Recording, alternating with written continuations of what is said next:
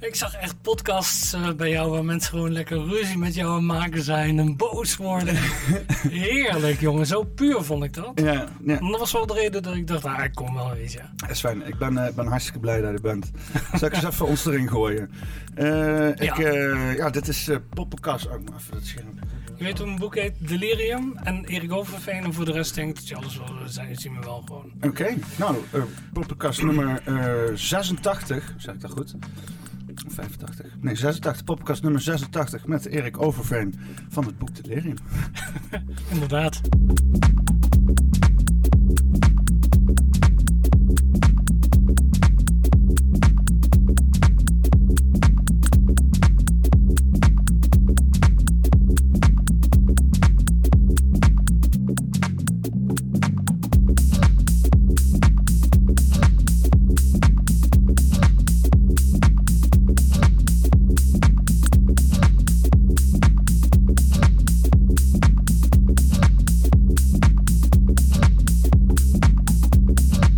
Welkom. Nou, thanks man. Ja, leuk dat Eh, je leuk om er te zijn. Leuk Bijzonder. Ja, dat je de verre reis hebt mogen maken hierheen. Inderdaad, ja. Ja. Het viel niet mee. Maar eh, nee, ik had het gevoel dat ik toch maar moest komen. Ja. En de media stilte maar eens langzaam maar zeker moet gaan eh, doorbreken. Ja, ja want eh, eh, ja, eh, Ja. Het, is, het, is, het is je niet makkelijk gemaakt om je verhaal te doen zo de afgelopen jaren. Nee, nee, inderdaad. Het afgelopen decennium ben ik ook nauwelijks op televisie geweest. Want hoe lang ben je ermee bezig nou? Met het boekproject bedoel je? Ja, of gewoon eigenlijk met tegen het mainstream verhaal aan schoppen, zeg maar. Ja, nou ja, dat is eigenlijk sinds de moord op Theo van Gogh. Want toen ik me daarmee begon bezig te houden, toen merkte ik eh, langzaam doch zeker dat ik aan alle kanten werd eh, tegengewerkt. Het begon heel subtiel en bijna onopgemerkt. Maar langzaam maar zeker is dat wel echt een probleem eh, geworden, ja. Ja. Ja, ja. Want, kan, kan, je, kan je ons eens meenemen naar, naar het begin? Naar, zeg maar voordat Theo van Gogh eh, eh, vermoord was en eigenlijk de hele, hè, de, de- hele Ja. puinhoop begon. En Wat, wat was jouw, waar was je mee bezig en wat was je aan het doen? Nou, ik ben altijd eh, radio-dj en club-dj geweest. Ehm, eigenlijk al vanaf mijn vijftiende of zo. Betaald al eh, betaald DJ. En, eh, ik was iemand die eh, niet echt bepaald eh, politiek bewust was. Bijvoorbeeld. In de jaren negentig heb ik me eigenlijk nergens druk om gemaakt. Ik geloof om minister Deetman eh, heel kort eventjes. Maar nee, ik was altijd bezig met muziek. Minister Deetman. Ja, dat had te maken met, eh, met onderwijs in die tijd en eh, met eh, studiefinanciering eh, toestanden. Daar ben ik een keer mee gaan staken, maar Ja, ik, ik keek echt nooit debatten, never Als, niks. als keren student zijnde, zeg maar. Ja, ja, precies. Nee, ja, altijd met muziek. Nou ja, dan heb je gewoon een fantastisch leven. Ja. Ik bedoel, ik draaide donderdag tot en met zondag in de clubs. Eh, soms bardancings, festivals. Nou, en dan eh, overdag eh, was ik presentator op verschillende radiostations in België en Nederland. Soms regionaal en nou ja, soms landelijk. En nou, dat was gewoon een hele mooie tijd. Je hebt gewoon een fantastische periode als je jong bent en DJ. Ja. Ja. Ik, heb zelf ook al een, een beetje gedj'd, maar als gewoon inderdaad in de clubs gewoon een beetje draaien en zo. Ja. Ja. dat is toch wel, het is gewoon heel leuk om te doen, zeg maar. Ja, het is, het is misschien, ja, het is net als muziek maken. Het is bijna net als muziek maken. Nou ja, zeker wel. zeker als je goed kan mixen. Want dan krijg je toch dat bepaalde platen door elkaar heen gaan vloeien. En dat er een soort van nieuwe compositie of een nieuwe dimensie eh, ontstaat rond de platen. Dat is wel interessant. Ja, Ja, ja dus er gewoon een hele mooie tijd gehad. Nou, en toen had ik opeens in het jaar 2000, omstreeks de millenniumwisseling, een eh, zeer politiek eh, geëngageerd eh, jonge vriendinnetje. Die eh, elke keer heel boos was dat ik niet eh, op de hoogte was eh, van, van de politiek. was, was, eh, was ze links?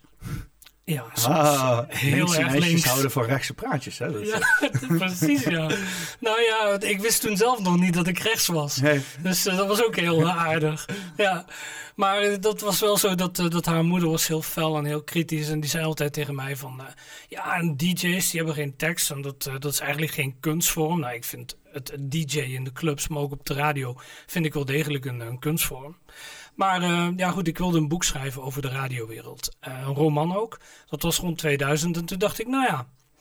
Dan zal ik toch wel meer van de wereld moeten weten. Want als je een eh, roman wil gaan schrijven, dan, ja, dan moet je wel wat algemener ontwikkeld zijn. En ik heb mijn studie psychologie afgebroken in eh 394 of zo. Hm. Omdat ik liever op de radio wilde werken. Ja. Nou goed, en door dat Slim, vriendinnetje... slim.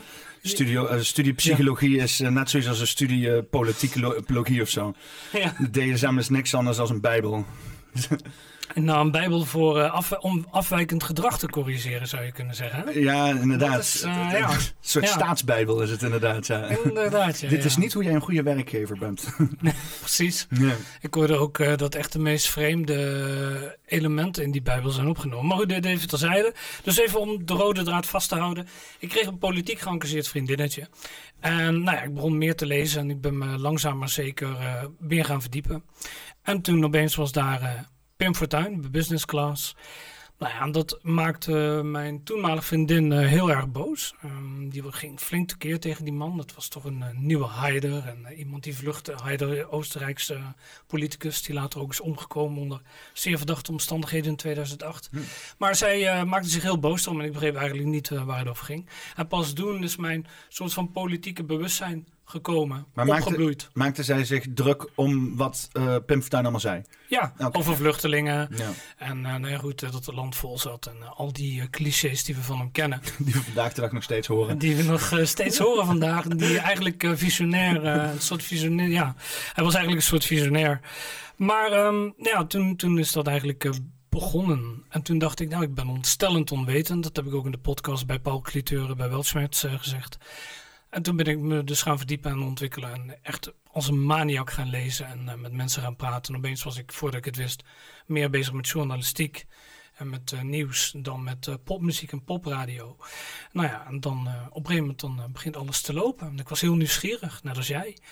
Nou, er gebeurden er heel veel, heel veel gekke dingen ook. Want toen kwam ik in heel veel aparte werelden terecht. Dus. Wat, wat, wat is een beetje het eerste wat je toen de tijd hebt geschreven over, over dat onderwerp?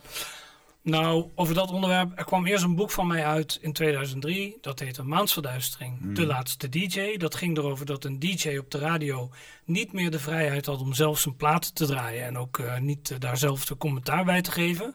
Het werd steeds meer ingedampt en ingeperkt door de marketingstrategen van bovenaf. Ja, modelletjes en zo. Modelletjes. En, uh, nu hebben we er algoritmes voor. Het is nu helemaal om te huilen, de radio. En nou, toen, toen was het nog heel passievol. En er was nog hoop. De mensen, ja, je zag vanuit Amerika wel die beweging van het automatiseren en het formateren opkomen. Via Sky Radio bijvoorbeeld, en Radio 10, Radio 538 in de jaren 90. Maar ik stond eigenlijk voor het feit dat dat eigenlijk al met vrijheid van meningsuiting te maken, uh, Peter. In de zin van, nou ja, je moet gewoon kunnen zeggen wat je wil. Ook over muziek, maar ook over politiek, maatschappelijke thema's, dat maakt niet uit. Een DJ hoort met zijn platen samen te wonen. Hij hoort daar een grote affiniteit mee te hebben, op te bloeien. En dat is een DJ, is een personality die weet luisteraars aan zich te binden door middel van muziek. Maar ook zijn intelligentie en zijn levenswijsheid. Zo zag ik dat. Ja.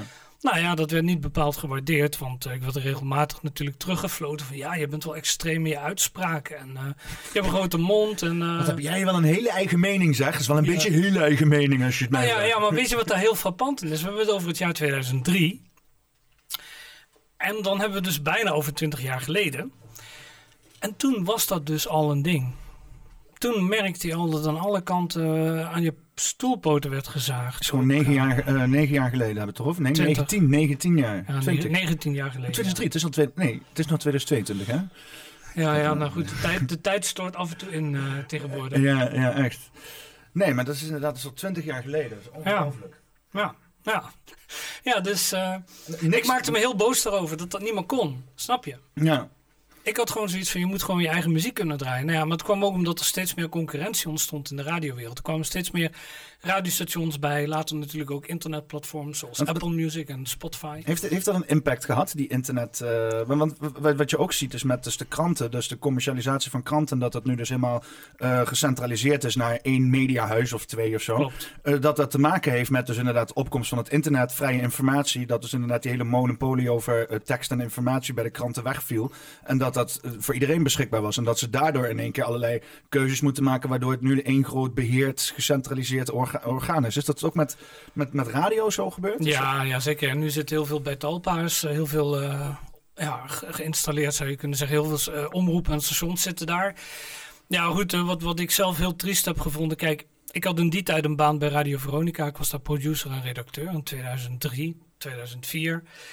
En ik presenteerde ook wel eens op Kink FM, de alternatieve zender. Nou ja, goed, het was allemaal leuk en aardig. Ik presenteerde, uh, ik produceerde de, de Soul Show van Ferry Maat. Misschien ken je dat programma. Nee, nee denk het niet. Nee. Het is niet jouw generatie. maar anyway, maakt niet uit. Het was een populair programma op zaterdagavond. Nou, En toen kwam opeens mijn boek, Maansverduistering, De Laatste DJ. Waarin ik dus, dat was eigenlijk een soort uh, literair manifest, als ik zo vrij mag zijn. Waarin dus een jonge DJ, nou ja, een soort revolutie ontketent tegen de radio en tegen de mainstream media. Ja. Nou ja. Maar ik werkte wel bij Veronica aan die tijd. En dat was onderdeel van Sky Radio. Dus dat werd niet bepaald op prijs uh, gesteld. Uh, dat uit de school klappen. Dus ik zat bijvoorbeeld met uh, Willem van Kooten bij toen nog Vara Laat. was de voorloper van de Wereld Draait Door. En de dag daarna had ik meteen al mijn collega's aan de telefoon. Live in de uitzending. Ook Ruud de Wild bijvoorbeeld. En Arjen Golleman op King FM. Nou, allemaal heel veel gedoe van wie denk jij wel niet dat je bent. Daar kwam het eigenlijk dan op neer. Ik, moet, dat, ik was een beginnend, beginnend DJ, upcoming. Maar hey, ja, je gaat niet natuurlijk, uh, hoe zeg je dat? Nou ja, een steen in de vijver werpen op het moment dat je net, uh, net begint. Dat was althans de strekking van de meesten. Alsof ik het niet kon weten na tien, wat was het, 15 jaar radio al inmiddels. Ja, want, ja, inderdaad. Want dan, dus, ja, dan gooi je het inderdaad op iets heel anders. Van oh, je komt net op en dan uh, moet je niet controversieel zijn. Maar dat, dat, was, dat was precies ook datgene waar je upcoming voor was, toch? Controversieel zijn op dat ja, moment. Inderdaad, ja, dat zou je wel zeker zo kunnen zeggen. Ja. ja. De enige collega die me toen heeft gesteund, dat is uh, Weile Arjen Golleman geweest, directeur van King FM, muziekdirecteur en DJ. Inmiddels overleden in 2010 door een ongeluk in zijn huis. Hij was toen uh, 37, heel triest. En hij zei tegen mij, volgens mij ben ik de enige die jouw boek begrepen heeft. Maar ik zou toch maar een toontje lager zingen. En niet zo tekeer gaan tegen jouw collega-DJ's over die formatering. Want dat gaat je gewoon de kop kosten. Nou, en dat, was, dat bleek dus profetie, want ik werd dus ontslagen. En daarna lukte het ook niet meer makkelijk om, uh, om in die radiowereld terug te keren. Ja. Dat was wel een flinke domper, want in de tussentijd was ik ook door mijn boek programmadirecteur geworden bij Radio Limburg was een commercieel station. Nou, dus het was wel fantastisch dat het boek zoveel discussie uh, teweegbracht. Want ik denk altijd, het is toch een kunstvorm en kunst moet wel leiden tot debat. Nou ja, maar ik kon helaas niet uh, echt iets veranderen aan het radiolandschap. Het is alleen maar erger geworden, smaller, commerciëler, oppervlakkiger. Maar goed, het was toch mooi om, uh, om die stem te kunnen laten Politiek gekleurd? Of beïnvloed zelfs misschien? Zeer politiek inmiddels. Uh, het wokisme heeft nu toegeslagen, ja, nu twintig jaar later, maar het wokisme heeft toegeslagen, de politieke correctheid. Maar dat zag je in die tijd ook al, weet je wel. 2003, we hadden net die moord op Fortuin gehad, daar gaan we het eigenlijk over hebben. Nou ja, het is alleen maar, uh, het is alleen maar meer ingeperkt. Ja. ja. Ja, het, is, het is inderdaad jammer. Ja, dan is het wel mooi uh, dat, dat ja, het, het, internet aan de andere kant wel heel veel soelaas biedt. Om daar eigenlijk soort van te doen wat je wil. Totdat inderdaad wij twee jaar geleden, drie jaar geleden toch wel met de neus op de feiten zijn gedrukt. Dat al deze internetpartijen, zeg maar, net zo hard onder het hoedje spelen als puntje bij paaltje komt, zeg maar. Ja. Heb je daar ook last van gehad? Met die WOP-verzoeken bedoel je? Nou, nou ja. Uh, uh, met bots en met moderators. Inderdaad, bijvoorbeeld. Vanuit de overheid. Op, Twitter en zo. En, nou ja, weet je, ik ben pas twee jaar, ik heb mijn account al tien jaar, maar ik ben pas twee jaar geleden in november 2020 begonnen met Twitter. En ik had twintig volgers. Ik was helemaal niets en niemand meer in de mediawereld. Ik had ook helemaal niet die idee van, ik moet nog aan de bak komen. Want er was een enorme rel geweest, ook na het boek nog. Daar zullen we het straks ook nog over hebben. Over een film die ik maakte over Theo van Gogh, Delirium. Um, even terugkomen op die, uh, ja, deze tijd inderdaad. Nou, kijk, ik vind gewoon als er bij stilstaat dat er een overheid is die haar burgers probeert te controleren door middel van bots, moderators en andere censuurachtige toestanden. Als je daar al bij stil, dat is een soort Stalinistische geest toch? En dan ga je toch meteen uh, vragen stellen. En ja. uh, nou ja, ik vind dat, dat dat niet te tolereren is. Ja, want het, het, is natuurlijk, bots zijn gewoon een soort van tool die aangeboden worden online. En ja, je kan er dan donder op uh, tegen zeggen dat overheden die ook gaan gebruiken, inderdaad. Het is wel, maar ja. je zou in principe dat ook terug kunnen doen, weet je wel? Dat je gewoon, zodra er iemand met een Oekraïns vlaggetje ergens post, dat je een leger aan bots loslaat die inderdaad met met Rusland vlaggetjes erop uh, reageren of zo. Maar ja, dan krijg je dus, want dat is dus het hele idee. En dat is volgens mij ook het idee van wat Twitter nu is. En dat is ook wat Elon Musk uh, heel mooi heeft aangekaart met die uh, Twitter-deal die hij wou kopen. En dat hij uiteindelijk heeft gezegd van ja, ik, kan, koop het alleen als jullie een exacte weergave geven van hoeveel bots er zit op jullie platform. En dat wouden ze niet en dat konden ze niet. Um, Uh, wilden ze niet. Ja, nou ja, ze wilden het niet. Ik weet niet of ze het kunnen, want hun, hun ding zegt van het is zo complex geworden dat we het niet meer kunnen analyseren. Ja, dat, dat is al een statement op zichzelf staan natuurlijk.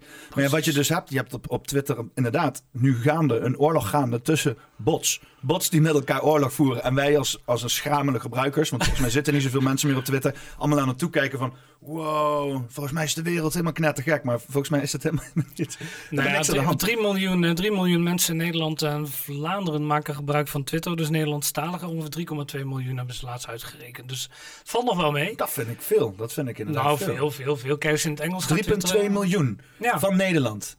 Dat is, uh, wat is dat? Uh, 20% van de bevolking. Hè? 10% van de, ja, 20%, uh, ja. ja 20% van de bevolking. Ja. ja, dat vind ik al veel. veel. Ja, er zijn zeker veel bots actief. Ik kwam erachter dat bij mij is het ongeveer van, ik heb nu ongeveer 20.000 volgers.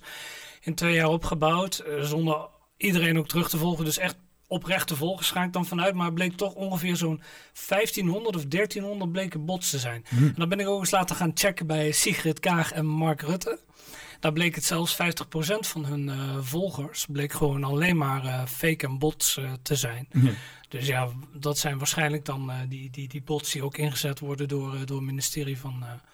ja, door de overheid dus. Door want denk je dat de NCTV, want dat kwam ook ter sprake, dat dus die NCTV, die Nationale Coördinator Terrorismebestrijding, dat dat ja, gewoon mensen zijn die, die dit soort dat zijn nog gewoon mensen, hè? Ja, nou ja, ja. ja je weet het nooit. Ja, voor hetzelfde is de grote lichtgevende bal inderdaad, die gecreëerd is door de AIVD, die geadviseerd wordt. Ja. Oh, waar is de afdeling NCTV? Dat is deze gloeiende orb in het midden van ons kantoor. Ja, ja, precies. Ja, ja. You will attack, boerenburgerbeweging nou. Ja. ja, want het blijkt dus inderdaad dat dus die, die, die Jessicus had uh, aangegeven dat dus inderdaad de NCTV gewoon uh, ja, controleert en dat er dan mensen inderdaad ja, dat, dat, dat doen ze. Maar dat heeft niks te maken met de AIVD, zei ze dan. Hè? Nee, nee, nee, omdat er inderdaad uh, ehm, AIVD boven staat, betekent niet dat het iets te maken heeft met de AIVD. We spreken het over de documenten en zo. Dus ja, maar het wordt, dus, het wordt, ja, het is natuurlijk... Is het een inlichtingendienst? De AIVD is inlichtingendienst. Nou, ze, hebben in ieder geval, een, wat mij betreft, een heel discutabele reputatie ontwikkeld. Ja. De afgelopen twee decennia. ja. ja. Ja, dat is wel, want ik, ik vraag me, want de, de, het klinkt altijd, het klinkt op een of andere manier heel, weet je, we hebben het gehoord over de, de Mossad en de CIA en het klinkt allemaal super uh, shady en zo, maar als je dan hoort over de AIVD, denk je van, ah, gezellige Hollandse kaasboterham uh, club, weet je wel, en verder niks, uh, niks bijzonders. Er zijn wel veel fouten gemaakt, hè? Ja, ja. Dat... Nou ja, zeker rond de moorden rond Fortuyn en Van Gogh. Maar dan komen we dan dadelijk uiteraard op, want dat wordt ons hoofdthema waarschijnlijk. Maar om weer even terug te komen op die bots nu met Twitter en zo, mijn hemel, ja, ik, ik heb er nu, nou wat ik zelf doe, ik reageer niet meer op iedereen, maar ik merk wel dat ik word aangevallen en dat het wel vaak hele creatieve zinnen zijn die ze bezigen. Dus dan denk je, hoe kan in godsnaam een bot zo intelligent uh, taalgebruik uh, hier ventileren? En dan twijfel ik wel eens. Ja, het, het is, ik, ik heb wel al, ik, zoals ik het idee heb, want het is vaak makkelijker als, uh, het zit vaak makkelijker in elkaar als dat je denkt. Mm. ik, ik, ik heb ook vrij veel communicatie met mensen op Telegram en zo. En wat je ziet is een bepaald aantal verschillende tactieken. Je hebt mensen die volgens mij inderdaad de copy-paste klaar hebben staan. Gewoon een, een Excel-sheetje met daarin een, een, reeks aan, aan opmerkingen die inderdaad gelinkt kunnen worden aan een onderwerp. En die dat gewoon heel snel kunnen copy-pasten. Uh, want ik heb wel eens mensen betrapt op dat ze exact hetzelfde paar keer zeggen. Of exact hetzelfde in oh, verschillende, in oh, verschillende dat, chats. Dat heb ik nog niet eens gesignaleerd, joh. Dan kom jij nu mee. Ja, dan, ik, ik benader ze dan. Ik zo copy-paste ja. much, weet je wel. En zo, ha, betrapt. Maar, en dan veranderen ze van naam en dan gaan ze weer verder onder een andere ding, weet je wel. Maar dus, maar, nou, volgens mij heeft dat ook met die Twimmer 100 te maken. Ken je dat niet? Dat is zo'n overzicht waarin de meest populaire Twitter, twitteraars van Nederland uh, en, en, Vlaanderen Nederland sprekend uh, twitteraars. Hoe heet dat? De Twimmer 100. Twimmer, de M van Maria. Twimmer. Ja, ik zag dat nu met Prinsjesdag dat alles was uh, uitgewist. Top of uitgezet. Ja, Twimmer top 100, ja. Ja, nou wat mij dus opvalt is dat uh, als bijvoorbeeld uh, Reisa Blommestein is de meest populaire tweep van Nederland, zeg maar. Tweep? Ja, goed, twitteraar, whatever you want to call it in het jargon. Ja, dus zo heet dat toch? Kijk, nu bijvoorbeeld, het is wel interessant om te zien. Nu hebben ze alles uitgezet, omdat ze natuurlijk bang zijn dat er bepaalde hashtags tussen zitten die kwetsend kunnen zijn voor het Koningshuis. Je weet wel dat overblijfsel uit de middeleeuwen. Maar wat, wat staat er dan normaal dan? Tweeps, het staat hier ook gewoon. Wat is dit dan weer? Dat is, dat is een term die jij nog nooit hebt gehoord. Nee, is, dat een, weer wat geleerd, hè? Een, een, persoon die op Twitter zit, is een tweep. Of... Precies. dat doet me denken aan Jij dus ook? Ja. Jij ook, jongen. Je komt er niet onderuit. Uh. Ja. Nee, nee, maar weet je wat? Hier is toch typisch, hè? Dat ze alle hier staan normaal de hashtags, weet je wel. En door wie wordt dit beheerd dan? Uh, hashtag Prinsjesdag. Ja, door Twimmer. Ja, ik, ik heb eerlijk gezegd nog nooit uh, research gedaan wie erachter zit. Zou een leuk artikel kunnen zijn voor de, voor de krant, maar uh, voor de andere kant. Maar ja, ik weet niet. Dat weet ik dus niet. Maar je ziet hier dus wel alle hashtags, maar ook de meest populaire twitteraars. En nu hebben ze het dus uitgezet, omdat ze bang zijn dat er dan hashtags komen als... ja, de koning moet weg of zo. Ja, ik, je weet toch? Het, ja, heb je het gezien, het Koningshuis? Dat het is, Gisteren. Ik, oh, ik, vond het heerlijk en ik had eigenlijk ook wel willen streamen, maar ik had, er echt geen zin in. Maar dat is inderdaad, iedereen werd uitgejoeld. Weet me denken aan de Franse Revolutie en Marie-Antoinette. Ja. Die tegen, tegen haar moeder zei van... Als de mensen geen brood hebben, eten ze toch cake? Wat? Die had echt totaal geen benul van wat er werkelijk leefde. Leefde in een soort ivoren toren. Ja. En, en ja, uiteindelijk heeft daar uh, dat. Uh, nou ja, laten, we, laten, we, laten we het daar maar niet over hebben. Want als je uitspraken doet over het Koningshuis. dan moet je niet alleen over je linkerschouder kijken voortaan. maar ook over je rechterschouder, Peter. Dat weet je Oké, okay, nou ja, ja ik, uh, ik weet je wel. Het zal, het zal maar wel. Dat, ik, ik, ik, nou ja, ik vertel het je. Ik, dus, ik, ben, ik ben als het moet klaar om te sterven. Dat is vooral een, last voor alle mensen die na mij komen, weet je wel. Niet zozeer ah, voor mij. Dus serieus? Heb je het gevoel dat je al klaar bent om te sterven? Uh, ja, ja nee, ik heb uh, de 2000 abonnees gehaald, dus ik heb verder niks meer te bereiken in het leven.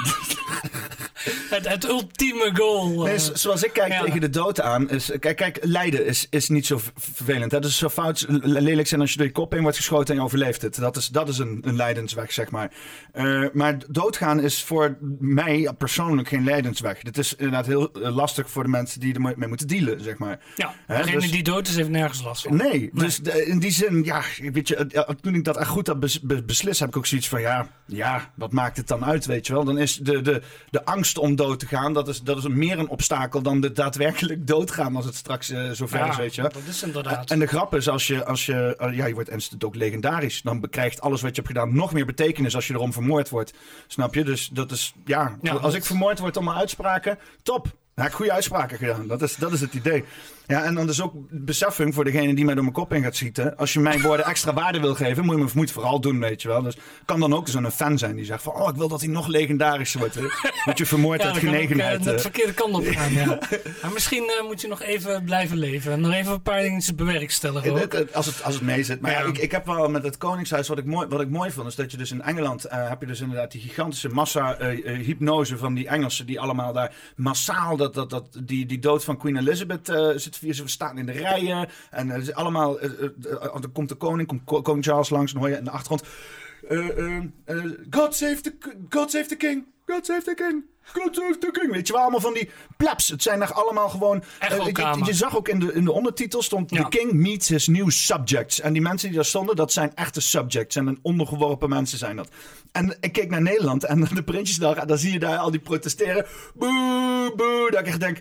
Ja, nice, nice. Dit is ja. toch beter om hier te zijn dan om fucking Engeland, ja, zeg maar. Ja, nou, dat is wel gisteren denk ik toch wel een shock geweest uh, voor de autoriteiten. Dat er toch zoveel ontwaking plaatsvindt massaal. En wat dat betreft denk ik ook dat de elite, om het even zo te zeggen, of de overheid haar, ja, haar kaart heeft overspeeld, haar hand heeft overspeeld. Want dat, dat noemen ze de wet van de afremmende voorsprong. Hè? Dat je, zeg maar, je, zoals Klaus Schwab, die waant zich een soort van, van king of the world, maar dan uh, achter de coulissen. Dus die heeft zijn lessen geleerd van Adolf Hitler en co. Om niet te veel op de voorgrond te staan, maar liever gewoon de heimelijke stille man op de achtergrond te, te wezen. Hmm. Nou ja, omdat hij dacht, nou ik waan mij gewoon nu uh, onaantastbaar, onoverwinnelijk. En dan merk je toch dat ze fouten gaan maken overal. Ze dachten werkelijk dat ze de hele wereld naar hun hand konden zetten. Dat is gewoon pure grootheidswaanzin geweest. Maar wat zijn nou de wet van de afgeremde afsprong? Afremmende voorsprong. Afremmende voorsprong. Ja, ze zeggen, in, in burgertaal kun je zeggen een blinde vlek hebben. Ah, oké. Weet je wel, je denkt gewoon... Ah, een beetje hoogmoed voor kom voor de val-achtige situatie. voor de val zou je ook kunnen zeggen. Je hebt gewoon een blinde vlek. Ja. Je ziet gewoon dingen niet. En dat is ook zo, want ja, wij kunnen niet altijd op ons eigen scherm kijken, de, de, toch? De tunnelvisie uh, is dat... Ja, want je hebt natuurlijk, want dat idee heb ik wel, is dat onze, dat onze leidinggevenden zo gefocust zijn op iets dat zij inderdaad gewoon alleen nog maar, uh, alleen nog maar dat ene ding kunnen zien. En ze zijn dat ook nog eens allemaal collectief. Dus mm -hmm. die, die, die, die bulderen nou echt al, naar mijn idee, uh, vijf jaar gewoon door alles heen wat, wat realiteit heet.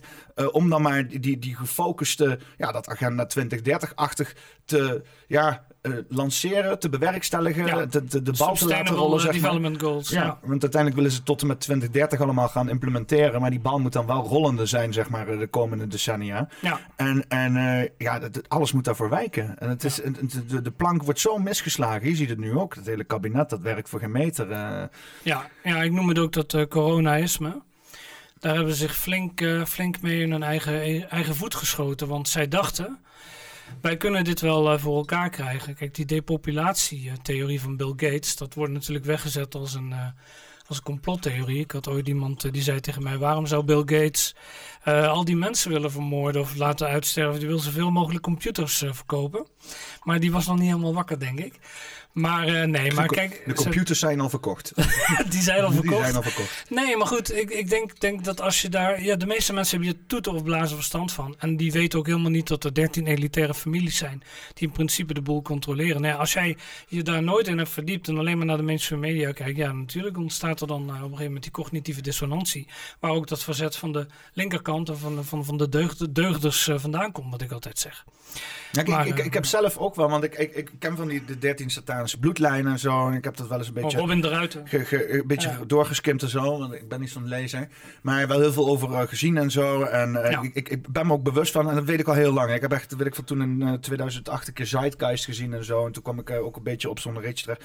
Maar ik heb daarna vervolgens wel heel erg in, de, in, de, in het idee geleefd van ja, want dat, ik begon dat verhaal in mijn hoofd. En ik denk van wat is dat dan toch? Hoe kan dat dan toch? En ik ging dat op een gegeven moment ook leggen tegen bijvoorbeeld bepaalde geschiedenis zoals de farao, zoals ik dat dan zag. En dat is zeg maar gewoon een, een gewone dude die een heel volk in een ban kan houden door een heel mooi verhaal, zeg maar. En ik had het idee van, is het niet iets wat wij vermythificeren? Hè? Dus uh, een soort van uh, antropomorfisatie van uh, een heel complex probleem, wat dan inderdaad gereduceerd wordt door inderdaad naar zo'n zo'n zo'n zo'n simpliteit van, oh je hebt hier een duister groepje mensen die de wereld beheersen. Uh, en ik heb dat heel lang ook geleefd dat ik dacht van dat proberen te rationaliseren. Dat elke keer zeggen van oké, uh, uh, dit is dus meer een mythe zeg maar dan dat het echt is. Het is een leuk verhaal, maar het kwam bij mij ook niet helemaal binnen zeg maar. Ook al heb ik daar zeven jaar lang wist ik, was ik hiervan op de hoogte.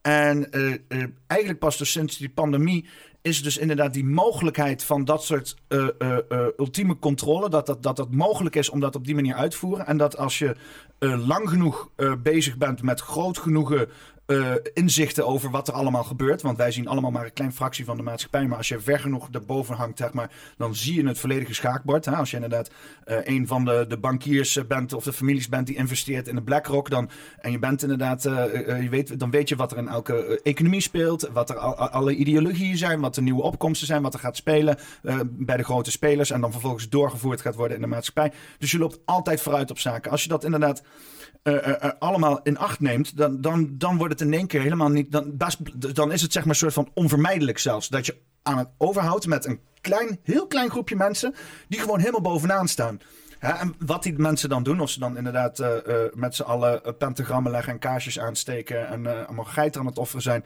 Of dat ze gewoon lekker thuis zitten op de veranda met een kopje thee en af en toe een tweet naar elkaar sturen. dat is, van mij betreft maakt dat ook helemaal niet zo uit. Maar inderdaad, dat die, dat die entiteit er is, dat is voor mij met die pandemie echt duidelijk geworden. Want ik, toen zag ik echt de structuren komen dat ik dacht van, joh man, dit zijn, dit zijn al die dingen waar ik op gelezen heb. En dit is inderdaad de juiste omgeving in dat, om dat in uit te voeren, zeg maar. Dus, dus uh, ja, dat was wel dat, die hele, ja, dat is wel grappig. En dat je zegt van. Uh, uh, die pandemie wouden ze het gebruiken om inderdaad iedereen in die, in die wereld te douwen. Maar heel veel mensen zijn er nou. Voor mij is het in ieder geval echt duidelijk hetzelfde geworden. Zo van ja, ja oké. Okay, dit is. Uh, ik heb het gevoel dat we nu naar een soort kentering bewegen, langzaam maar zeker. Weet je, ook door de, al die sets die, uh, dat hebben ze natuurlijk hè, nu, uh, dat er mensen gewoon heel, uh, ja, de oversterftecijfers, die reizen de pan uit. En op een gegeven moment merk je gewoon, ja, ze kunnen niet blijven ontkennen en eromheen draaien. Ook ja, van dit je ziet dat die inwendig kookt die van paniek. En hij probeert er nog steeds omheen te draaien. Maar op een gegeven moment, kijk, mensen worden steeds wakkerder. En bijna iedereen kent wel mensen die vaccinatieschade hebben opgelopen. En of erger. Ik zelf ook. En ja, die houdt het gewoon niet meer onder het tapijtje. Die bult, die blijft toch zichtbaar en uh, die wordt steeds groter eigenlijk, weet je wel. Die tafel staat op een gegeven gewoon uh, ja, verticaal omhoog. Ik denk dat er een uh, kentering komt en dat ze gaan vallen op basis van het feit dat ze hun hand hebben overspeeld uh, met, met die vaccinaties. En je weet dat ze gaan zeggen, oeps, ja, we, we, hebben goede bedoelingen gehad, weet je wel. Nou ja, goed, dat is iets voor de tribunalen en voor de rechtszaken die daarop volgen. Dan mag je ook niet zeggen dat woord trouwens. Ja, er komen tribunalen. Ja, tribunalen. We, we, hebben zo'n leuke sticker op Telegram van uh, Pepijn, die dan inderdaad met rode ogen, zo laserogen zo staat. Er komen tribunalen. Dat is, Pepijn van Houweling. Ja, ja, ja. Van FVD. Ja, oké. Okay, Wat dat betreft ja, is FVD ook één grote lopende meme generator. geniaal. dat zou je bijna kunnen zeggen. Ja. Nou, ik heb toch wel respect voor ze. Maar goed, uh, um, ja, dus dat, dat is dus die hele periode dat uh, coronaïsme en dan natuurlijk alles wat daarbij hoort. Het is eigenlijk gewoon een veelkoppig monster eigenlijk, het globalisme. Hè? Ja. De oorlog zit erbij, ik hoef het jou niet uit te tekenen. En uh, nu weer natuurlijk de gasprijzen en de, de ontworteling van de, van de economie. Operation Perfect Storm heet dat in een boek van Klaus Schwab. Dat wist je toch, denk ik, of niet? Operation Perfect Storm. Zeg maar zo heel even niks. Nou, dat betekent eigenlijk is dat een plan om de economie op een hele subtiele, maar zeer effectieve wijze vast te laten lopen. Ja, ja, ja. dus... dus de, uh, wat Door middel van gecreëerde crisissen. Ja, ja, want zo heb ik het... het dag al een tijdje van... met de opkomst van bitcoin en zo, dat ik dacht van oké, wat, wat zou bitcoin kunnen stoppen als, als bitcoin is alleen weet je, het gaat de wereld overnemen, want het huidige monetaire systeem werkt gewoon niet. Met al die fiat currencies, allemaal bullshit. dus die bitcoin gaat het gewoon overnemen. Het enige wat zou kunnen gebeuren is dat dan inderdaad een overheid het illegaal maakt. Of, of inderdaad komt met dan iets wat door de overheid gecontroleerd wordt. En lo and behold, uh, daar komen ze aan met de CBDC. Hebben ze inderdaad bij de ECB, centrale punt van uh, ons Europees monetair systeem, hebben ze een uh, digitale blockchain-based currency gemaakt, maar die dan inderdaad gecontroleerd wordt door de ECB. Dus niet inderdaad zoals de Bitcoin gewoon gedecentraliseerd is. Dus iedereen die draagt individueel bij aan het monetair beleid van Bitcoin als geheel. Uh, door inderdaad te minen en uit te geven en gewoon, weet je wel, ja. echt te lezen ver economie. Maar uh, uh, nu hebben ze dus inderdaad dus die, die CBDC. Maar ja, daarvoor moet je dus cash eerst afschaffen. Hè? Cash moet afgeschaft worden en dan kan je aan de achterkant kan je dan de, de, de, de, de, de protocol van hoe je geld inderdaad beheert. Wat dus nu inderdaad dat fiat systeem is, rustig overschakelen op een blockchain-based systeem. Blockchain-based systeem. Um, uh, en dan merkt niemand het, zeg maar. Dan is het alleen operationeel aan de achtergrond als cash weg is. Dus, dus, en je ziet nu ook die uitfasering van cash. Je zag dat met, uh, met, uh, met pandemie. Hebben ze meteen al cash gelabeld als vies en niet nodig. Heel veel mensen accepteren dat ook. Dat ik dacht van wow. Ja. En nu hebben ze dus ook nog eens al die pinautomaten. Hebben ze geldmaatjes. Eén gecentraliseerd monopolie. Dus ze kunnen gewoon vanuit één plek. Kunnen ze met één druk op de knop alle pinautomaten nu stilzeggen. Want er komt niemand meer aan cash. Ja. Dus ik, wat jij zegt, dus inderdaad dan die project... nou, perfect Storm. Perfect Storm, inderdaad. Ja, wat dus inderdaad... Klaus Schwab is ontsproot aan het brein van Klaus Schwab. Nee, want ik heb dat dan niet gelezen, maar ik kan me voorstellen dat het iets eh, is met inderdaad de, de, de, de, de maatschappij eh, destabiliseren, chaos creëren, zorgen dat de economie instort, mensen uh, afhalen van het cashgeld. Ja, met als doel, zodat er inderdaad een, een, een wijdverbreid acceptatie wordt, wordt gecreëerd voor het aanvaarden van een nieuw systeem. de Great Reset. Ja. En dat vind ik ook zo irritant op Twitter, weet je wel. Er komt zo'n zo'n bot, van zo'n overheidsbot. Hé, hey, Overveen, uh, wanneer is de Great Reset? Denk, ja, jongen, onder je ogen, kijk eens om je heen. Je ziet het overal. Dus de bakker die niet meer rond kan komen. Want wat is in jouw ogen de Great Reset? Dat is gewoon de, implement, ja, de, de, vierde revolutie eigenlijk. De vierde industriële revolutie. Dus het is eigenlijk een, een, nieuw systeem, een digitaal systeem. Waar ook het de transhumanisme onderdeel van uitmaakt. En het is in feite gewoon een fascistisch, uh, fascistisch gebeuren. En uh, ze hebben dat wel heel knap gedaan, vind ik hoor. Om dit in een verdoemhoekje te plaatsen omdat. Um, um, de, de, kijk, de, de, hele term complot, uh, complotdenken die uh, geïmplementeerd is door de FBI en de CIA, hè, na de moord op John F. Kennedy onder andere, uh -huh. dat zet toch een hele hoop mensen weg als uh, gek en gestoord. En dat zag je ook vroeger bij het Stalinisme of in het Stalinisme. Toen heette het niet complotdenker, maar dissidenten bijvoorbeeld. Nou ja, mensen die gewoon afwijkende meningen hadden ten opzichte van, van, van Stalin. Of, nou goed, die werden gewoon opgepakt. En dat merkt hij gewoon. En dat is eigenlijk van alle tijden. Alleen het heet gewoon anders steeds. Maar complotdenker is een effectieve term geweest. Er is geen term geweest die zoveel impact heeft gehad, denk ik, als de term complotdenker.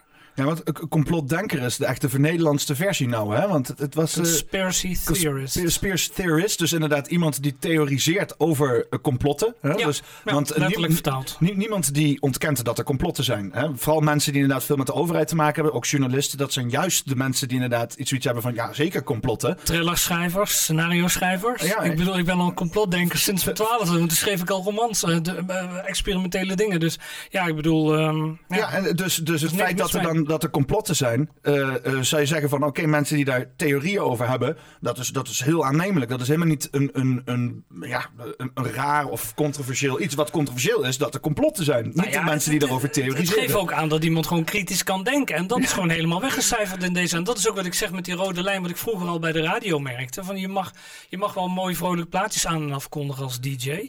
Maar zodra jij daar politieke statements in gaat mengen. of andere controversiële thema's dan uh, word je op de vingers getikt. Want oeh, dat kan ons wel eens uh, adverteerders kosten. Of, en zo is langzaam maar zeker toegewerkt naar een soort van, ja, hoe zou je kunnen zeggen, een soort narratief waar je niet meer buiten mag vallen. Nee, ja, waarbij als je, als je, kritisch bent, dan ben je andersdenkende en zo.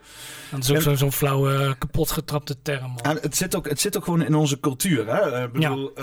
doe normaal. Hè, wat doe je al gek genoeg. Wat, nou, maar ja. ook gewoon, maar gewoon hoe vaak wij in Nederland zeggen, hey, doe ze normaal, doe normaal. Als Calvinisme. En, en, en want ja. het is super Nederlands. Maar wat je eigenlijk zegt tegen iemand, doe normaal, uh, is uh, doe zoals de rest. Gedraag je zoals de rest, weet je wel? Gedraag je gemiddeld. Dat ja, is in principe kom, de kom niet aan mijn grenzen en mijn overtuigingen. Ga mijn overtuigingen niet op de proef stellen.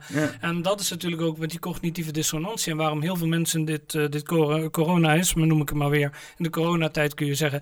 Uh, veel mensen zijn verloren of, of, op een gegeven moment erachter kwamen dat bepaalde familiebanden, liefdesrelaties of vriendschappen toch niet zo uh, zuiver waren op de graad als zij dachten. Het, het legde ook heel veel bloot, weet je Heel veel schaduwkanten die er al waren en irritaties. Maar ik denk dat het vooral heeft, uh, ja, een soort frequentieshift. Opeens is er een soort wake-up call van, hey, ik ben al bevriend uh, drie decennia met iemand, maar ik merk eigenlijk dat die persoon op bepaalde vlakken niet meer bij mij past. Het heeft gewoon met groei te maken ook natuurlijk. Alleen, corona heeft als katalysator uh, gefungeerd. Ja. Ik heb hier een stukje gevonden van, uh, dus van de, de World Economic Forum. Hier is een klein logootje daar. Onze vrienden. Uh, want, Ze hebben mij geblokkeerd op Twitter, hè? World Economic Forum heeft jou persoonlijk... Klaus Schwab heeft mij geblokkeerd.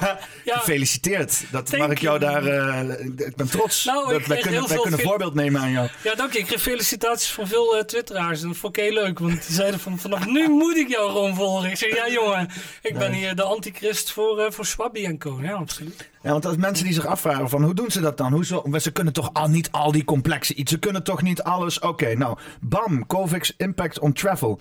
Helemaal uitgedokterd in verschillende uh, facetten. Ja. COVID-19 treatments, helemaal uitgedokterd in verschillende facetten. Zo hebben ze een heel 360 graden uh, model gemaakt waarbij ze allerlei facetten aan elkaar koppelen per issue.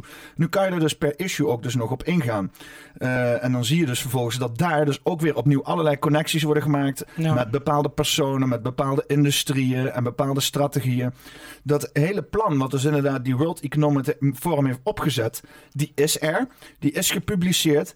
En die is zo complex dat je daar niet gewoon even zo over na kan denken. Dit is echt zeg maar een soort van AI gecreëerd, uh, supermodel-based uh, mega strategy. Die inderdaad op alle facetten van de samenleving uh, is, is, is ge, ge, ge, gelegd. En dit is um, decennia's, dan wel niet uh, uh, een halve eeuw doorontwikkeld. Uit dus inderdaad, zoals ik het zie, uit al die gekke clubjes zoals Bilderberg, Trilateral Commission, Club of Rome. Al die um, um, plekken waar dus inderdaad alle hoofden van industrie en politieke mensen bij elkaar komen de hele tijd.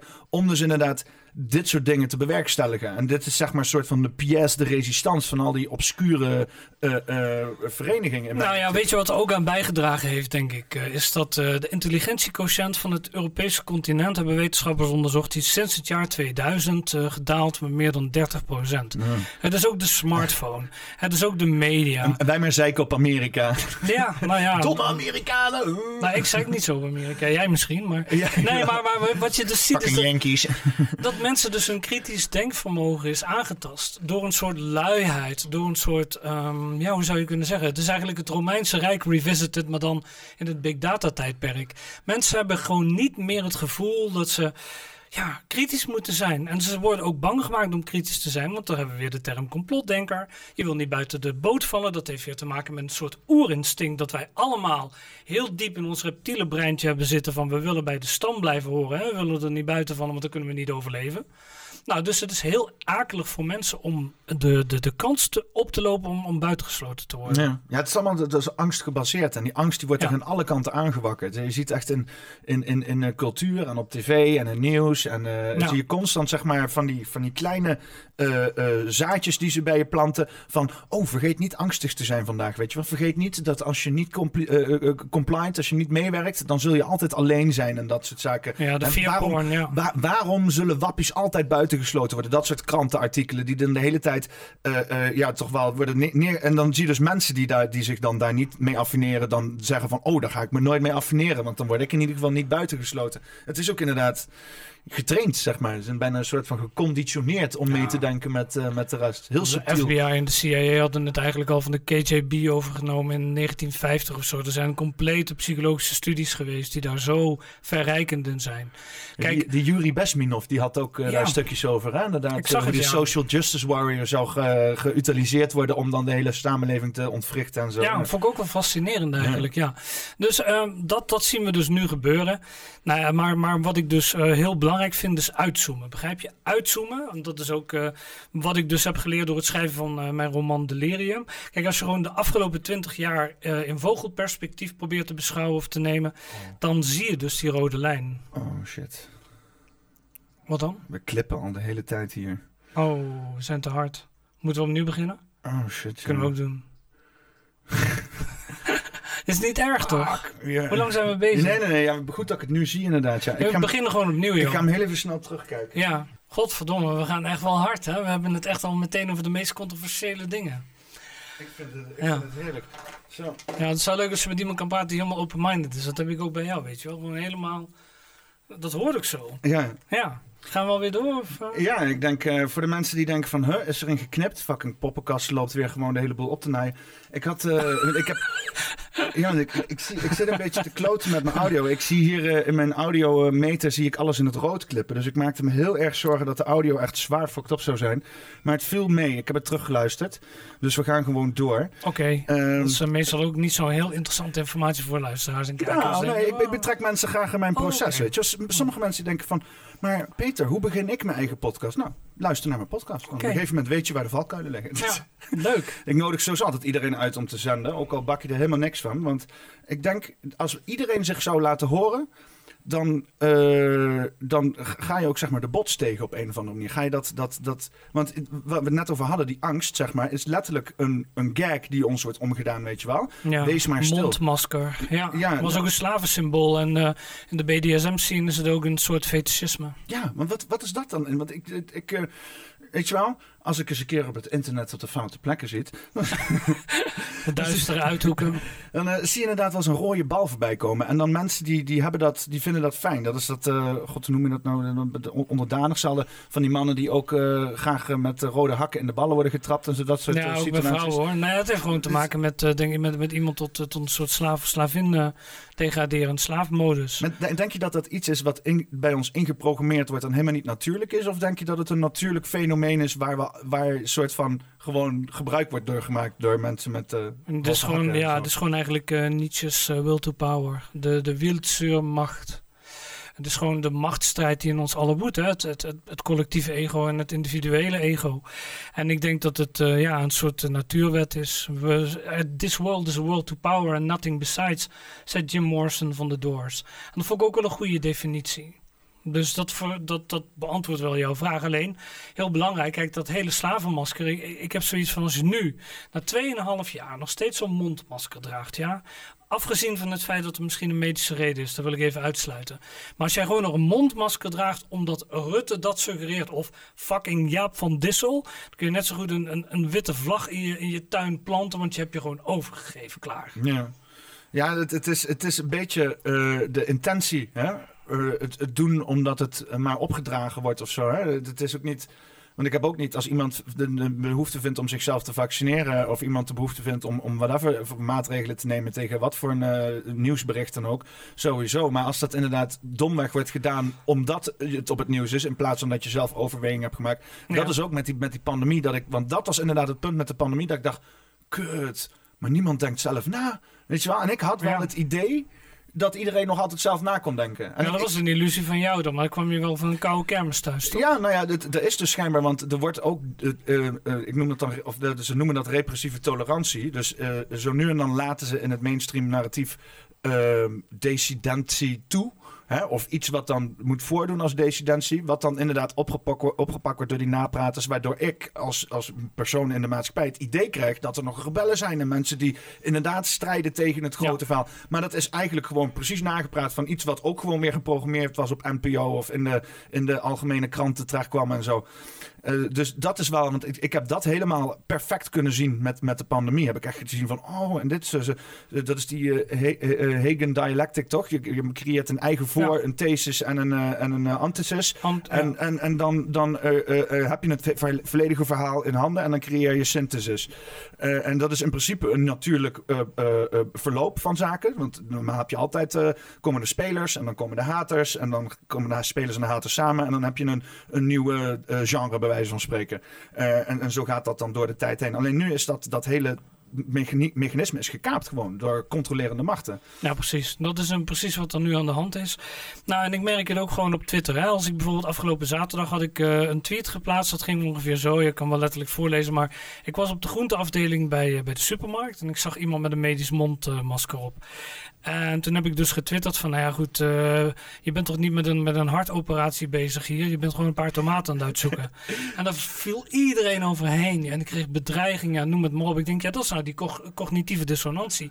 Jij wil gewoon niet dat er getornd wordt aan jouw overtuigingen. Want dan moet je ook jezelf in de spiegel aankijken en denken bij jezelf, jeetje, DOM ben ik wel. Ik ben gewoon heel erg naïef geweest. Ik heb gewoon enorme blinde vlekken gehad. Ik ben er ingetrapt. En je moet het idee loslaten dat de overheid het beste met je voor heeft. Ja. Dat is een angstige gedachte voor veel mensen. Die Ja. zelfredzaamheid die zit er niet echt in hè, bij de Nederlander. Nee, ja, maar, ja, maar alles. Het is ook. eh, eh, eh, we zijn totaal afhankelijk gemaakt van alle faciliteiten in het land. Er is hier inderdaad Ja, niemand Goed meer. gezegd, ja. Er is niemand meer die hier zelfstandig kan zijn, bijna. Ook al zou je het willen in het diepst van je hart en alle middelen ervoor hebben, je mag het gewoon niet. Precies, dat zie je bij die mensen die zichzelf soeverein hebben verklaard. Ik heb een man gekend die heeft in een bos gewoond. Drie jaar lang. Met af en toe een logeerpartijtje bij een vriendinnetje van hem. Maar voor de rest heeft hij echt in een tent gewoond in weer en wind. En nou ja, die man die takelde af waar je bij stond. Maar die bleef gewoon volharden in het feit dat hij zei: Ik wil gewoon vrij zijn. Ik ben een individu. Ik ben een kind van God. Om het even heel poëtisch uit te drukken. Ik sta voor deze zaak en ik ga deze weg. Nou ja, maar die kreeg vervolgens het hele machtsmonopolie, politie, de ambtenarij, alles over zich heen. Die man is tegengewerkt op alle vlakken. Dus een goede vriend van mij geweest. Hij is nu overleden op eh 1 mei jongstleden, de doodgevonden in zijn huis. Ja, Hij was helemaal op. ja. Helemaal op. Dus het, het Ja, is een hele hoge gewoon, prijs. Die ze zeggen gewoon tegen de politie van eh, er is een of andere mafklapper die, eh, die, die, die, die inderdaad psychotisch is en een gevaar is voor de maatschappij. Ja, dan ben je al klaar. En, en, dan, eh, en Ja. dan, dan sturen ze agenten op je. En die agenten gaan in de waan dat ze inderdaad iemand gevaarlijks van de straat af aan het halen zijn. komen ze je halen. Dus alles wat jij zegt is sowieso al, wordt al verworpen. En helemaal als dat in het thema is van ja, de overheid zit achter me aan. Dan denk je ja, ja, jij wel meneer. En dan Maar kijk, deze man die probeerde ook anderen te motiveren om zijn weg te volgen. Ja. En dan wordt het natuurlijk voor overheden. eh, Kijk, als je soevereiniteit. Of, hè, dan, dan wordt het heel. Je merkt dat die mensen hard worden aangepakt. En wat ik bij hem bijvoorbeeld zag was. eh, hij probeerde mensen te motiveren. Maar die mensen zeiden dan: ja, maar als ik jou wegvolg. dan heb ik geen leven meer. Die hadden ook wel het gevoel van. ja, deze hele bankaire elite. en ik zit in een soort van wurggreep van de overheid. Ik moet eigenlijk ook hieruit kunnen breken. Maar dat durven ze niet. En toen zei eh, Alfred heette die. Hij zei van ja, maar nu heb je ook geen leven. Je zegt je bent bang, je hebt geen leven als je soeverein verklaart. Als je weggaat, als je de wijde wereld intrekt. Los van het systeem probeert te komen. Ja. Maar nu heb je ook geen leven. Je wordt aan alle kanten geknecht. Ja. Nou, dat vond ik een heel goede, goede reply. Alleen wat je ziet bij dat soort mensen. Is dat ze gewoon inderdaad aan alle kanten worden tegengewerkt. Het wordt eigenlijk gezien als dissidenten, criminelen, ja, bijna potentiële terroristen. Ja. En zeker in deze tijd wordt het eh, scherp geframed. En de- nu is het uh, anti-overheidsretoriek, eh, k- krijg je dan. Hè? Eh, Ja. dat, ik, zou ik ook, als je terugkijkt naar mijn podcast, dan zou ik zeker als anti-overheidspersoon. eh, ik, ben ook, eh, ik ben ook geen fan van overheid. Niet zeggende dat, ik, dat er geen overheid moet zijn, maar hij moet zo klein mogelijk zijn. Word je gemonitord? Eh, ik, ik weet niet, als ik, als ik aan mijn volgers moet geloven, word ik sowieso gemonitord. Sowieso gemonitord. nou, dan word ik het ook. Want eh, ik zit er ook al twee jaar in. Ja, dan ben je wel interessant genoeg voor de NCTV. eh. Het, het is wel een ego-strenger in zekere zin. ego-streng. Ja, ja. Net als ik door het World Economic Forum word Ja, ja. geblokkeerd op Twitter. Hè? Dat is ook... gewoon erkenning, weet je wel. Erkenning door de koning. Ja, Ja. Ja, uh, uh, oh, ja. Jongen, jongen, wat zijn we wel opeens? Ik voel me opeens... Uh, ja, denk ja. goed over mezelf, god. Ja, ja, ja. nee, nee, flauwekul Maar ja, je houdt het wel in de gaten. Alleen je kunt het je niet voorstellen totdat we die WOP-verzoeken zagen. En dat gewoon bleek dat gewoon bepaalde mensen, zoals uh, invloedrijke, invloedrijke columnisten, journalisten, waar ik heel veel respect voor heb, Sietske Bergsma, uh, Hans Strikje, die ken je misschien ook wel. Um, nou, die werden dus al uh, gevolgd en gemonitord. Hans van Tellingen bijvoorbeeld, dat is een, een hele degelijke schrijver en columnist. Dat, ik, dat doe ik mijn petje vooraf. Dat is echt een groot voorbeeld voor mij, hoe die man kan formuleren. En dan blijkt zo'n man gewoon geschaduwd te worden door de powers that be. En je had, ik had zo'n krantartikel gelezen, ik weet niet meer over wie dat gaat. Ik denk misschien dat jij wel op de naam maar die schreef altijd over de grijze wolf en zo, die Turkse gebeuren en dergelijke. En uh, die, uh, uh, dat was nog ver voor de pandemie en zo. En die werd dus inderdaad, dat is nu dus uit WOP-documenten gekomen, die werd dus al die tijd strak in de gaten gehouden door de inlichtingendiensten. Om dan vervolgens niet haar te beschermen, want zij werd gigantisch bedreigd door inderdaad al dat soort personen, al die Turkse maffia en zo. Oh. Maar dan vervolgens inlichtingen te vergaren om dan uiteindelijk connecties te kunnen leggen in het netwerk wat zij aan het creëren was. Dat is in principe wat onze inlichtingendiensten aan het doen zijn. Die zijn hier niet om ons te beschermen. Die hebben scheid aan ons aan de beurs. Die willen ons gebruiken om hun eigen doel uh, uh, te verwerkelijken. Ja, doel, hun eigen doel is het overheidsdoel. En daarboven ja, uiteraard gewoon. de EU en de World Economic Forum. En daar weer achter Bilderberg en daar weer achter de schaduwelite. Ja. Dus dus uh, moet het wel inderdaad ja, ja, goed blijven zien. Nou ja, je zegt bescherming. Nee, de IVD uh, die kan jou niet beschermen. Nee. Sterker nog, uh, daar kunnen Pim Fortuyn en Theo van Gogh wel een streep onder zetten. Maar ja, dat is zo'n zo'n Jesselgus, die, die minister van Defensie nu. nu. Ja. die, die, die, en trouwens... Je zegt dan naam in één keer goed. ja, Dylan Jesselgus. ja, ik heb er moeite voor gedaan. Ik heb daar uren... Je, je hebt uren staan oefenen, uren hè, voordat je deze... Jesselgus, Jesselgus, Jesselgus. Nee, maar... nee, ik snap het, ik zie het. ja. moet je maar niet zo ingewikkelde naam hebben, non hier. Um, uh, het klinkt als een exotische nou, nou, dan weet je niet weten hoe het schrijft. Er zitten met een partij haakjes overal aan en shit, letters die ik nog nooit heb gezien. nee. nou, het heeft niks te maken met ons alfabet. Uh, maar uh, uh, het, is zo, het is zo, zo raar, want je hebt dus eerst Vert Grappenhuis gehad. Een of andere kale gozer, weet je wel, die, die, waar, waar niet mee te betwisten valt. Met zo'n klein brilletje die helemaal opgaat in zijn voorhoofd die er overheen hangt en zo. Beetje zo'n zo'n nukkige gozer. En in één keer zetten ze er een heel mager, tenger, Turks, hoogpieperig stemmetje dame neer, weet je wel. Maar beide gevallen, als je hun hoort praten dan zitten ze inderdaad te, te, te, te, te impliceren dat dus inderdaad die uh, uh, veiligheids, uh, um, ja, dat geweldsmonopolie, wat ze inderdaad zo aan het verdedigen zijn in de vorm van justitie, ehm, dat dat ter bescherming is van de burger, ter alle tijden. Dat zijn ze constant zo aan het, aan het houden. Ja. Terwijl dat gewoon niet, niet zo is. Ik bedoel, ja, de, politie is er om, de, om, om, hand, om, om orde te handhaven. En daarvoor zou een burger eventueel af en toe hulp kunnen krijgen. Maar als jij ziet tegenwoordig wat voor hulp je krijgt van de politie. Eh, ik heb mijn hele leven heb nog niet één keer hulp gehad van de politie. Terwijl mijn shit gestolen is. Ik ben beroofd. Ik ben overvallen. Ik heb allerlei dingen nagedaan. En uiteindelijk sta je in een proces verbaal te doen. En dan zeggen ze: hey, fijne dag verder. En dan zie je ze nooit meer. Weet je wel? Niemand, geen politie heeft ooit eens een keer fucking iets bij opgelost. Weet je, ik had hun net zo goed niet kunnen bellen. En gewoon mijn verlies kunnen nemen en inderdaad kunnen internaliseren. Oh, dit moet ik doen om voortaan niet overvallen te worden. Maar daar heb geen uh, chocomel en dekentjes voor nodig achteraf met de politie. Dat is ja, echt, maar heb je eh, wel het gevoel uh, dat je in een politiestaat leeft of niet? Ja, ja, ja ik, ben, ik ben dus, dat, is voor, dat is ook tijdens die pandemie ben ik opgepakt omdat ik naar een protest toe wou om te gaan kijken van met mijn eigen fucking ogen van oké, waar, waar gaat het over? Want ik heb alleen maar al die shit op, op de... Op het was gewoon een normale demonstratie of een verboden? Ja, ja dat was zo'n zo'n zo'n wappie-demonstratie. Hè? De, de, ik, ik weet niet hoe je dat... Is het wel goed om het zo te framen? Ja, ik het, weet het iedereen alles is...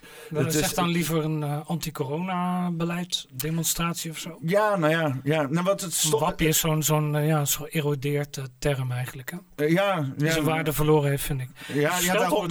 ja. Met het is een geuzennaam nu. Het is, het is ja, alle je mag het ook een geuzennaam noemen. nee, maar je bent opgepakt, ja? Ja, nou ja, er, stond dus inderdaad... ze waren aan het demonstreren. Ik, ik wist alleen maar... Het was het twee uur op het Marktplein. Dus ik stond op die, die, die, die zondag. En uh, ik denk, nou, hè, lekker, was een mooie dag. Soms geen. Ik pakte mijn fiets, goed vol goede intenties, gewoon daarheen gegaan.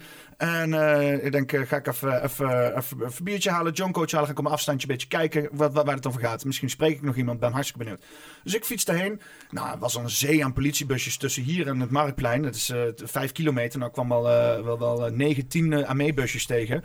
En uh, op een gegeven moment kwam ik op Marktplein aan. Hele plein afgezet, allemaal zwarte doeken en zo. En uh, politie stond ervoor en iedereen werd er buiten gehouden. En ik zie een agent staan, die spreekt meteen aan. Ik zeg, wat, wat, is er aan de hand? Hij zegt, ja, wij doen alleen ons werk hoor. Dus ik had er zoiets van, yo oké, vreemd. Dus ik fiets verder door. En ik fiets meteen naar uh, Paleis van Justitie op de hoek. Daar stonden 15 agenten stonden daar uh, de boel te blokkeren. Dus ik fiets daar recht op af en ik stap af. Ik zeg, er langs? Want ik zag dat ze daar aan het protesteren waren in het hoekje. Met 200 man of zo, een plein waar 5000 man terechtkomen. Hij zegt, nee, is vol. Dus ik zeg, nee, hoezo is het vol, weet je wel? Ik, ik, ik zie, er kunnen makkelijk nog veel meer mensen bij. Dat werd ingenomen door het killervirus natuurlijk. Ja, ja, ja dat, is allemaal, dat is allemaal virus wat er op dat plein rondhing. En uh, dus hij zei van, uh, nee, uh, dus ik zei van, waarom mag ik er niet langs? Hij zei, omdat ik het zeg. Dus ik was, ik was echt pissig, weet je wel. Ik denk, dit is, dit is, dit is hoe zo... Een beetje dooddoener inderdaad, maar niet, niet aardig. Ja, nee, ja. Ik, ik, ik, was echt, want ik vind het sowieso belachelijk dat ze een plein, een publiek plein afzetten. Dat is, dat, ja. In mijn optiek, ik was daar echt, ik was, ik was echt pissig. Dus ik draai me om uh, want ik denk, ik moet hier snel wegwezen voordat ik er een scène ga schoppen. Ik draai me om, ik loop weg, uh, ongeveer 2, 3 meter van dat ik van hem afloop. Uh, zeg ik, wat een nazi staat, weet je wel. En ik wil mijn fiets stappen. en hij trekt me terug op mijn bagagedrager. Hij haalt me van mijn fiets af en zegt, je bent gearresteerd bij deze. Dus ik zeg, zo wat dan? Ja, je noemt me een nazi. dat zeg ik helemaal niet. Ik zeg, ik had het niet eens tegen jou, weet je wel. Ja, dat mag je uitvechten met de rechter. Dus ik dacht ook van, ah, zo laat zijn we hier bezig, weet je. Deze gast die zat gewoon te wachten om iemand te kunnen arresteren, weet je wel. Ja, maar je weet toch, kijk, in een politiestaat heb je toch nog altijd twee mogelijkheden. Eén is 24 uur wakker blijven, alert. En de andere is om zelf bij de politie te gaan werken. Ja. Maar ja, zelf bij Toch nog twee opties. Ja. Dat was wat van jou, of niet? Om bij de politie te gaan werken. Ja. Moet ik straks nog discipline tonen ook nog? Ja, nou ja, weet je wat het is? Kijk, um, er is nogal wat gaande in deze tijd. Hè. Ik moet je zeggen, toen ik zelf uh, nog in de mainstream media werkte, onder andere actueel HP De Tijd Revue.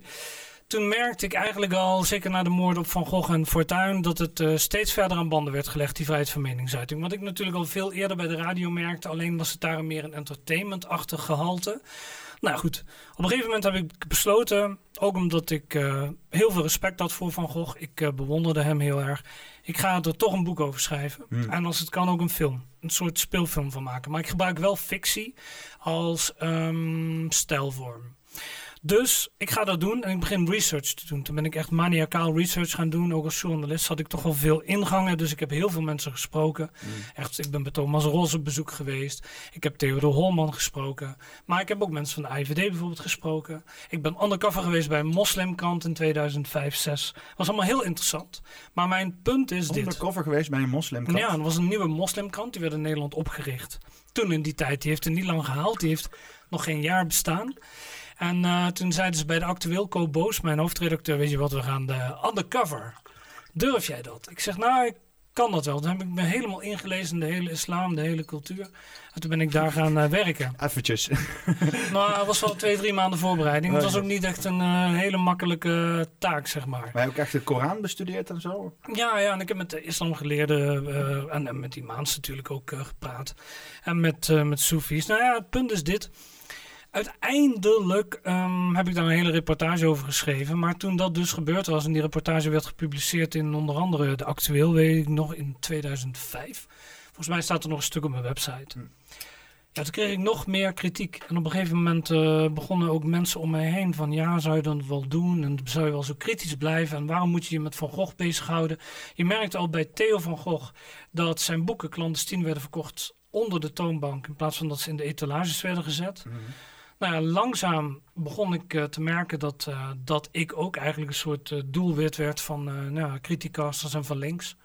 Van ja, je bent extreem rechts als je het voor die man opneemt. Of hij heeft er zelf om gevraagd om vermoord te worden enzovoort. Maar jezus. Ja. En toen ik dus in 2010 besloot om een film te gaan maken. Toen kreeg ik echt alles over me heen. Toen heeft de NPO echt alles op alles gezet om dat te saboteren. En ik moet ook eerlijk zeggen, wat ik ook al uh, tegen Cliteur zei bij Weltschmerz. Ik heb daar zelf ook een bijdrage aan geleverd. Ik ben, ik zei, als een olifant in een porseleinenkast te werk gegaan. Ik wist niks van boekhouden.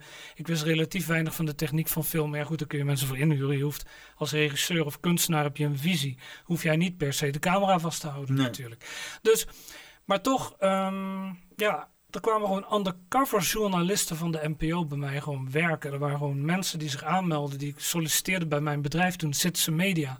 Dat was gestationeerd in Houtem Sint-Gerlach, dat is Valkenburg en de Geul Zuid-Limburg. Nou, die hadden gewoon eh, verborgen camera's in hun tasjes. Ja. Van meisjes van 22 en uh, alles om maar uh, mij in kwaad daglicht te stellen. En ja, en toen is het eigenlijk volledig geëscaleerd. In die zin dat mijn bedrijf failliet ging. En dat ze toen natuurlijk helemaal een stok hadden om mee te slaan. Toen heb ik een, uh, die, die, die, film is er dus nooit gekomen? De film is er nooit gekomen. Die is nooit verder gekomen dan de preproductiefase. Dat is ja. super jammer. Maar je hebt dus wel een script liggen, je zeggen. Ja, dat script ligt er nog, want er is later de roman, het manuscript op gebaseerd. De roman Delirium, over Van Gogh. Maar het is, het is gewoon een, een, een speelfilm, toch? Geen ja. special effects of zo? Nee, nee, een film met heel veel dialoog. Nou, dat is de roman. shit, laten we een film maken. Ja, waarom niet? Ja, jij bent van de audiovisuele... Ik ben, ik kan regisseur, ik kan, kan filmen, ik kan editen, ik kan audio opnemen. Nou, ik moet zeggen, nu, nu, het boek er is, hè, je hebt het nog niet gelezen, vertelde je me eerlijk, maar... Um, dan, nu, moet, dan moet ik gaan lezen, inderdaad. Ja, maar kijk, nu het boek er is, denk ik wel bij mezelf, ik krijg van veel mensen te horen dat het wel een heel filmisch uh, verhaal is. Het gaat over, ik zal het heel kort even beargumenteren. Het gaat over een jongen die in de gevangenis zit in 2004. En die kijkt voor de moord op van Gogh, de vooravond van de moord op van Gogh. En hij kijkt terug op zijn vermiste vriendinnetje, Luna van Bohemen. Die, dat was een actrice die ook bij Van Gogh acteerde.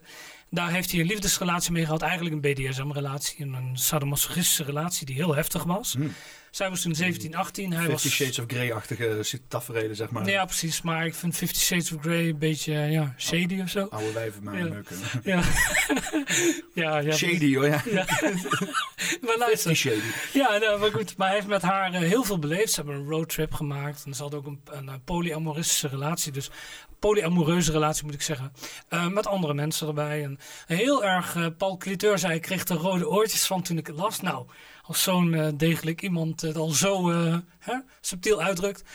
Maar het is dus al met al gewoon een heel, ja, een, heel, een, een, een, totaal theater van de tijd. Dus de tijdsgeest gevangen in een roman. En zo wilde ik er ook een film van maken. Mm. Het is gewoon een heel filmisch verhaal. Want die roadtrip die voert hen door Frankrijk naar het filmfestival van Cannes.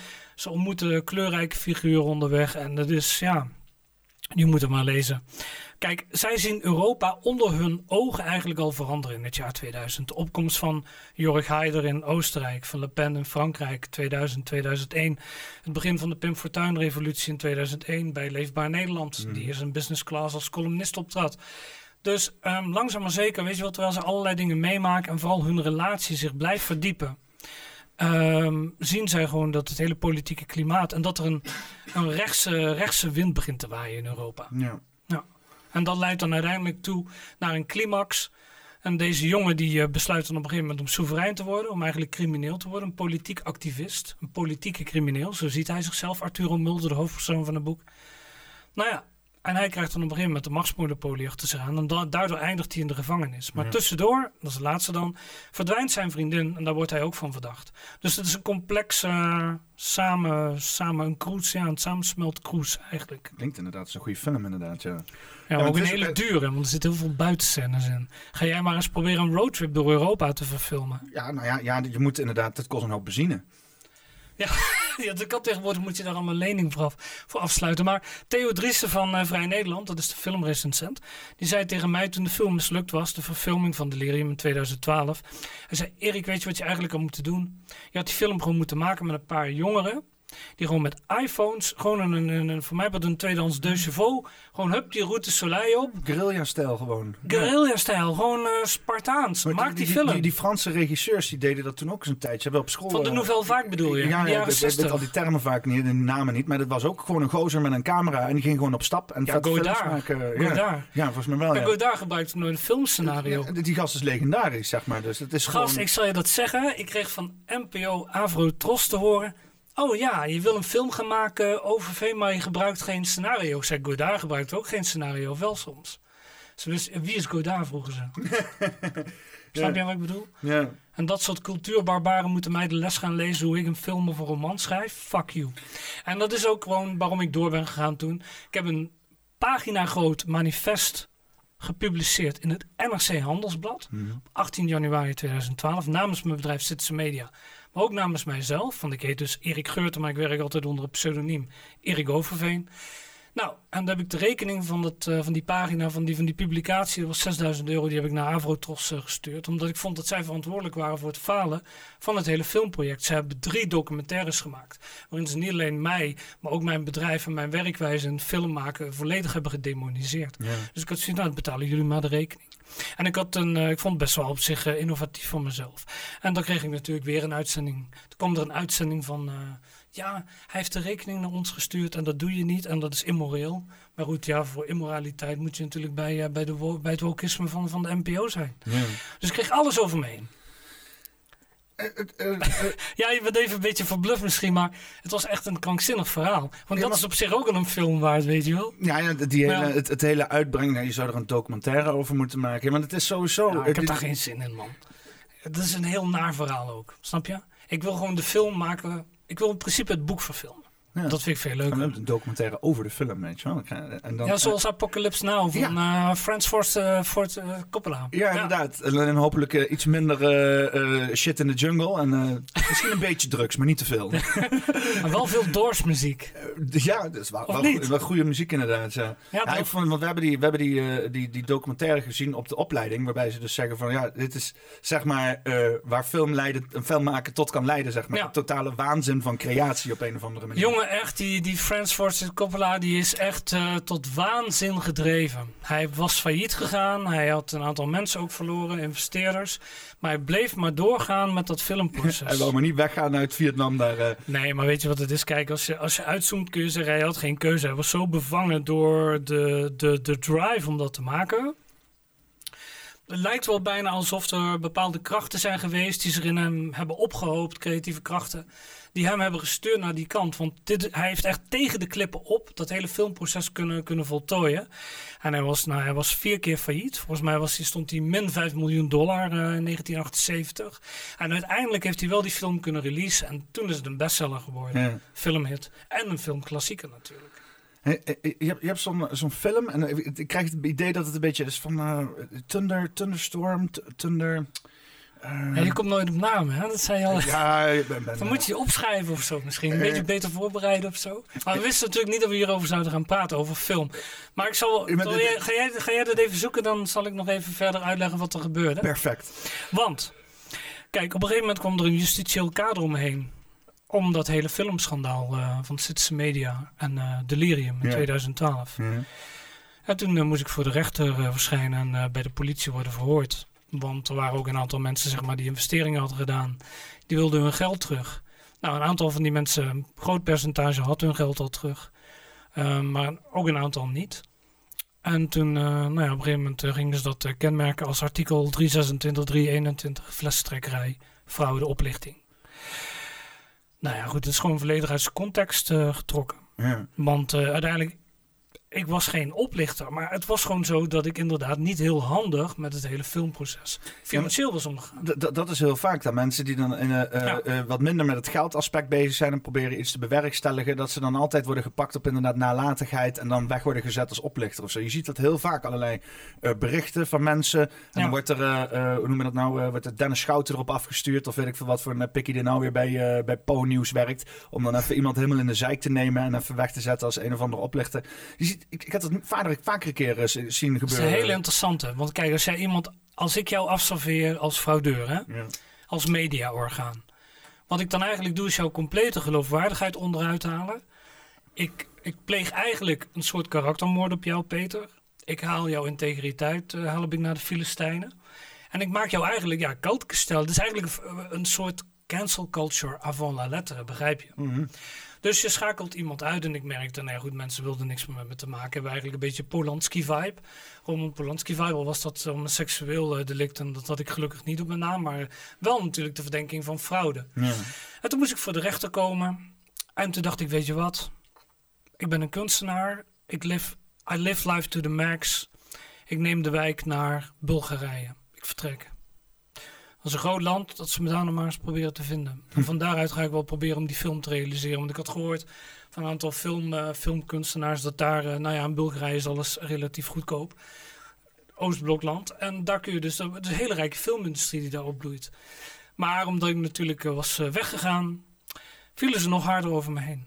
Ja, dan vlucht je en zo. Hè? En dan, Ja, eh, dat was achteraf ook niet intelligent. En ik steek ook de hand in eigen boezem. Ik had gewoon een man een man, weet je, moeten zijn. En ook moeten zeggen, nou ja, ik heb er een zootje van gemaakt. Ik neem de verantwoordelijkheid. Maar vergeet niet, ik ben een creatieve geest. En nou ja, ik zag het maar zo.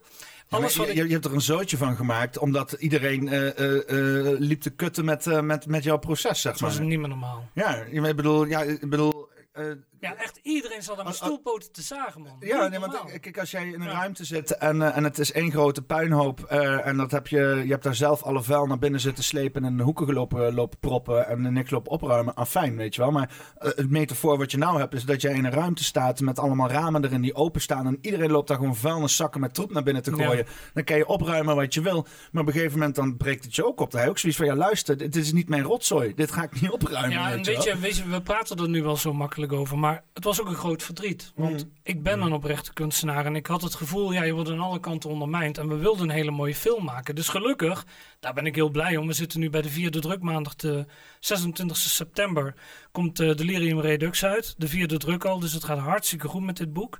Het heeft ook een, soort van literaire herkenning gehad in de morgen. Paul Cliteur was er lovend over. Hans Renders in de Volkskrant. NBD Biblion. Dus daar ben ik heel blij om. Maar dat hele filmproces. Kijk, op een gegeven moment ben je in zo'n heel raar, exotisch land als Bulgarije. En je weet, je wordt vervolgd door justitie vanwege fraude. Maar wat dan? Een beetje onduidelijk, een beetje abstract. Maar in plaats van dat op te lossen, ga je nog eigenlijk tegen de klippen op proberen om die film nog te voltooien. In zo'n raar land. Nou, en dat was heel erg moeilijk. Want nou ja, je financiële middelen raken op en je bent al overstrest. Omdat ja, het is gewoon heel raar het idee van ik ben een balling of een soort voortvluchtige. Maar de poëet in mij vindt het natuurlijk weer fantastisch. Want die denkt gewoon, nou oké, eh, kijk Baudelaire en Rembo, die oude Franse avant-gardisten, die hebben een zwarte vlag in mijn hart geplant. En ik vind, ik moet gewoon to the max leven. Ik moet alles meemaken en alles durven. Als ik geen moed betoon om dit eh, proces te voltooien, dan heeft het ook geen zin om te leven. En dan heeft het ook al geen zin om je kunstenaar te noemen. Ja, maar dat is wel heel zwaar inderdaad, ja. nou, Ja. Maar hoe zit het nou? Voel je je nu nog steeds wel een kunstenaar? Nou ja, nu wel in optima forma, ja. Omdat mijn boek erkenning heeft gekregen, maar dat niet alleen. Ik merk ook gewoon aan alle kanten nu dat... Ja, er zijn ook al een aantal mensen die ook interesse hebben getoond in de verfilming van Delirium. Ik ben nog wel aan het praten met een aantal partijen, maar liefst zou ik het zelf doen met een aantal mensen die het hart en de, de kunstenaarsgeest op de goede plaatsen bezitten, om het zo te zeggen. Ja, in zekere zin sluit het wel, want wat ik aan het zoeken was, was eh, eh, Tropic Thunder.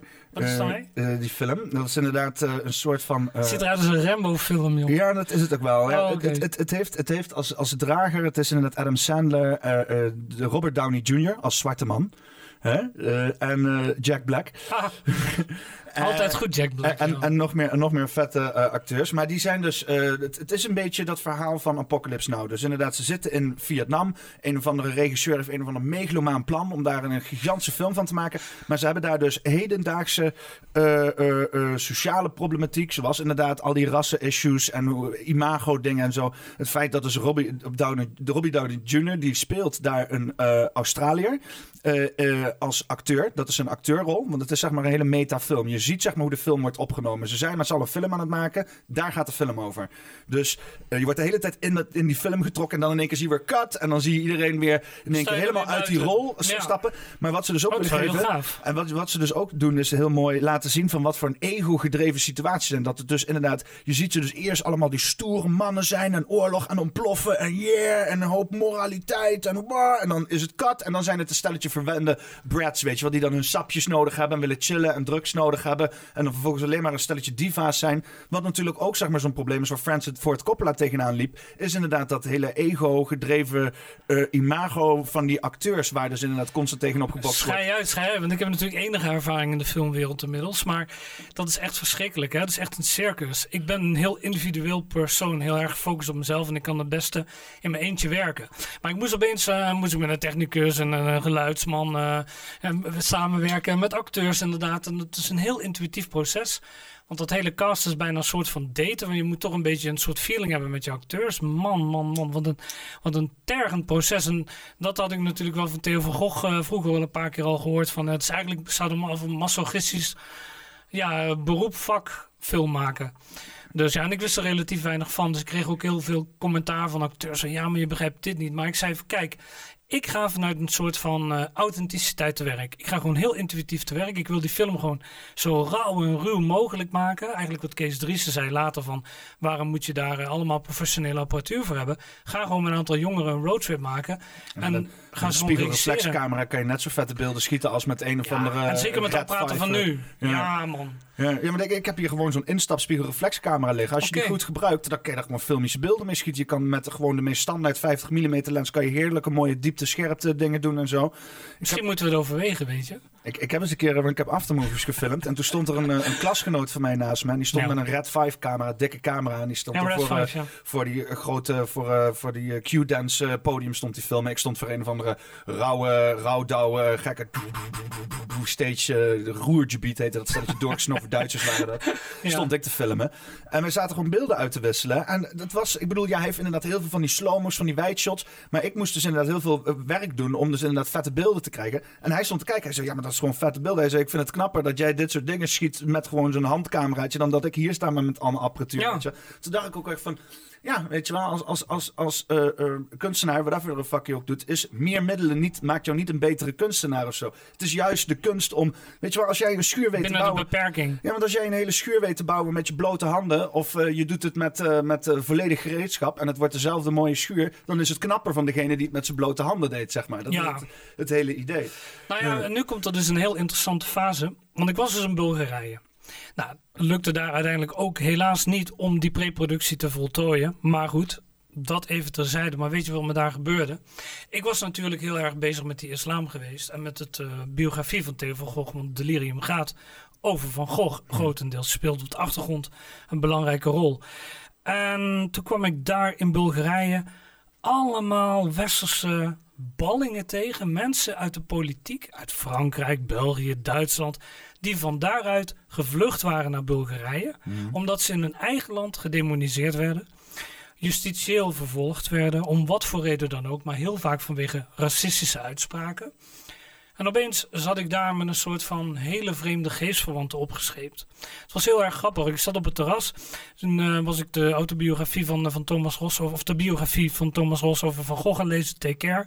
Toen zei een jongen tegen mij, die zat naast me op het terras hey, dat is toch die filmregisseur die bij jullie vermoord is, die dikke met die krullen. Ik zei, ja, ja, dat klopt, dat klopt. Dat bleek uh, Steve van Nest te, te, zijn, een uh, politicus van uh, Vlaams Belang en die in de politiek in Kortrijk had gezeten. Die was volledig kapot gemaakt door de gevestigde media in België. Dat Vlaams Belang ligt echt ziekelijk onder vuur, hè? Ja. dat is echt niet normaal. Nou, hij had wel een fout gemaakt. Kijk, en dat is het, hè. Dat had ik dus ook. Ik had ook fouten gemaakt. Ik had fouten gemaakt met boekhouden, met belasting betalen. De begrijp je? politiek zit vol met mensen die constant fouten aan het maken zijn. Als je nu kijkt naar de gevestigde politiek hier in Nederland, de Teven-deal, de, uh, ja, de, de, eindeloos. De, 5 miljard van Hugo. weet je? ja. ja, dus de, de, de, toeslagenschandaal. Er wordt aan één stuk alleen. Je hebt mensen die inderdaad daar persoonlijk verantwoordelijkheid voor nemen. En dan inderdaad afgebrand worden als stelletje oplichters of racist of whatever. En mensen die zich constant eruit wezelen en alles maar naar achter schuiven naar een of andere obscure uh, situatie waar niemand controle op heeft. Hè? Want dat doet Rutte dan de hele tijd van, ja nee, dat zijn de ambtenaren. Maar je mag niet praten over de ambtenaren, want dat doen we hier niet. Maar dat zijn de ambtenaren. Weet je, alsof hij zeg maar bloot ligt aan allerlei uh, onzichtbare machten waar hij helemaal geen uh, invloed op heeft. Ja, wat, wat kan, weet je wel. Maar ja, dan moet je ons niet raar aankijken dat we zeggen van, ja, jij bent een puppet van een of andere schaduworganisatie. Ja, nou ja, dat viel me dus ook al bij die mensen. Die hadden dus wel fouten gemaakt. Die Steve van Nest had zijn vriendin een klap gegeven. Nou, dat is natuurlijk niet goed te praten. Maar kijk, waar waarom moet dat volledig uit zijn context worden getrokken? Um, compleet exposed worden in de mainstream media. Uitzending na uitzending. Wat, wat vond die vriendin daarvan? Was die daar, uh, was die daar uh, hijs over aan het maken?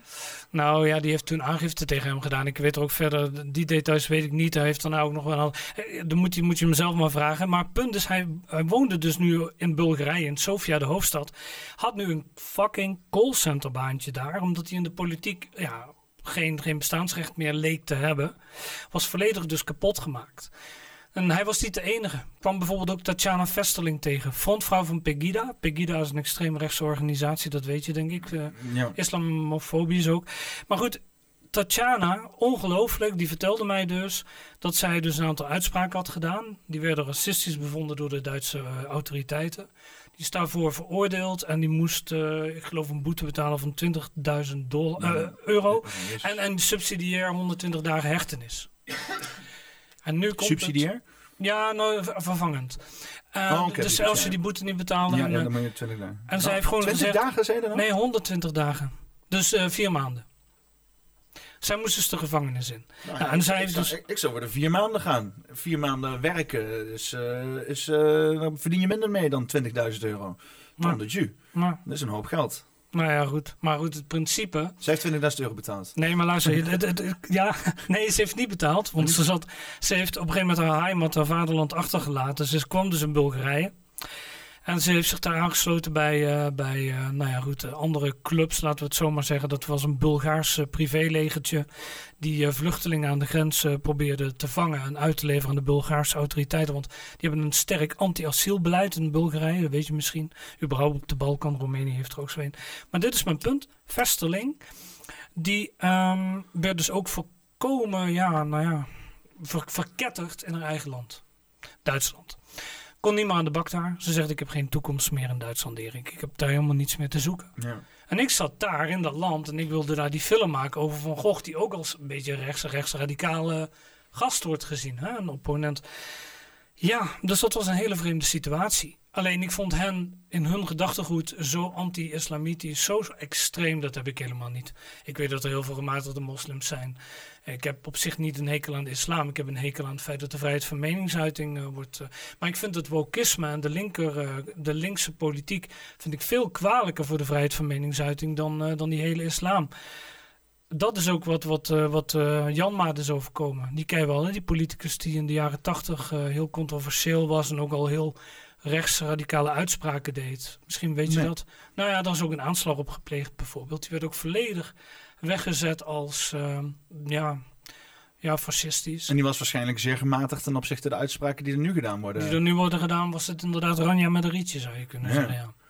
Ehm, maar dit is even het. Kijk, die Joop Wolfs was dat van de, van de Communistische Partij in Nederland, de CPN. Die heeft in 1986 ervoor gezorgd dat in de grondwet een aanpassing kwam met betrekking tot de vrijheid van meningsuiting. We hebben artikel 7, dat is het recht van spreken. Mhm. Maar hij zorgde ervoor dat er artikel 1 kwam. Jij mag niet discrimineren. Dus wat we toen hadden vanaf 1986 was een paradox, Ja. een tegenstelling in de grondwet. Want ik heb recht van spreken, maar je mag niet discrimineren. Maar waar liggen dan die grenzen? Ja, want wat de definitie van discrimineren is iemand, eh, is dat iemand beledigen op, eh, op, op eh, basis van hun afkomst? Of- Ja, precies. En dat heeft er vaak een etnische component, hè? Ja, want weet je, wat het, het beledigen is ook, is ook weer zo'n containerbegrip waar je dan opnieuw moet aan gaan toetsen, Ja. zeg maar. Hè? Dus, ja, want eerst, eerst moet je dus inderdaad kijken of het eh, dus de intentie was op basis van afkomst. Want dat is ook Ja. nog dat iemand, een blanke iets heeft gedaan met, een, eh, met iemand met een donkere huidskleur of iemand met een donkere huidskleur iets heeft gedaan met een blanke huidskleur. Dat heeft niet te maken dat het intentie meteen racistisch of eh discriminaat, eh, discriminatoire was. ja, dat is een mooie term. ja, onnodig chic en zo. nou ja, beetje elitair klinkt het, hè? Oh. Ja. Maar, maar, begrijp- maar, maar die, Maar Joop ja, Wol- die Joop Wolfs heeft het trouwens gedaan om Jan Maat een loer te draaien. Want Jan Maat die vond dat hij moest kunnen zeggen, en dat kon volgens de wet ook, want artikel 1 was toen nog niet eh, aangepast. Ehm, ja, die, die, die veroordeelde ook eh, de, de multiculturele samenleving enzovoorts. En die was daar heel erg fel tegen gekant. Kijk, en dan kom je later natuurlijk uit, waar we het nog even over gaan hebben straks, Fortuin van Gogh. Nou, wat je dus ziet is gewoon dat dit de, de belangen van de gevestigde orde ondermijnt. Hè? Mhm. En dan hebben we het natuurlijk ook over het globalisme. En het Carnegie-plan. En dat wordt allemaal weggezet als complottheorie. En dat weet ik wel. Maar het is gewoon... Ik kan het waterdicht straks timmeren. Dat is gewoon een feit. Het is geen complottheorie, maar gewoon een feit. We Voor zit- mij We althans. zitten hier ook natuurlijk in het hol van de globalisten natuurlijk. Hè? Dat is, de- Nederland, Nederland. was de eerder, eerste globalist. In ieder geval, Rutte. Nou, naar de VOC en zo. Oh, dat bedoel je. Ja, als je, oh, daar ga je al helemaal naar terug. Valt me alweer mee, want de meeste mensen hebben nog niet eens het idee of het besef dat er ook een occulte eh, achtergrond is. Ja, en dat die ergens is eh, verdoezeld, ergens in 1800, eh, ergens tussen 1800 en 1900, is het volgens mij ergens allemaal zwaar onder de mat geschoven. Ja, En zijn ze echt ver naar de achtergrond gedaan. Maar je ziet dus overal, dat is leuk, je hebt dus nu zo'n hele opkomst op het internet met de Tartaria, de oude beschaving. Daarom zei ik ook van, het lijkt oude beschaving dingen. Het lijkt zeg maar voorgaand aan 125 150 jaar geleden. Dat er dus inderdaad openlijk een bepaalde beschaving was. Die dus inderdaad met symbolen zichzelf affineerde. Denk aan alle leeuwtjes en alle tierenlantijntjes aan gebouwen. En de schilden van de, de, de fenixen en de, de ridderkoppen en dat soort dingen. Phoenix is een symbool van materialisme, hè? Ja. Als die naar het westen gericht is. ja. de, de rozenkruisers zijn erin terug te vinden. Is ook allemaal symboliek terug te leiden naar bijvoorbeeld de vondst van Amerika. En iets wat daar misschien al heeft gezeten en zo. Maar er zijn heel veel oude dingen die niet verklaarbaar zijn.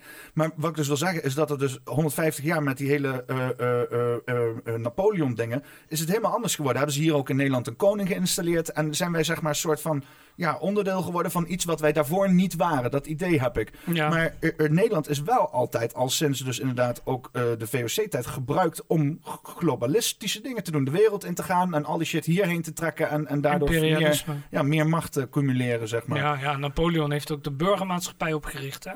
Die heeft ervoor gezorgd dat we eigenlijk in een soort van, ja, je zou kunnen zeggen, bureaucratische slavernij terecht zijn gekomen. Heeft iedereen achternamen toegedicht enzovoorts ja. bij de burgerlijke stand. Ja, die heeft alles flink uh, dicht uh, getimmerd, ja. Napoleon. mijn idee is Napoleon ook een soort van mythische drager van bepaalde machten die erachter zitten, zeg maar. Want ook als je dat verhaal van Napoleon leest, dan denk je van ja, jij wel, maat. Weet je wel? Met je lekker op een eilandje zitten en dan heeft hij zijn eigen memoirs geschreven en toen is hij dood gegaan. Weet je, het is een lekker handig verhaal allemaal. Ik, ja. ik, ik, vind het. nou ja, we, we, hebben nu geleerd dat de geschiedenis aan alle kanten rammelt. Hè? Ja, het eerste wat je leert bij geschiedenis is dat geschiedenis geschreven wordt door de overwinnaars. Dus dat, maakt de rest van het jaar al eigenlijk heel overbodig. Dat is, uh... ja, zo met andere woorden, eerste geschiedenisles, we kunnen gaan. Ja, ja, inderdaad. Ja. ja. Ja. Nou ja, goed, precies. Maar ja, dus, ja, ook in Bulgarije dus. Dus ik zat daar met die gelijkgestemden. En toen dacht ik, nou ja, goed, ik voel, ik voel heel veel verwantschap, maar ik ben geen radicaal en ik ben zeker niet anti-islam. Dus ik uh, ga gewoon terug naar Nederland. Ik ga de verantwoordelijkheid nemen. Ik ga mijn, uh, inmiddels was dat, uh, ik had een gevangenisstraf was uitgesproken van, uh, van een paar maanden waar ik, nou ja, ik moest dus een straf uitzitten omdat ik dus fraude had gepleegd. Nee, je moest zitten gewoon, dat meen je niet. Ja, toen dacht ik, dan doe ik dat maar. Okay, ja. Maar nu komt het, ik had nog steeds een manuscript onder mijn arm en dat is ook waar we het vorige keer, maar waar ik het bij Weltschmerz uitgebreid over heb gehad met Cliteur. Ik heb daar dus zeg maar in die gevangenis een hele hoop islamieten ontmoet. En dan werden gewoon vrienden van mij ook. Marokkanen, Algerijnen, hele gematigde moslims, supergoeie gasten. En die hebben mij zoveel verteld en geleerd over de islam, over radicalisme over het soefisme, over dingen die ik eh, helemaal niet wist. Want uh, wat weet ik nou, ik ben ook maar een Nederlandse jongen. Maar was het nog voor de, nadat je undercover was gegaan of voordat je undercover was gegaan? Nee, dat was al later in de tijd, in de jaren Dus je was toen al undercover gegaan bij Islamse krant? En ja, dat heb ik niet verteld die, die, drie maanden, die drie maanden... Ja, uh, maar, ik moest toen een paar maanden in die gevangenis zitten. Toen heb ik niks anders gedaan dan aantekeningen gemaakt. En gewerkt aan een manuscript van Delirium. Nou, en dat heeft dus goed uitgepakt. Want er is een authenticiteit, een oorspronkelijkheid ingekropen.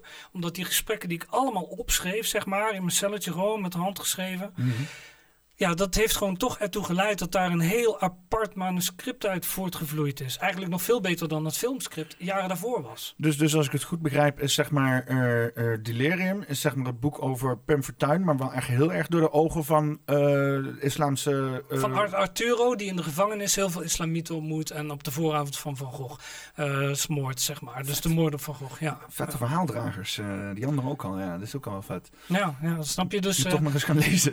ja, misschien handig als je... Je weet wel wat Van Gogh zei. Als je een interview doet met iemand... is maar één basisregel. Uh, voor hem was dat zo. Oprechte interesse in degene die tegenover je zit. Nou ja, is, ik heb sowieso heel snel al oprechte interesse. Dus dat is. Ja, dat merk ik wel. Ja, ja. Alleen, ik, uh, ik, heb, ik, heb, ik heb een probleem met ADHD. Ik heb lezen is voor mij echt een soort van. Um, um, Zal ik het je, voorle Zal ik het je voorlezen? Nou, weet je wat ze zijn? Een audioboek is misschien wel. Uh, ja, dat dan moet ik eigenlijk nog ervan maken. Ja, dan moeten we eigenlijk nog een keer overleggen met, uh, met de uitgevers. Maar goed, anyway. Ik ben dus teruggegaan. In die gevangenis heb ik dus, um, nou ja, ik zei ook tegen Cliteur van, nou ja, als, je, als je een schrijver opsluit in een gevangeniscel, dan hou je hem eigenlijk vast op zijn werkkamer. Want ik ben al iemand die heel erg houdt van de claustrofilie. Dus ik hou heel erg van binnenruimtes, van afgesloten ruimtes. Maar ik, heb, ik ben ook een beetje ADHD en overprikkeld heel snel. Ook licht autistisch. Dus ik heb heel snel last van invloeden. Ga maar in het kamertje zitten met een pen en papier voor straf. Oké. ja, precies. Het was geen straf. Het was zo'n lange vakantie. Ja, nice. En ik kon daar de hele dag research doen, lezen. net als uh, Hitler had ik die adarium van, nou ja, het is, het is een universiteit op kosten van de staat. Ja, En toen dacht ik, nou, studeren, studeren, studeren. Werken aan de manuscript. Ondertussen interviews doen met medegevangenen. Dus dat heeft mij gewoon heel veel levenservaring en heel veel verhalen in de schoot geworpen. En je moet niet vergeten, ik heb een journalistieke achtergrond.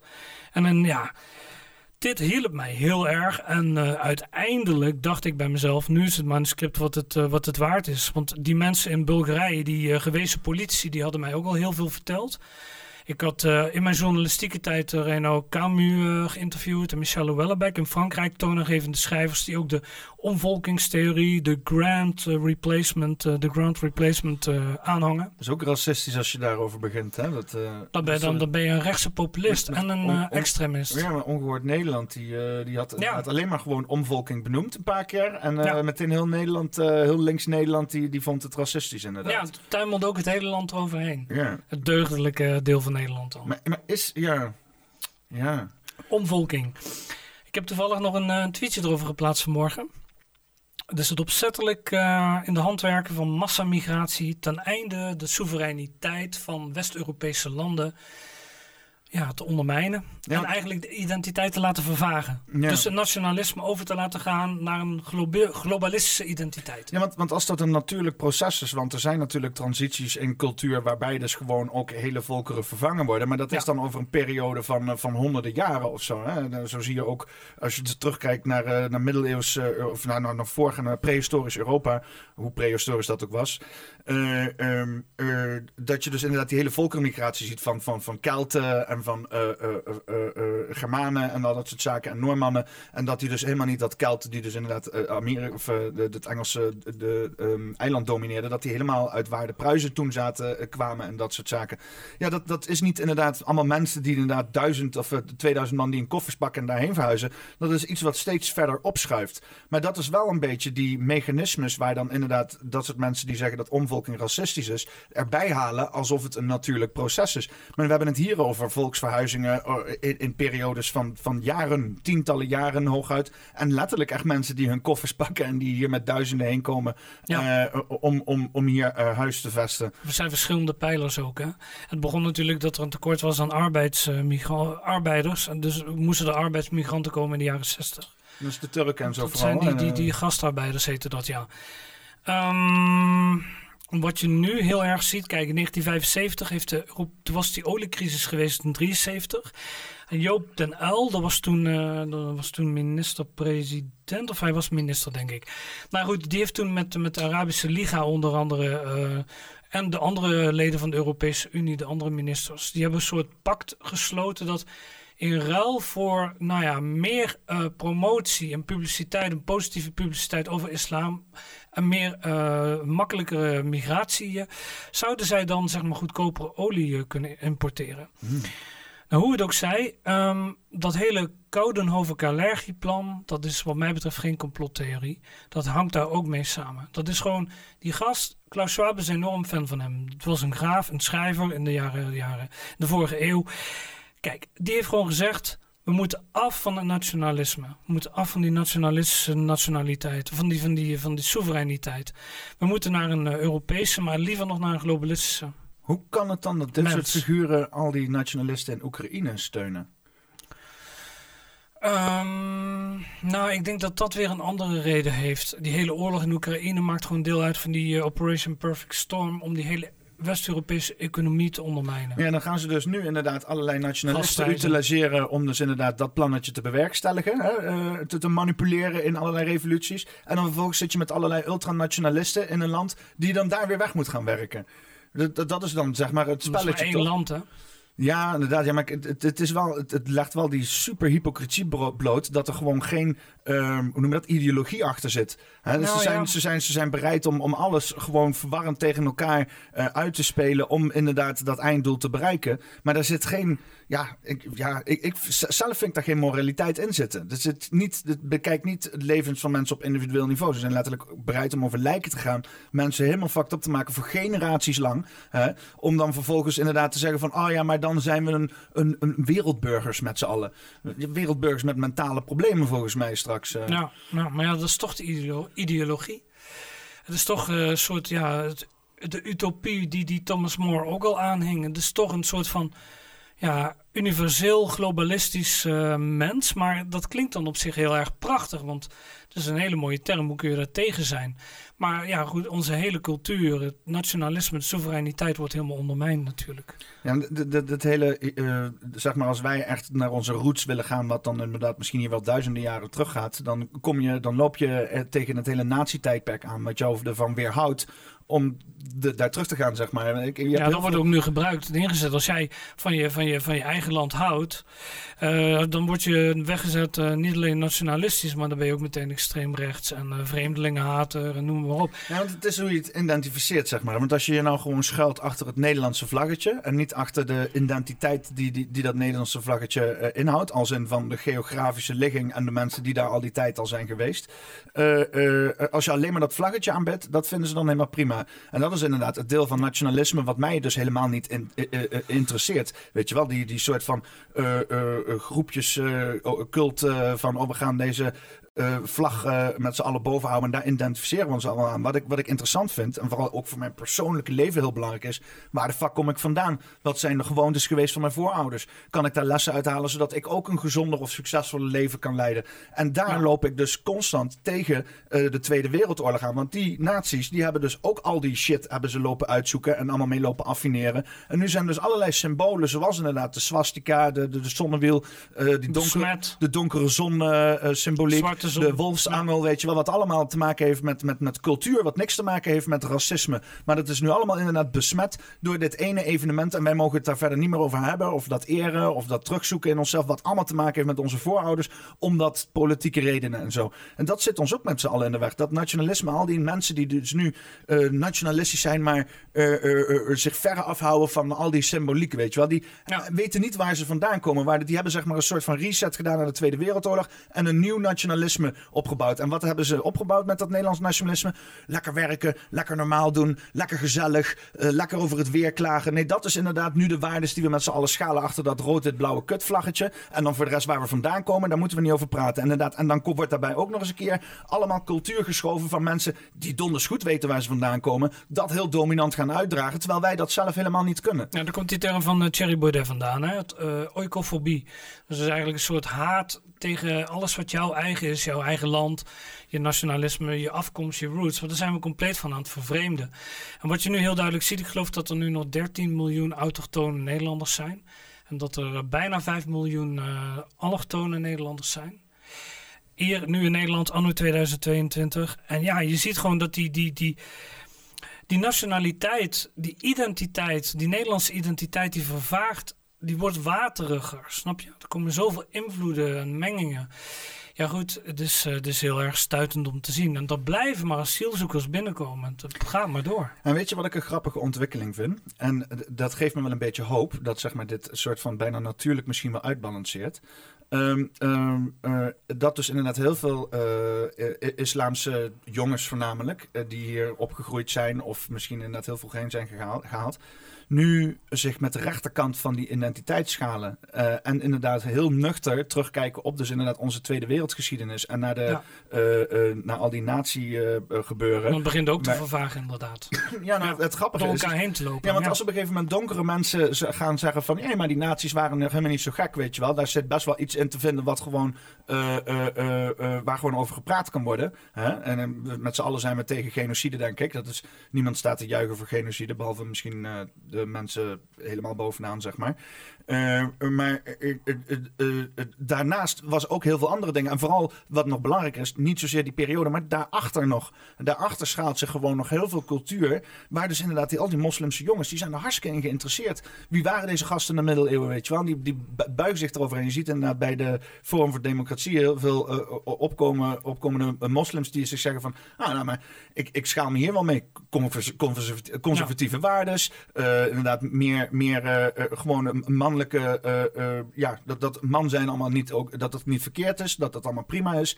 al die moslims jongens die zeggen, zeggen van, nou, dan ga, ga, ik liever daar zitten, niet aan die woke-kant. Terwijl al die woke-mensen, al die linkse gasten, die hebben dit bewerkstelligd en dachten van, oh, dan krijgen we een lekker divers land. We zitten met allemaal conservatieve progressieve moslimjongens in ons land die juist de rechterkant aanhangen. Ja, het is, het goed gezegd. Ja. Ja, inderdaad. Ja, goed, ik, ik, wat jij zegt, het is ook heel erg stuitend natuurlijk. En hoopgevend aan de andere kant ook. Uh, ja, hoe zich dat ontwikkelt.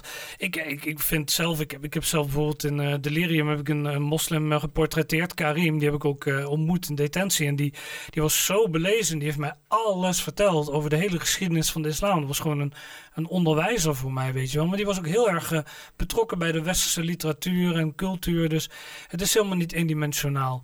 Maar dat heeft de media wel wel bewerkstelligd. Want kijk, dat is ook wat, eh, wat die mensen in Bulgarije tegen mij zeiden, die gewezen politici. Die zeiden van Europa is niet meer te redden. En de zelfislamisering die blijft maar doorgaan. En we zijn verloren als continent, het avondland van Spengler. We gaan eraan. Het komt nooit meer goed. Maar daar ben ik niet, uh, niet met hen eens. Ik denk dat, uh, dat er nog steeds een goede oplossing kan zijn uh, voor het multiculturele probleem. Ja. ja als ja. wij gewoon mogen terugkijken in onze eigen geschiedenis en onze eigen, eigen geschiedenis mogen vieren, dan is het prima. Hè? Want, ja. dat is, want het is ook iets wat gebonden is aan dit land. als jij. Um, uh, naar, je bent soort van, in mijn optiek ben je een soort van gedoemd om, om, om de bodem waar je op staat te moeten aanbidden. Hè, op een of andere manier. En daar zit een bepaalde kracht omheen. En hier in Nederland zijn we, we zijn letterlijk plat. We kijken elkaar recht aan. Uh, we staan niet hoger boven elkaar. We zijn uitmondend van alle dingen die in Europa samenkomen. Uh, er is hier iets van cultuur wat hier leeft, wat logisch is. Wat een natuurlijke gang van zaken is. En als je dat probeert af te wijken, dan word je volgens mij vanzelf uiteindelijk weer terug ge, ge, ge, ge, ja. En dat, hè, zo zie je dat. Het kristalliseert zichzelf uit, zou je kunnen zeggen. Ja, inderdaad. En er zit natuurlijk ook wel een evolutie in naar iets wat weer verder gaat. En zo. Ja. Dat is ook goed, progressie. Maar uh, ja, ik, ik, ik, ik had er wel vertrouwen in op een of andere ja, maar je ziet nu ook hè, die rechtse winden die overal beginnen te waaien. In Zweden is er nu een rechtskabinet uh, aan de macht uh, gekomen. Italië mogelijk ook over twee, drie weken. Nou ja, kijk, Theo van Gogh was altijd heel erg angstig ook voor de islamisering en vooral de zelfislamisering hier in Nederland. En die zei van ik heb het gevoel dat de donkere middeleeuwen voor de deur staan. Ja, dat is natuurlijk een hele duistere visie die je dan hebt. Um, maar ja, goed, dat, is, uh, dat, dat, was ik niet met hem eens. Ik denk dat het uh, niet zo extreem is. Maar wat veel erger is, is gewoon de linkse politieke correctheid, wat ik al eerder zei. Het wokisme. Dat is gewoon wat je monddood probeert te maken. En dat zie je nu constant gebeuren. Ik, ik, ik zat vandaag politiek te kijken, uh, eventjes voor dat debat. Ja, debat ja. en de algemene beschouwingen. En Wilders die ging helemaal los. Die ging helemaal los tegen Sophie en helemaal los tegen tegen God In welk kader, waarom? Ja, uh, um, uh, over de hypocrisie, over dat wat iedereen die probeert. Wilders die gaat gewoon hard in de vorm dat hij gewoon alles aan het afbranden is. Weet je wel, alles waar links voor staat loopt hij gewoon af te branden. Ja. En dan proberen ze hem op zijn persoon aan te vallen door te zeggen dat hij nooit wil samenwerken. Maar hij ging vandaag, heeft hij iedereen om, om, omver Zegers. Want Zegers heeft bijvoorbeeld aan het begin van de vorige campagne-race heeft hij gezegd: Ik ga niet samenwerken met de VVD. En vervolgens zit die klaploper gewoon weer met de VVD in een coalitie. en hij kwam dus naar voren toe om dus inderdaad tegen Wilders te zeggen: Ja, uh, uh, maar jij uh, werkt niet samen met mensen, weet je wel. Ja. Hij zegt van: Jij luistert, jullie sluiten mij allemaal uit. daar ja. heb ik niks mee te maken. En hij zegt: Ik ben tenminste nog integer. Jij zegt gewoon dat je mensen uitsluit van tevoren. En dan ga je er alsnog mee samenwerken, weet je, dat soort shit. Maar het was ook een leuk stukje, die wil ik er even bij pakken. Hij ging ook hard op Twitter bij Gaan mij. we nu kijken. Even, even kijken, gewoon even humor met Wilders. Stel dat ik eens voorzitter. De gemeentekantoor hier in Den Haag. Iemand komt langs en zegt: Hallo, ik ben Mark. Maar ik wil me graag inschrijven als een meisje. Ik voel me en ik gedraag me namelijk al heel lang als een meisje.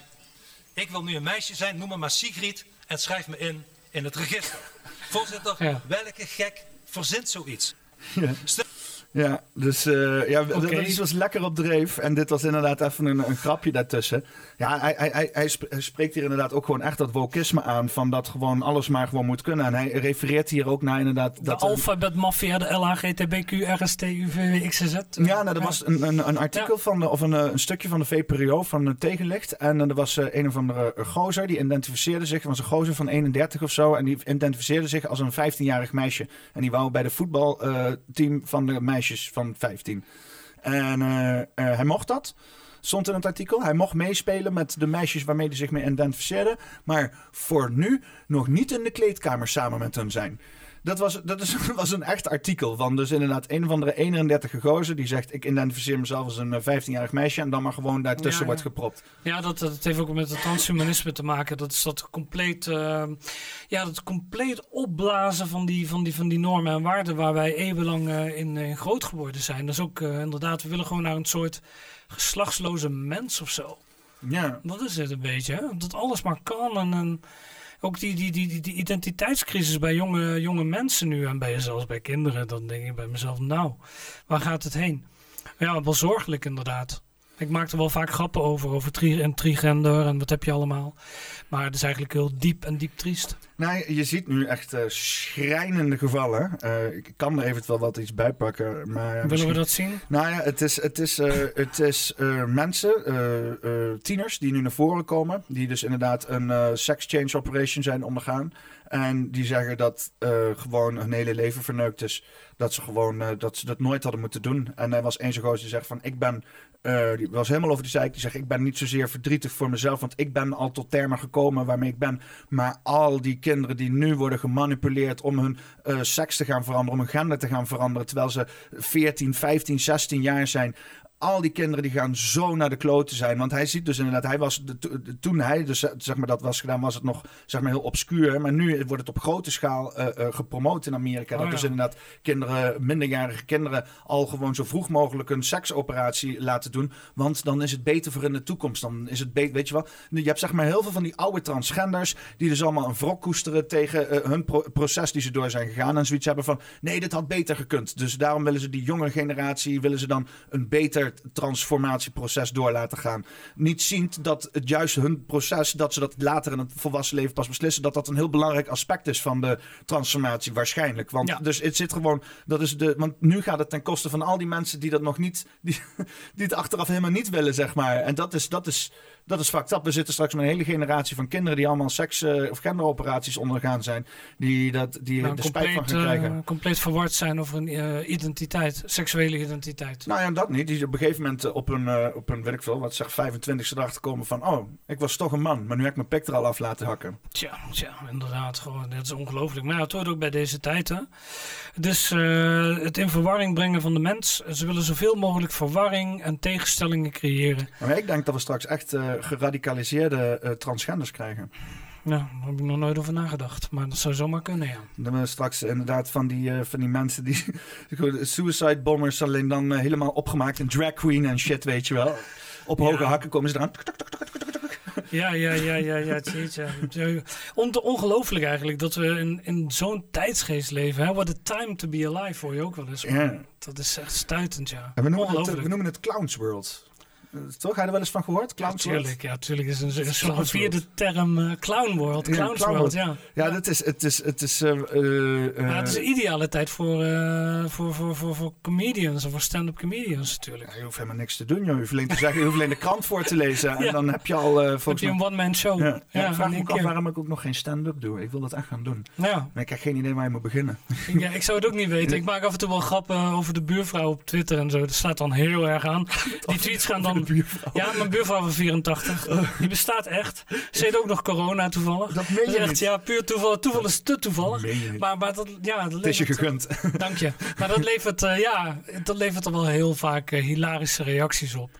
En ehm, waarom vertel ik dat nu? Nou ja, omdat het ook een hele grappige tijd is inderdaad. Het is een soort eh, clowns world. Ja. Ja. Ja, ja, het is echt stuitend. Ja, en je moet er wel een beetje zo zo de humor in zien. En, en denk ik ook wel, want het is wel, de mensen zitten wel echt in wanhoop hoor. En ik snap ook wel, eh, dat, ik, ik, ik fluctueer af en toe ook wel een beetje tussen hoop en wanhoop hoor. Af en toe dan een zakje, dat moet ook in de schoenen.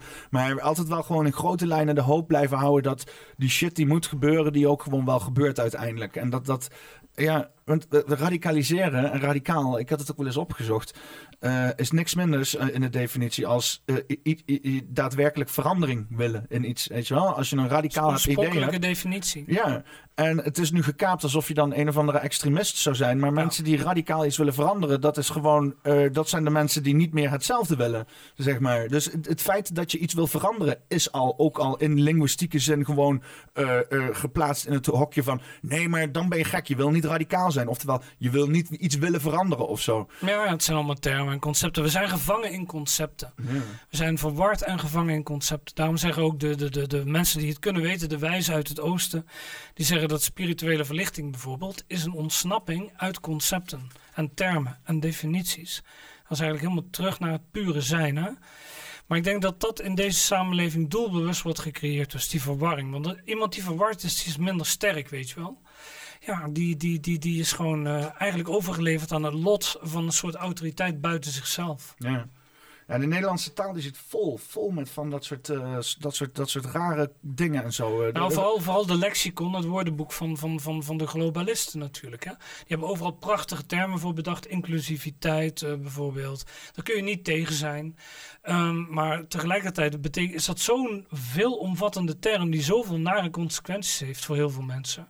En die voor zoveel afscheiding en conflict heeft gezorgd op dit moment.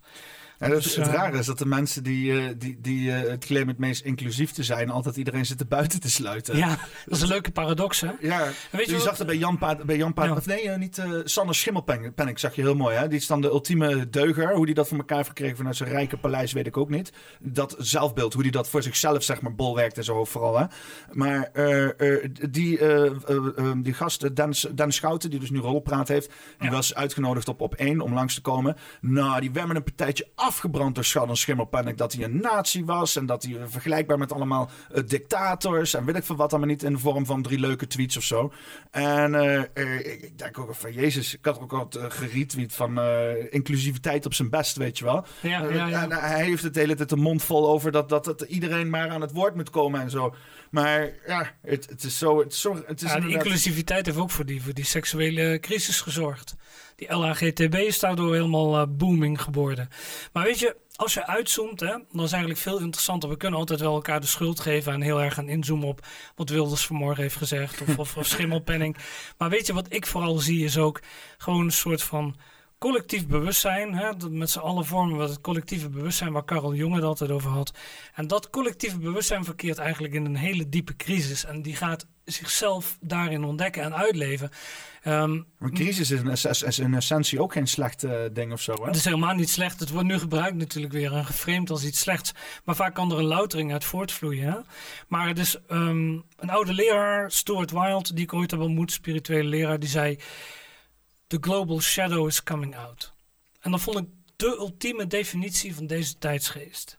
Omdat je kunt zien, eigenlijk zijn we allemaal met elkaar in conflict. Dat lijkt ook zo, maar op het diepste niveau zijn we gewoon met onszelf in conflict. En op een nog dieper niveau is er eigenlijk maar één collectieve geest. En die weet gewoon, ja, die verkeert gewoon in een enorme machtsstrijd met zichzelf. Is dit gewoon, uh, het, het, het, komt het internet? Want ik heb ook ik heb altijd het idee gehad dat het internet, uh, ik heb het de laatste tijd hier steeds meer over ook mijn gasten, dingen die we hebben gezien op mijn generatie op het internet is uh, niet te bevatten, zeg maar. Want we hebben gewoon ja. als 10, 11, 12-jarigen gewoon ongecensureerde internet meegemaakt. En uh, wij hebben letterlijk in de, in de duisterste krochten van, van de menselijke ziel gekeken. Van wat, kan, wat, wat kunnen wij als mens allemaal elkaar aandoen? Ja. En daarbij ook inderdaad de beste dingen, weet je wel. Dus, want je ziet ook fantastische dingen gebeuren waar je echt uh, warm en, en bloesemig van wordt.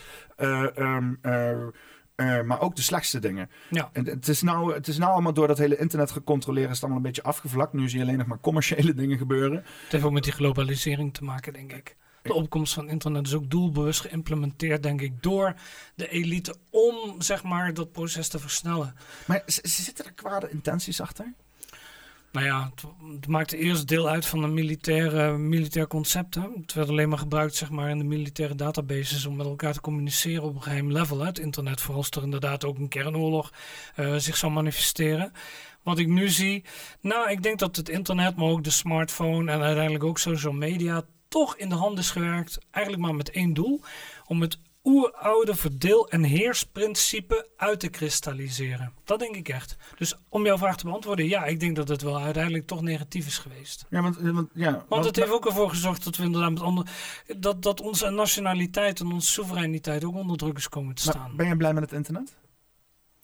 De eerste jaren vond ik het echt wonderlijk. Ik weet nog dat ik de eerste dag erop zat ben een beetje autist, dus ik heb een hele goed uh, geheugen voor data. Dat was in januari 98. En uh, ik dacht bij mezelf, wauw, dit is, uh, dit is gewoon openbaring, een revelatie. Mijn leven is gewoon vanaf nu gewoon... Ik zal me nooit meer een seconde vervelen. Maar ik zie zeker de schaduwkanten natuurlijk. Kijk, social media ook bijvoorbeeld. Hè? Toen in Sri Lanka die aanslagen werden gepleegd met Pasen 2019, toen heeft de regering van Sri Lanka ehm, doelbewust social media uitgeschakeld. Twitter, Facebook, Instagram. Zodat mensen niet meer met elkaar konden communiceren. Want op, op die socials was eigenlijk die burgeroorlog, die onder, als een soort ondergrondse veenbrand zich verspreidde, die werd daar al uitgeleefd. En er waren één, één, één fractie verwijderd van, uh, van het feit dat het zich in de buitenwereld zou, uh, zou manifesteren.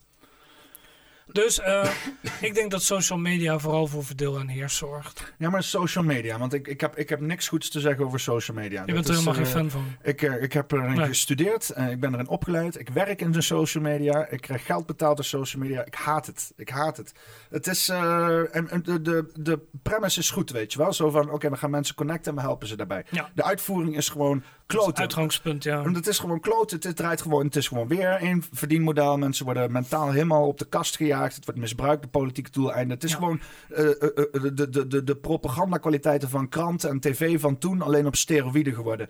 En het, het stomme ja. is, als je dat vrij zou laten, als je dan zegt van oké, nou dan heb je dus sterke overheden en sterke, en, BV, sterke corporaties die dan inderdaad veel geld kunnen steken om iedereen te manipuleren. Maar daarentegen heb je 99% van de mensen die individueel heel vrij kunnen zijn en daardoor gewoon ook het vrije geluid kunnen representeren. Maar dat wordt dan onderdrukt. Denk van ja, godverdomme, weet je wel. Dan, dan, dan, dan, dat moment was het inderdaad gewoon, dan, dan klopt het niet. En dat wordt dan onderdrukt door middel van social media. Want ja. die social media bedrijven, die, die, die onderdrukken dat. Dus als je gewoon van social media afgaat, dan is er niks aan de hand. Dan is het prima als je gewoon het World Wide Web gebruikt als, als een staande... Research, hè? Ja, als een encyclopedie. Een, een, database van shit. Database, die je, ja. Maar als je inderdaad op social media zit, moet je gewoon ervan uitgaan dat je gewoon gemanipuleerd wordt waar je bij staat. Ja, inderdaad. Nou ja, weet je wat ik ook zo frappant vond? Dat Sigrid Kaag, die pleitte ervoor onlangs nog in de D66, dat, um, nou ja, we moesten toch maar naar een geïdentificeerde virtuele identiteit dus toe. Dus iedereen moest dan toch maar, zeg maar, uh, gekoppeld worden aan een definitieve, nou ja, identiteit dus online. Je, zie je dat die vrouw echt nul kennis heeft van hoe shit werkt ook natuurlijk. Hè? Nou ja, je gaat natuurlijk een schaduwnetwerk krijgen. Dus ja. ja. En die wordt gehost door de Russen. Die hebben de hele scheid aan, weet je wel. Ja, dit, Oh, kijk, wat je zegt over Russen, maar inderdaad. Maar toen dacht ik bij mezelf, weet je, waarom laten ze nu op zijn beloop? Ik denk gewoon door die verdeel en heers. Ze vinden het wel prima dat aan de ene kant mensen elkaar uh, virtueel uh, nou ja, naar het leven staan. Aan de andere kant kan het nog steeds gebruikt worden, die social media, om een narratief te voeden en een narratief te vormen. Om een narratief vorm te geven. En uh, dat is denk ik uh, die twee kanten wat het, uh, wat het uh, bewerkstelligt. Ja, nou ja, je ziet als je dan die hele, die hele Cambridge Analytics shit ziet. als je dan inderdaad daar ook die Edward Snowden uh, gebeuren bijpakt en zo. Van hoe je ziet hoe inlichtingendiensten daarmee bezig zijn. Cambridge Analytics is dus in dat politieke aspect. Hoe dus inderdaad social media gegevens worden geharnest om mensen heel doelbewust via, via politieke overtuigingen kunnen aanspreken. Als je dan ziet hoe dus inderdaad die, die bots worden ingezet om allerlei geloofsovertuigingen en mensen die inderdaad bepaalde gedachten hebben te onderdrukken. Ja, het, het, is gewoon echt een machine, een, een, een propagandamachine. Klopt, Robert Jens had het goed onderzocht. Hè? 90% van alle pro Oekraïne-tweets waren geplaatst tussen haakjes door bots ja. en moderators. Dus dat zegt wel iets. Nee, ja, want uh, God weet. Dus wat, wat, ik dus net zei, dus om het narratief ook gewoon te kneden. Hè? En tegelijkertijd gewoon ja, heel erg um, de, de dissidenten uh, nog extra buiten te sluiten, maar de dissidenten vooral in een kwaad daglicht te, te zetten. Dit is eigenlijk, deze tijd is eigenlijk niet alleen een aanval op de vrijheid van meningsuiting, maar vooral ook op het kritisch denken. Nou ja, en op, op de menselijkheid zelf uh, zou je kunnen zeggen. Ja, ja. Ja want ik, ik, ik zat, uh, want die pandemie zat er bovenop en ik zat zeg maar echt bij de, de, de, de, de, de kern van het debat. Dus inderdaad die research papers die aankomen. Uh, en dan met Chris Martenson van, van Peak Prosperity, die ging er dan doornemen en zo. Ja, maar ja, dus meestal komt dan zo'n paper uit. Dan gaan inderdaad alle journalisten gaan er bovenop. Dan worden zeg maar twee, drie dagen worden er allerlei artikelen geschreven. Dan twee dagen daarna komen dan de nieuwsberichten. Dan breekt social media uit met allemaal shit en zo. Dan komen de complottheorieën ja. en dan komt Nieuwsuur met een factchecker, zeg maar. Dat is zeg maar maar de, de gang van zaken. Die, een beetje die wel de dynamiek uh, ja, zoals op dit moment plaatsvindt. Ja, maar als je dus aan het begin zit, als je dus inderdaad die, die papers, nou ik ga zelf die papers niet doorlezen, maar in ieder geval dat doet met de, met de specialisten die dat kunnen, dan zie je de hele tijd. En het stomme was dat dus inderdaad aan het eind van de cirkel mijn moeder ook nog eens naar me toe kwam en al die fucking praatpunten tegen mij zat te blaren, weet je wel. Ik zeg, nu moet je echt je fucking bek dicht houden, want dan gaan we, ja, ik ben heel disrespectvol tegen mijn ma als zij uh, de overheid na uh, brabbelt, zeg maar. Kun je niet tegen, zeg maar. Ja, dat is, ik, ja, dat is lastig, hè? ja, maar dan ook de ja. overtuiging die erachter zit. Zo van, zij komt mij iets vertellen wat wij, waar, waar, zij komt mij even de feiten vertellen, weet je wel. En ik hoor gewoon wat ik drie weken geleden uh, uh, heb gezien bij een data-analyse, waarbij ze al hebben gezegd van, oh, dit gaan de twee kanten zijn die ze gaan uitspelen. En dan het lullige is dat ze dan ook nog aan de andere kant zit waar ik zit, weet je wel. En ik denk van, hé, hey, je bent mijn moeder, wat krijgen we nou dan? Ja. Ik heb je toch beter uh, verteld de afgelopen tien jaar. Uh... Nou, dat is wat mensen de afgelopen 2,5 jaar, en vooral het afgelopen jaar met die hele vaccinatiewaanzin uh, wel hebben meegemaakt natuurlijk. Hè? Ja. Daar heb ik uitgebreid over getwitterd. Ik zit te denken trouwens om al mijn tweets uiteindelijk in een soort verhalenbundel of in een soort bundelen te bundelen, zeg maar. Ze doen zoals ja. de, de, de, de, wie was dat nou? De Late Show volgens mij, van Trevor Noah, heeft gedaan met de tweets van Trump. Die hebben ze allemaal in een expositie gemaakt. En uh, die ging dus inderdaad van stad naar stad. En dan kon iedereen de tweets Oh ja, een Trump, expositie ervan maken. Ja. Nou, omdat het een perfecte weerspiegeling ook is van deze tijdsgeest. Trouwens, over Trump gesproken. Ik had daar nog een tweet over geplaatst eergisteren. Weet je wat heel frappant was? Dat tijdens de 21ste verjaardag van 9-11, vorige week was dat. Toen kon Trump, de voormalige president van Amerika, die kon niet meer twitteren. Maar de Taliban, ja. Wel. Ja, inderdaad. Oh, die had ik gezien inderdaad. Ja, ja, ja. Dat is, uh... was heel veel commentaar op. Maar het klopt wel natuurlijk. Ik bedoel, we zijn toch Afghanistan binnengevallen om daar het terrorisme te bestrijden. Ja, niet meer. En twintig jaar later is dat terrorisme gewoon operatief op Twitter. Terwijl Donald Trump... En daar zie je dus gewoon aan dat er gewoon helemaal niets van klopt. Er zit een hele andere agenda achter. Maar ik begrijp gewoon niet dat mensen dat niet doorzien. Dus ik probeer dat te doen met, nou ja, scherpzinnige tweets, al zeg ik het zelf. En dan, dan krijg je, en dat vind ik dan wel wel jammer aan de hele dynamiek. Ik weet niet of jou dat opvalt. Laten we zeggen, de, de alerte of bewuste volgers die al tussen haakjes uh, wakker zijn. Ja, die reageren dan. En die zijn dan heel enthousiast bijvoorbeeld over die tweet of over een bepaald perspectief of een bepaalde woorden die je hebt gebruikt om het neer te zetten. Maar de mensen die je dus nog niet kan bereiken, die blijven gewoon doorslapen. Of ze vallen je tweet aan en gaan daarna verder met slaapwandelen. Ja. Dus dan denk je wel eens, wat heeft het dan eigenlijk voor effect? Wat voor effect sorteert zo'n tweet dan? Hè? Ja. Terwijl die wel bijvoorbeeld viral gaat en uh, noem het allemaal maar op. En dan omgewaardeerd. Ik had laatst dat er een tweet van mij in de Volkskrant zelf stond. Ik uh, ging stijl achterover toen ik het zag. En dat was een, een, een pro-Trump tweet. Toen dacht ik zo. Maar ja, het commentaar eronder was natuurlijk van... Ik was uh, radicaal en dit soort tweets waren gevaarlijk. Ik denk, je, wil, je wil verandering, oh, krijg nou wat. Ja, nou, ik dacht eerst heel complimenteus. Oh, wat leuk dat mijn tweet is afgedrukt, ja, weet je wel. Dus in, de, in de mainstream media.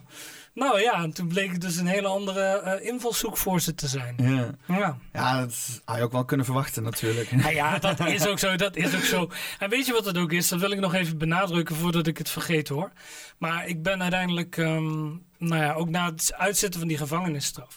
Ik heb mijn leven gewoon opnieuw opgebouwd. Ik ben gewoon een integere journalist. Ik schrijf ook weer voor kranten, bladen. Wel meer in de alternatieve media, weet je wel. Maar het is uh, zeker zo dat ik dat, uh, die fout, daar heb ik wel heel erg van geleerd. En ik heb ook die verantwoordelijkheid genomen. Nu gaat het dus heel erg goed. Het is alleen heel erg jammer dat een kunstproject zo getorpedeerd wordt. Oh, excuses. Nee, maar dat een kunstproject zo getorpedeerd is in het verleden. Zoals de verfilming van Delirium. En uh, nou ja, dan is nu de roman die overblijft. Maar je weet, ik denk, het is, kijk hè, ik, ik, heb daar, uh, ik heb daar een stukje hout liggen. Hulst, volgens mij, of huls. Ja. Uh, in het Engels de holly. Uh, Holly Tree, weet je wel. Holly het, Tree, uh, ja. Het, het, hout, het, hout van de huls, de Hollywood. Ja. En het, dat is terug te leiden naar de oude druides hier in, in, in, in Europa. Die dus inderdaad hulst Hollywood gebruikten om dus inderdaad hun magie uit te oefenen. En die magie had dus vaak inderdaad te maken met het inderdaad het in stand houden van koningen, van leiders. Om dus een bepaalde sfeer te creëren waarbij dus een dynamiek ontstaat. En dan konden ze dus inderdaad leiders en zo helemaal ophemelen. Hè? Die waren afhankelijk van die druides om die mensen in een bepaalde roes te houden. Zodat zij inderdaad dan die, die, die, die ook zelfs in tribale sferen, die uh, dynamiek hadden. En vooral als je dan kijkt naar het Heilige Romeinse Rijk. Ja, dat is helemaal gebouwd op die. Daar waar, waar zeg maar uh, uh, Rome is gecrashed met alle um, Germaanse dingen zeg maar die er gaande waren. Daar is er een soort van, van mengelmoes van gemaakt van inderdaad manipulatie en, en, en, en, technieken. En ja, je kan het magie noemen, want dat is wat Hollywood ook zeggen. It's magic, it's all magic. Maar wat het is, is gewoon het herhaaldelijk van beelden en woorden en mensen in een bepaalde roes houden om uiteindelijk heel subtiel op de achtergrond een cultuur te kunnen beïnvloeden. Ja, uh, en het, het wemelt van de, van de occulte symbolen in uh, Hollywoodfilms. Hè? Ja, maar die, die occulte symbolen zijn dus inderdaad terug te leiden naar allerlei druïdische praktijken hier in Europa. Ja, het valt allemaal terug te leiden, maar het gaat er natuurlijk gewoon om dat, dat, dat het voor, gebruikt wordt als pre-programming. Pro, ja, pre hè? Zijn ons aan het betoveren, dat is het. We worden dus, betoverd. En we worden daarna in een spel gehouden, weet je wel. Inderdaad. Dan, dat is het. I put the spell on you, dat is het, ja. Ja, dat is. Uh, kijk, in kritische films, dat is zeker de laatste jaren zo. Er worden eigenlijk weinig goede films meer gemaakt. Omdat al die films, en dat is heel duidelijk, Hollywood gebruikt het allemaal om de agenda 2030, de Sustainable uh, Development Goals. Uh, te, de, ja, de, Little Mer de Black Mermaid en zo. Wat is nou de Little Mermaid? en dan, Daar was ook, wat was daar ook weer mee? Ja, volgens mij was er nu inderdaad een echte film met de Little Mermaid. Alleen ze was dan was een zwarte actrice. Oh ja. En daar struikelt natuurlijk uh, heel de Wit-Amerika over. Uh, conservatief Wit-Amerika natuurlijk. Ja, ja, die diversiteit moet vertegenwoordigd zijn. Al die castingbureaus, uh, dat weet ik dan intern, die, die worden allemaal opgedragen om alles te mixen. En er moet een kleurtje bij. En... Zag ik meteen een meme inderdaad van Bradley Cooper of zo met eronder. The story of Nelson Mandela, weet je wel. oh god. Echt joh. Ja, echt heel erg uh, bizar. Maar dat is natuurlijk wel zo in deze tijd. Alles wordt gevormd en gekneed uh, naar die kant. Heel erg moeilijk, man. Ik weet ook niet... Um, ja, kijk, echt kritische kunstenaars... die zullen niet heel snel uh, met hun film op, op Netflix worden getoond. Want Netflix is gewoon de handen van de globalisten.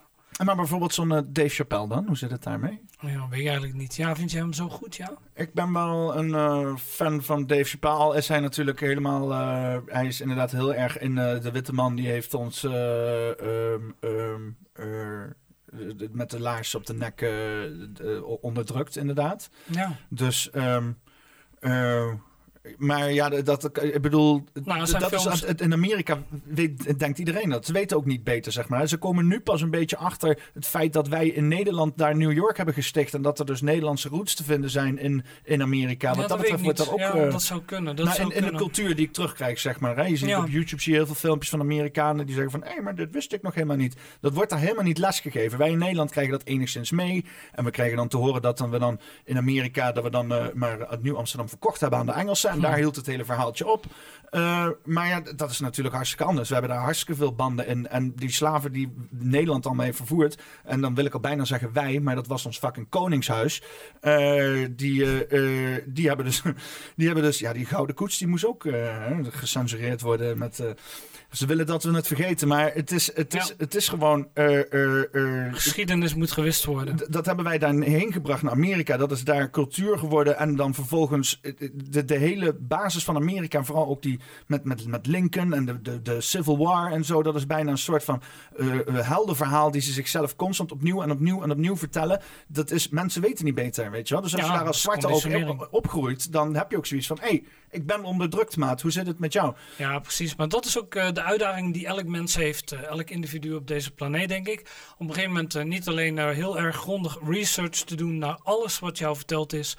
Al je overtuigingen.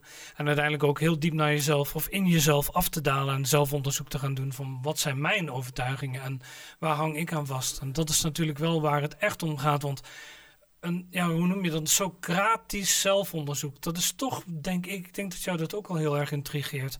Je merkt gewoon dat heel veel mensen inderdaad gewoon 30 jaar werken naar een pensioen toe.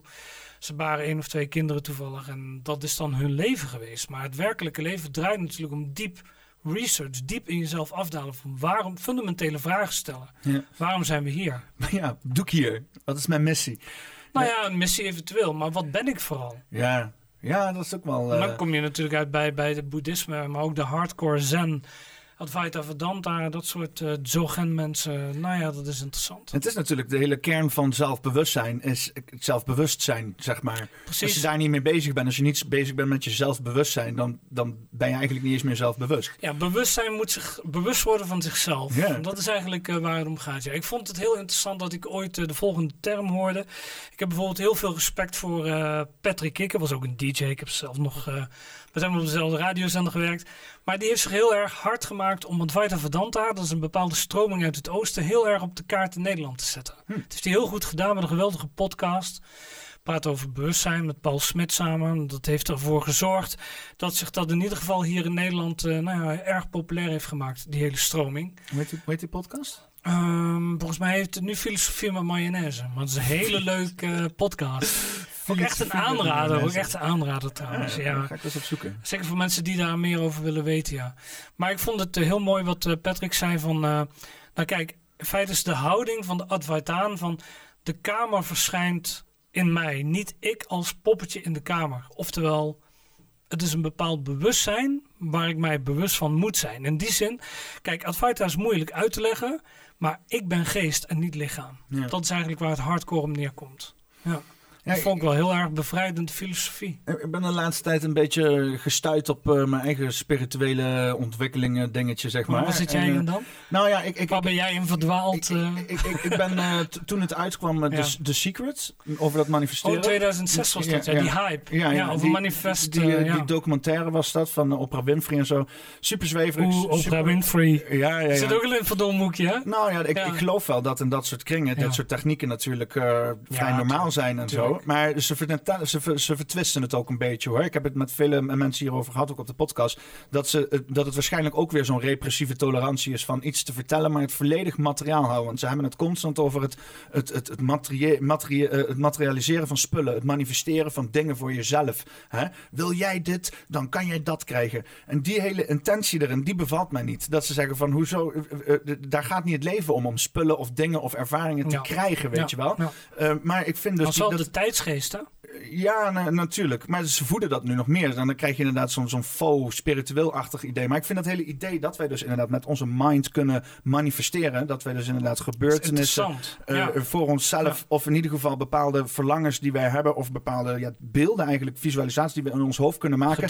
Dat we, die, dat we die kunnen materialiseren in realiteit. En dat het er, er zo varen kunnen doen. Dus ik, heb, ik ben er altijd door ge- gecaptiveerd geweest. Wat zei, zei Carl Jung, eh, de psycholoog, heel erg mooi. Hij zei van, eh, we dream all the time. Ja, Dus eigenlijk eh vergeleek hij het leven als een soort droomstaat. Er waren wel meerdere mensen die dat deden, want eh, dat is eh, ook heel erg een zwang in het boeddhisme. Dat het leven eigenlijk een soort droom in een droom is. Ehm, maar inderdaad, je bent altijd aan het manifesteren, aan het affirmeren. Dus zeg maar, ook als je er niet bewust van bent, ben je altijd bezig met je gedachtenwerkelijkheid te creëren. Met woorden, met gedragingen. Dus dat is natuurlijk niet zo heel moeilijk. ja. Nou, ik ben- er dan tien jaar ben ik dan zo een beetje over aan het denken. Het heeft op mijn achtergrond gelegen. Wel eens mee geëxperimenteerd ook, of niet? Nou ja, dus. Want eh ja, eerst ook... eh, Zo eerst- van, eh, ik krijg nu 2 miljoen dollar zomaar bijgeschreven op mijn bankrekening of zo. eh, nou ja, Dat zijn dan weer die materialistische kinderlijke wensen. Ja, maar het, het is, Ja. het is in de intentie hoe je het uitspreekt. En eh, de beste, Precies, in, in het mijn, is een hele kinderlijke in- in- intentie in, in, eigenlijk. in mijn optiek zijn de beste manifestaties die je doet zonder het echt te willen, zeg maar. Dus dat je het zeg maar gewoon doet vanuit een, een spontaniteit. Dat je denkt van ja, dit Ja. is wat ik graag... Gewoon wat echt uit jezelf komt, zeg maar. Zonder dat daar een soort van strategie... ja, inderdaad, ja. een hele authentieke vraag naar het universum. In plaats van dat je aan iets wil geforceerd krijgen... omdat je dat hebt geleerd van een ander. Om, weet je wel, het moet echt, je moet het echt diep van binnen willen, zeg maar. Dus, dat- moet je ook helemaal losrippen van al die shit die je hebt aangeleerd gekregen. Maar ja, wat ik dus heb gedaan is de afgelopen tien jaar eh, is eh, veel hallucinogene drugs en zo. En om eens even goed eh, mezelf los te snijden van al die dingen die ik me heb aangeleerd. Ik deed vooral op school, deed ik, eh, elke maand deed ik eh, truffels of, paddo's. maar om, hoe eh, was dat? Truffels en paddo's doen? Ja. Ja, go- goede shit. Ja, Ja. Het, is, ik Wat vind- maakte je mee dan? Hallucinaties? ja, nou, niet, het hoeft niet super heftig te zijn. Ik heb wel eens een keer, vooral op LSD, een keer echt heel hard lopen trippen. Dat, toen eh, was ik met een maat van mij. Hij zat op een gegeven moment op de rand van de badkamer, denkend dat ik een draak was. En ik lag bij hem op de vloer. Eh, eh, ik wou graag bij hem blijven, omdat ik me zorgen maakte. Ja. En, ehm, en ik kon niet meer staan, dus ik ging er op de vloer liggen. En toen heb ik me gefocust op eh, een, de- een, een scharnier van de deur. En daar heb ik het hele universum in gezien. Er gebeurde van alles. Explosies en de sterren zijn daar ontstaan. Want als ik de gang in keek, nou, dan brak mijn hele huis brak af. Alles was aan het, aan het trillen en aan het trippen en aan het ademen. Want normaal zie je, als je trippy vibes krijgt, dan zie je zeg maar de muren ademen. Je ziet geometrische dingen overlegd op de realiteit. En weet je wel, een beetje subtiele dingen. Maar dat kan je helemaal opvoeren tot het moment dat je gewoon zo overweldigd wordt dat, je, dat er niks meer logisch is, zeg maar. En uitkijken dat je niet in een bad trip uh, belandt, hè? Nou, jij moet uitkijken dat je niet in een psychose, psychose belandt, zeg maar. Precies, een, precies. Bad, een, bad, trip is in the eye of the beholder. Want in principe heb je gewoon trippen. Alleen je, je kan... Hangt van het bewustzijn af van degene die meemaakt. Ja, je kan geconfronteerd... Ja, je kan het of wel of niet leuk vinden, weet je Er zijn mensen die een satanische trip, bij wijze van spreken, zien als een, een goed leuk uitje. Maar ook mensen die het zagen als de diepste krochten van de hel. En die willen dat nooit meer meemaken. Ja, ja. Uh, en het is maar net hoe je het in perspectief is. Heb je ook wel eens LSD gebruikt? Ja, ja ook LSD. Hoe was, dat, hoe was die? Ja, dat was die keer dat ik dus in de gang lag. Maar dat was met, deze dat was, dat was de LSD-trip. Maar ik vond het wel interessant dat Jeb McKenna, dat is een uh, spirituele leraar, die zei van... Uh, LSD is voor mij instant boeddhism. Dus instant uh, boeddha, boeddhaschap eigenlijk. Instant verlichting. Ja. Spirituele verlichting. Vond ik ook wel een hele mooie. Ik heb het zelf nog nooit gedaan, maar uh, ja, wel ayahuasca. En uh, wat heb ik nog meer gedaan? Ja, ik zie wel eens en zo. Maar niet echt op grote schaal. Een klein beetje mee geëxperimenteerd. Maar... Ik, ik, denk dat ik het het beste kan omschrijven als dat je zeg maar los wordt getrokken van die fysieke wereld. Dus het, het feit, wij zijn natuurlijk helemaal plukt in de fysieke wereld door uh, onze zintuigen en door het lichaam in stand te moeten houden en dat soort zaken. En daarin zijn we geïnvesteerd. En daar word je op dat moment echt van losgerukt. Je bent alleen nog maar een brein wat, wat helemaal losgaat op, op niks. Hè? Je doet niks. Dus je, je ervaart jezelf los. niet als lichaam, maar meer zeg maar als een soort observator of niet? Ja, ja je kan, je kan dan op dat moment is het heel makkelijk om dan echt te zien van oh, dit is een stuk voertuig, maar dit, ik, ik ben daar los van, zeg maar. Dat Wat wordt, heb je uh, echt voor jezelf zo gezien? Ja, dat nu wel. Ja, ik, en ik ben er heel ver in gegaan. Ik, ik zie mezelf nu als een soort antenne. Uh, mijn brein, mijn pijnappelklier is een soort van antenne. En die beweegt door een soort van multidimensionaal uh, uh, veld van, van magnetisme en kwantumfysica. En daarin kan ik allerlei oppakken, dingen oppakken. Van ook, dat is ook niet gebonden aan tijd. Dat is niet gebonden aan realiteit zelfs. Want als je denkt in een multiversum met een, een, een universum waar allerlei oneindig veel mogelijkheden zijn van dit. Multidimensionaal. Ja, dus. het, het, multidimensionale veld, zeg maar. Dat, daar, daar, ik kijk veel Rick en Morty. Ik weet niet of je kijkt zo'n cartoon en zo'n gozer die dus naar allerlei multidimensies gaat en dan de me meest rare dingen meemaakt. Dat idee dat dus inderdaad alles mogelijk is, daar probeer ik dan zeg maar in te tappen op met als ik aan het manifesteren ben. Dan trek ik zeg maar de realiteit die ik echt wil zijn naar me toe. Zo, zo visualiseer ik dat met dat zeg maar in mijn hoofd. Ja, ik, heb er een, ik heb er een heel diagram van gemaakt met, met, met zeven dimensies en, en chi en chakra flow die loopt en zo. Om dat een beetje voor mezelf in kaart te Maar brengen. onderstreept wel uh, wat heel veel spirituele leraren, uh, zeker in de Advaita, zeggen: dat je, dat je niet je lichaam bent, maar dat je geest bent. Dus dat je geestelijk bent. Hmm. En dat het lichaam een hypnose is, inderdaad. Waarin wij door middel van onze gedachten in hebben ge ge geïnvesteerd.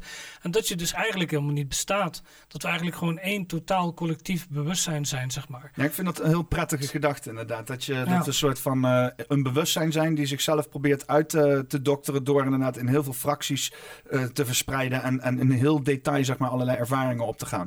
En ja. dan accepteer ik ook zeg maar die weerstand die het leven biedt, want dat is nodig. Het feit dat zo'n alwetend, alwezend ding niet kan ervaren omdat hij alles al weet en alles al weet je, dan kan hij niet zeg maar de weerstanden Klopt. van het leven Dus heeft hij dit zeg maar zo uitgezet. Hij heeft zichzelf gedissocieerd. Ja, ja, we, we, Ja. we- hetzelfde wat wij dan doen met hallucinogene drugs om onszelf van het lichaam af te dissociëren. Zo heeft hij zich zeg maar, van het hele, hele al de- ge- losgekoppeld. Om dus heel specifiek materialisme te kunnen ervaren met dus alle beperkingen. Maar, Maar, dat ook geeft met alle, negatieve, alle negatieve gevolgen. Want we zijn onszelf ook gaan verdromen, zou Ja. je kunnen zeggen. Hè? Het bewustzijn is gaan geloven dat die body-mind is. Ja, ja. Dat is best wel ver, eh, vergrijpend. Ik heb, ik heb in mijn eh, roman Delirium, zeg maar, eh, het meisje dat daarin geportretteerd wordt en die verdwijnt, die Luna, die is ook op zoek naar spirituele verlichting. En die gaat daar zo in op dat ze in een psychose terechtkomt in het boek. Maar uiteindelijk denken ze ook dat dat haar, zeg maar, haar vermissing in het, eh, dat daar haar vermissing aan te wijten is. Maar ik had het heel erg nodig om ook voor mezelf die hele spirituele kweeste door te maken. Van wat betekent het nu? En hoe zij dan, zeg maar, dat zelfonderzoek doet en met spirituele stromingen experimenteert en ook heel veel met drugs. Dus dat was voor mij ook een hele grote les. Maar ik ben er wel zelf heel erg veel mee bezig geweest. Ik denk dat ik mijn spirituele zoektocht, om het zo te zeggen, wel echt heel serieus genomen heb, ja. Hoe zit het met jou? Hoe kijk jij er een beetje tegen? Ja, ik heb ook heel veel leraren bezocht. Zeker in de tijd dat ik op de vlucht was en eh, in een heel moeilijke omstandigheden verkeerde. Ik was soms, werd ik wel bevangen door angst ook in het buitenland. En ik had gewoon regelmatig wel goede leraren nodig die mij terug naar mijzelf konden brengen. Of in ieder geval naar mijn oorsprong, klinkt veel mooier. Mhm. En die ben ik ook gaan zoeken. Ik eh, ben op bezoek geweest bij Hans Laurentius, bij Jan van den Oever. Ik heb Stuart Wilde ontmoet, die is helaas overleden in 2013. Ik heb uh, gemaild met uh, McKenna. Ken je die Jet McKenna? Nee. Dat is een geweldige leraar. Zo'n zo hele lijst aan namen die mij niks de zeggen. De beste leraar die er is, Jet McKenna. Nou ja, ik heb toevallig een boek bij me van hem, maar die zijn geweldig. Maar ik ben er heel diep op ingegaan. Hoe spel je zijn dan? Gewoon MC en dan K-E-N-N-A. MC, K-E-N-N-A? Ja, Jet. J-E-D. Jet. Zoek je zo live op. En met een D. Oh, met een, met een D. Een D. Jet. Ja. En daar is die. Oh, Hij is al bestaat. zijn, uh, zijn, zijn kanaal. Nou, Nee. wat ik even wil doen, uh, heel even een videootje opzetten. En dan hebben we even een kleine Ja, korte... zal ik het heel even kort inleiden? Ja, ik moet ook even een sanitaire stop maken. Ja, maar, daarom. eh, ik moet ook water pakken en zo. Dus, eh, Precies, Jim McKenna, heel even kort. dat is een schrijver van, waarvan niemand weet wie het werkelijk is. Sommige mensen vermoeden, dat heb ik ook in Delirium beschreven, dat het Adjashanti is. Dat is ook een, eh, een hele goede eh, Amerikaanse Advaita-leraar. Ehm, maar deze man die schrijft dus boeken eigenlijk onder een pseudoniem. En dat is op zich niks bijzonders. Dat doen eh, honderden, duizenden schrijvers. Maar hij heeft dus, hij beweert dat hij weet wat spirituele verlichting betekent. En ook dat hij dat gevonden heeft. Dus hij claimt dat. En eh, dat doet hij zo wonderbaarlijk. wat, wat moet ik opzetten? Want dit is eh, Ehm, Jet McKenna. Is dit de Jet McKenna waar jij... eh, Ja, even kijken. Jim McKenna en dan Spiritual Warfare, denk ik dat het boek heet in het Engels. Even kijken. Jet- Ja, het is echt... het is mind-blowing. Spiritual... Oh, daar heb je hem al. Ah, Je moet top. hem alleen maar aanklikken. Oh, oké. Oh, dit is een, Oh, eh, zijn een hele stukje. boeken. Mystery... Is ook even een klein stukje... Die, Deze is wel goed. die is goed? The Truth About Enlightenment. Hele Oké. goede video. Enlightenment by Jed McKenna, and it really blew me away. His view on enlightenment is very interesting, so here I am making a video of it. Jed McKenna is a guru that says you shouldn't believe any guru. Basically, he rants about the mainstream view on enlightenment. We all go to the party high up in the sky, blissful, chill type of view. And he says that is where a lot of people go wrong. They take mystical experiences as enlightenment, but it's not. Enlightenment isn't any type of blissful vision or something that makes you enter into an eternal good state and stuff. It's just the straight up uprooting and destroying of your belief system and ego to the point that you die and you don't identify with any one or any role anymore. It's about the realization of the fact that every belief is false. In the end, the mystical experience will fade away and will just remain a vague memory, like a dream. On the other hand, when you attain enlightenment, it's a thing that stays and you'll know it forever. You'll know because you'll die. Enlightenment is realizing what is not. It's like an onion. You peel back layer after layer after layer after layer of belief until there is nothing left. And following a guru or, any other teacher will most likely produce the opposite effect of what you want by adding more layers on top of the onion, getting you farther away from enlightenment. A lot of teachers are not really enlightened. They just had some experience and thought it was enlightenment. Now they made it their jobs into talking about their reality, which is probably nowhere near enlightenment. He makes the analogy that we're like people on a stage acting out our roles that we made for ourselves. Some insecure, some bankers, others gurus or politicians. We all wear this mask that we ourselves made and perpetually identify with it. In the end, you have to make a decision to either become enlightened or stay in your role. It's not even that important to do it because there's no point to it, but the option is always there. Otherwise, always remember you're playing a role, so make it the best one you can come up with. Another very impactful analogy he makes on the clarity of intent in the book is what he calls the executive analogy. He argues that there are so little enlightened people because the cost is so big. To become enlightened takes clarity of intent, and to get so much of it to literally disassemble yourself is something very rare. In the analogy, he's talking to a student trying to explain clarity of intent. So you're an executive, and you have everything you want. A great office with a great view, everything is perfect. But then suddenly you get dissatisfied with the carpet.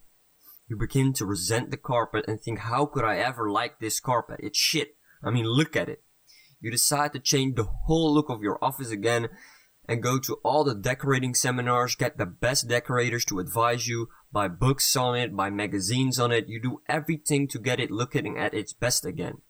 Everybody thinks you're crazy because you spend too much time obsessing about a freaking carpet, but this is the thing that really makes you complete and it really will change your life. So the student says, That's it, right? That's what you mean with clarity of intent. And he says, No. Now imagine the same office, the same guy, but now he's sitting there, but he notices a really vague smell of smoke. As the smell gets intenser and intenser, he notices that the building is burning. The building was always burning. Ah, we hoeven niet helemaal af te kijken, mensen. Ik zet de link eh, onder in de video. dan kunnen mensen hem sowieso eh, helemaal gaan kijken. hè. Ja, Jim McKenna, dat is eh, ja, een soort explosie geweest in mijn bewustzijn. Dus eh, dat was gewoon iemand die zei van... eh, ja, ik moet even, even denken hoe ik dat het beste kan verwoorden eigenlijk. Kijk, hij zei gewoon spiritueel, spirituele verlichting is niet iets wat je per se wil. Want uiteindelijk als je verlicht raakt, dan ben je klaar. En het ego wil niet klaar zijn. En je moet bedenken dat het oorspronkelijke bewustzijn wat wij zijn... zich doelbewust is gaan verdromen en is gaan manifesteren... de, de, de 10.000 dingen, zoals ze in het boeddhisme zeggen... om er iets te doen te hebben. Ja. Ja. Nou, en als je wakker bent, echt dus spiritueel verlicht... dan is er dus geen fuck meer te doen. Nee, ja. Daar kwam ik later ook pas achter. Ik denk, nou ja, dat is inderdaad minder, ja. Nou ja, ja, of je gaat wat doen met die spirituele verlichting. eh, maar dan moet, dat, dan moet je eerst, je moet niet inderdaad, de spirituele verlichting moet niet het doel zijn.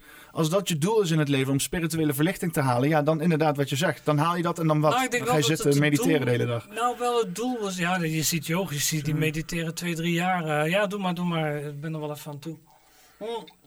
Die rishis en zo in Indiase grotten, die, die mediteren twee, drie jaar. Ehm, en dan komen ze terug, zeg maar, in de gemeenschap. En dan, eh, dan hebben ze het gevoel dat ze als een meteoriet door de dampkring eh, zijn gegaan. Helemaal weer opbranden, zeg maar. Dat, die hele zuiverheid die ze, hebben, die ze hebben bereikt door te mediteren, die zijn ze dan weer kwijtgeraakt of zo. Eh, omdat ze weer besmet worden met al die ego-mechanismes van mensen, weet je wel, identiteit, personality. Denk je dat dat met Gandhi is gebeurd en zo? Ja, dat weet ik niet zo goed. Ik weet van hem, ja, ik heb zijn veel, ik heb Want veel. Gandhi was ook gewoon oorlog aan het voeren op een gegeven moment. eh. Ja, ja, precies. Hij zei gewoon van, er moet gewoon gebeuren wat er gebeurt. ja, ja. Ja. Fuck deze mensen, laat ze maar doodgaan. Lekker Ja. verlicht maat. Maar ja, ik denk, ik denk waar je aan de ene kant zeg maar heel extreem met een vlag loopt te wapperen, plopt de andere kant op. Dus als jij heel erg vredelievend bent en op zoek bent naar vrede en dat dualiteit die deze realiteit is, ja, dan krijg je meteen de andere kant, weet je wel. Waar heel veel donker is, is heel veel licht uiteindelijk ook. Of komt er ook weer nieuw licht, eh, moet je zien. Ja, Ja. ja. Ja. dat, dat licht-donkere aspect vind ik ook altijd. eh, want dat is eigenlijk het goed-kwaad wat wij doen. Alleen dat is er dan ook weer woorden die wij daaraan verlenen. Alsof inderdaad alles wat licht is goed is, alles wat donker is kwaad is. Ja. Eh, eh, maar het heeft elkaar letterlijk nodig. Dat hele yin-yang-principe. En met ook inderdaad die vorm dat je zegt, dus die twee zwa- eh, zwarte en witte vlakken. Maar in het zwarte vlak zit ook het witte vlak. En in het witte vlak zit ook het zwarte vlak. Ja. Dus er schuilt zich kwaad in goed en er schuilt zich goed in kwaad. Nou, dat was wat ik ook van Jan McKenna leerde. Er is één realiteit waar we niet over kunnen praten. Die staat eigenlijk buiten deze realiteit. Dat is eigenlijk het alomvattende, het absolute.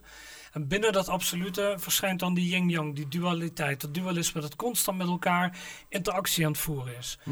Nou ja, en daar zitten wij dus zogenaamd middenin, denken we dan. Maar we zijn daar eigenlijk een observator van als bewustzijn zijn.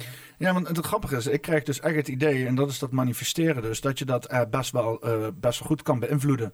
Hè, en door dus, maar ik heb het idee, want je bent dus niet, eh, je pijnappelklier te- fabriceert zeg maar chemicaliën waar jij dus inderdaad in je lichaam op anticipeert. Creëert dus vervolgens je eh eh gedachtes, eh, gevoelens, emoties en dingen die we ervaren. Eh, intern is dat allemaal nog. En dan hebben we het ook nog de, de externe feedback die we daarop krijgen. Dus inderdaad onze zintuigen. En dat wordt dan gecombineerd en dat is dan onze realiteit. Hè? Ik voel me en, eh, over dit of ik denk over dat terwijl ik me hier bevind. Ehm, maar dat is dus al gecreëerd, nog voordat jij het ervaart. Hè? Dus, dus wij, wij zitten er eigenlijk achter. Dus ik heb zitten denken van oké, hoe kom ik de, achter dat proces? Hoe kan ik zeg maar de, de, de chemicaliën die in mijn pijnappelklier zitten, de dingen die ik ontvang met mijn antenne, hoe kan ik daarop inspelen? En dat probeer gebeurt al, hè? Ja, gebeurt al vanzelf natuurlijk. Oké, maar hoe kan ik daar me bewust over worden? Laat ik het dan zo zeggen. Hè? Ik denk door te observeren en daar heb je meditatie voor. Nou, ja, grappige is, want ik heb dus, ik wou het inderdaad even laten Onder zien. andere. Eh, eh, eh, en dat komt inderdaad op dat stukje authenticiteit uit. Eh, wa- wat je al eerder zei, was inderdaad ook Sid Lucas, die zegt dat mooi. Hij wil ook radicaal authentiek zijn. radicale authenticiteit Ja, af, afgrondelijk. Wees afgrondelijk. Ja, ik vond zijn boek heel erg ontwapenend. Ja. Ja, Hij, had, hij was ook een goede gast in jouw podcast. Ik vond dat hij de, de dingen scherp verwoordde. Ja, En Goeie gast. We gaan, uh, Belangrijke denker wel. Zit en ik gaan een potje Age of Empires spelen op de Bosperience. ik ben nog benieuwd wat dat gaat worden. Maar dit, het idee wat gaan is jullie dat, doen of zo? Of dat, ja, nou ja, ja, Age of Empires is zo'n spelletje bij Ja, dan, zeg maar. Ja, ja, nou ja, dat, eh, een, een tactisch spel, zeg maar. Dan moet je elkaar veroveren en zo. En eh, dat is een beetje, dat is nu al controversieel. Eigenlijk de hele, de premisse van dat spel, dat je elkaar moet veroveren en vernietigen. Dat is natuurlijk al heel controversieel. En dan inderdaad, dus ik wil dat gewoon heel natuurlijk laten plaatsvinden. En dan gaan we met z'n tweeën, gaan we die principes van elkaar veroveren, gaan we dan bespreken. Tactieken, hoe maak je elkaar kapot, weet je wel. Eh, eh, hoe zet je verdediging op en zo. Ik hoop dat daar zoiets uitkomt in elk geval. Maar ik laat het voor de rest gewoon los. Maar in, in essentie gaan we een potje Age of Empires tegen elkaar spelen.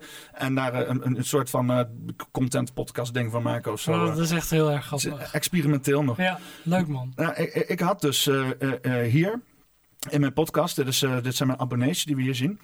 Eh, Maar je bent vorig jaar pas begonnen ook. eh, nee, ja, ik ben al wel langer bezig. Dit is sinds begin. Dit is mijn YouTube-kanaal is sinds 2011. Maar ik heb hier nooit podcast in gedaan. Alleen maar content gepost voor stomme videootje, muziek en weet ik veel wat de fuck ik deed. En hier ben ik inderdaad op eh, 13 april ergens, was inderdaad rond de verkiezingen, ben ik begonnen met, met de eerste aflevering. Eh, en maar heel lang heb ik dus inderdaad maar echt iets van, van 100 of zo, eh 200, 300, 400 eh, eh, abonnees gehad. Hm. En hier kwam een periode. En ik was dus inderdaad in, in, in, in een moment. eh, ik was met van alles bezig en zo. Eh, en ik, ik, ik heb toen inderdaad heel duidelijk uit het niets eigenlijk uitgesproken. Was toen naar mijn vriendin. Ik zei van. en ik had het over de maand mei. Ik zei: Ik wil duizend volgers voor mij. Weet je wel? Mijn intentie was niet om te zeggen dat ik ze voor mij wil. Weet je wel? Ik wilde ze voor de maand mei. En het was drie dagen daarna was het, bab, duizend volgers erbij. 600 ging ik in één keer naar God, 1500. God heeft goed gehoorzaamd. Nou ja, het, het, het is, ik, ik weet niet, en het is, en het is niet vanzelf gebeurd. Hè? Er was toen op een gegeven moment eh, Tim. eh, Ja, dat was een reden, een katalysator. Een... nou ja, ik moest het ook zelf bewerkstelligen, zeg maar. Eh, Ja. er was, en ik wist dus niet hoe, hè? want als je dan een plannetje aan gaat hangen, dan gaat het kapot. Maar ik heb het uitgesproken. Ja. En vervolgens ben ik in gaan spelen op wat er op me afkwam. En wat er op me afkwam was Tim, Tim ehm eh, God weet de gasten, die, die, die, die, van Boos. Ehm, Tim Hofman. Tim Hofman, Eh, ja. Die dus inderdaad eh, die eh, aflevering ging, ging doen van, eh, eh, dat was rond deze tijd in januari, was dat die aflevering van hem uit naar buiten kwam over het hele The Voice of Holland. Talpa, met de Voice of Holland eh, schandaal. Gate. Ja. Ja. en ik heb dus een livestream gedaan met zijn aflevering, weet je wel. En om Ah. daar dan rechts onderin te zitten, ik had eh, een half miljoen mensen die dus live am- allemaal op mijn stream terechtkwamen. Wow. Dat was echt, Via eh, YouTube. Ja, via YouTube. Dat was echt bizar. Toen dacht ik echt van, wow, er zit echt een hele dikke kracht hierachter als je het op een goede manier ergens in weet te komen. Weet ik denk dat YouTube inderdaad wel de meest invloedrijke social media is. Ja. Kijk, eh, Twitter, het hangt ook ervan af wat je intentie is. Hè? Voor een journalist of een schrijver is Twitter ideaal. Want journalistiek en nieuws gaat heel snel via Twitter. Ehm politici gebruiken het ook om statements te maken, eigenlijk om politiek te bedrijven. Ehm, ik merk ook gewoon dat heel veel collega's, schrijvers in Amerika van mij, die verdienen hun geld in Amerika met Engelse tweets. Dus die hebben er gewoon een soort verdienmodel van gemaakt. Dat is ook natuurlijk wel heel erg eh, interessant. Ja. Ja, dat een schrijver op Twitter is. Maar als, jou, eh, als je een podcast hebt, of je bent inderdaad een eh, model of een actrice bijvoorbeeld, dan is Instagram of TikTok en YouTube denk ik het meest ultieme. TikTok is, Ja. is puur vergif. Instagram ook. Ja, TikTok ken ik helemaal niet, joh. Ja, je, je hebt nu een valkuil, dat is misschien wel interessant. dat dus inderdaad, en ik denk dat dat al heel lang is, ook van beroemde mensen, Mhm. dat je slaafs wordt aan je volgers. En je hebt bijvoorbeeld een voorbeeld, die gozer die heet, eh, kom ik daarop op zijn naam? Ik, ehm, nee, ik ga er niet op komen. Zo'n gozer op het internet, die is eh, met goede intenties zo op YouTube gestapt met zijn, met zijn, kanaaltje. Een jonge gozer zag er fit uit en die wou eh, allemaal leuke dingen doen en eh, iets met voedsel en zo. Maar uiteindelijk gingen zijn volgers steeds meer aan vragen, ja, eet dit, eet dat, eet zus, eet zo. En hij heeft daar maar aan toegegeven. Die gozer is nu eh, morbide obese, eh, helemaal dik, allemaal het schreeuwen op het internet. Yeah, weet je wel? En al zijn volgers, die vinden dat allemaal leuk. Hij heeft zichzelf gemorfd van een hartstikke leuke jonge man naar een of andere schreeuwen, dikke alleshater, zeg maar. Alleen maar om zijn fans te pleasen. Eh, en dit, is, dan, dit gebeurt op YouTube. YouTube is inderdaad nog niet super manipulatief. Maar als je ziet inderdaad hoe dus al die algoritmes en al die keuzes en al die eh, eh, beeldvorming die we allemaal persoonlijk doen op dit soort social media platformen, zoals bijvoorbeeld op Instagram, wat Instagram heeft gedaan voor het zelfbeeld van jonge dames. Dat is wat inderdaad TikTok, TikTok nu doet met het zelfbeeld van hele maatschappijen. Want de hele, dat wat op TikTok gebeurt, wordt inderdaad net zoals altijd weer als realiteit aangenomen. Maar het is een bedrijf ehm, eh, uit China die, ehm, die voor zijn eigen gemeenschap een hele andere TikTok hanteert. Met gezonde waarde, waardes promoot, weet je wel? Zoals, Ja, ja. eh, doe, doe dingen in je omgeving, vent vette shit uit, weet je wel? En dan de TikTok die wij met z'n allen in de wereld gebruiken, die is soort van helemaal losgeslagen met allemaal rare theorieën. Mensen die elkaar aanklagen en gekke dansjes doen en uh, veel te naakte shit en zo, weet je wel? Te seksueel. Te seksueel, inderdaad. Het is een maatschappij ontwrichtend wapen van China. Zo zie ik TikTok. En dat is ook weer gelinkt aan die alfabetmafia natuurlijk, of niet? Om dat te promoten. Nou, en waarschijnlijk ook de, de- het verwarren van de seksuele identiteit bij mensen. Nou, die Chinezen die zien dat op een afstandje. En die zien de parasieten die we op onze maatschappij hebben. En die denken, oh, laten we die parasieten eens even voeden. Dat, is, het, eh, dat is zeg maar... eh, ja, dat weet ik niet. Daar heb ik nooit over nagedacht, eh, Peter, wat je daar zegt. Maar het klinkt interessant, alleen ja, ook verontrustend. Ik heb ook een eh, lieve dochter die waarschijnlijk op TikTok zit, dus dat... eh, dat eh, scherp in de gaten houden, die shit. ja, dat is niet al te best. Ja, nou ja, het is voornamelijk het algoritme is, is ook best wel gevaarlijk. Dat je dus inderdaad met vier of vijf van die swipes, dan is je algoritme al zo strak op je afgesteld dat de content die er toegevoerd wordt gewoon hooglijk verslavend is. Dit is natuurlijk het algoritme wat achter al die social media zit. Ook achter YouTube, maar ik heb nog met YouTube altijd het idee dat het daar wat minder is. Al vind ik het algoritme van YouTube heel irritant worden, omdat hij zoveel suggestieve dingen erin gooit. Dat ik gewoon, het, heeft niks meer met mij te maken. Ik zoek letterlijk iets op over een onderwerp en dan krijg ik hele filmpjes van vandaag gepost tussen gedouwd. Ik denk, hier vraag ik toch niet om. Maar ehm, ehm, Instagram, Facebook. Facebook is er ook echt meester in natuurlijk. Eh, en TikTok, eh, die hebben die algoritmes zo ge- gefine-tuned dat het gewoon hooglijk en hooglijk verslavend is. Het is crack voor je brain. Elke keer als jij zeg maar bepaalde content krijgt, worden er stofjes in je brein geloosd die dus ja, gewoon drugs nabootsen bij wijze van spreken. Ja, dan krijg je dopamine, dopamine en zo, ja. En eh, TikTok heeft dat gevaarlijk verfijnd. Echt, die, want eh, eh, ze nemen heel veel parameters in. TikTok die moet alles van jouw eh, telefoon weten. Wat voor bestanden erop staan. hoe ze genaamd zijn. Hoe jouw, wat ze belletjes. Alles moeten ze weten. De hele telefoon trekken ze leeg. Maken ze een persoonlijk profiel van. Die dynamisch is. Want je gedraagt je de hele tijd op je telefoon. Plus het gedrag wat je toont op de app. Dus hoe lang kijk je naar filmpjes. Wa- waar zijn die filmpjes weer aan gelinkt, gelinkt aan die zie- zieke database van mensen. Dus ze hebben jou heel snel gecategoriseerd in wat voor type mens jij bent. En daarna kunnen ze jou ook nog eens een keer heel individueel uit masseren naar precies waar jij de juiste dopaminelozing hebt. En dat doen ze dus inderdaad door te afwisselen van niet alleen maar stimulerende content, maar soms gooien ze even iets saaiers erbij om je weer te, naar beneden te doen. En dan lezen ze live zeg maar van op dat moment, oh dit is zijn conditionering en nu moeten we het weer opvoeren en nu moeten we het afvoeren. Ja, zo dat is- intelligent zijn die algoritmes, ja. het Nou, ziek is dat. Is echt, het gaat, het gaat te ver. gaat veel te ver gewoon. zo. Dat is- want eh, als je al ziet hoe Instagram en Facebook mensen hun levens kapot maakt, dan is dit, is dit gewoon, dat is, ja, dat is niet te overzien wat de fuck hier gaat gebeuren. Ja, inderdaad, waar gaat het heen? Hè? En dan heb je ook nog het fenomeen deepfake en dergelijke. We krijgen echt een hele rare virtuele maatschappij. Dat willen de globalisten ook, hè? dat we liefst gewoon vanuit thuis in een soort virtual reality leven. Dus eh, wat dat betreft zijn ze wel goed bezig om dat te vormen. En ik denk dat het allemaal intentioneel is. Nou ja, weet je wat het is? Als die hele, de hele wefbende een of andere gekke virtual reality gaat bouwen waar ze helemaal in eh, transhumanistische eh, trekken komen, vind ik helemaal best, weet je wel. Maar laat de rest die dat niet wil lekker maar rust, weet je. Dat is ja, een beetje ja, het zo, idee. werkt, eh, zo werkt een regime niet. Hè? Dit is ook een ideologie. Kijk, je moet bedenken. De globalisten en zeker World Economic Forum en alles wat daarachter zit, die hangen ook het neocommunisme aan. Want eigenlijk is de Great Reset neocommunisme. Communisme streeft naar perfectie. Dat voert weer terug naar Thomas eh, More, die in 1582 het boek Utopia schreef. Een soort utopisch wereldbeeld met de perfecte mens en de perfecte wereld.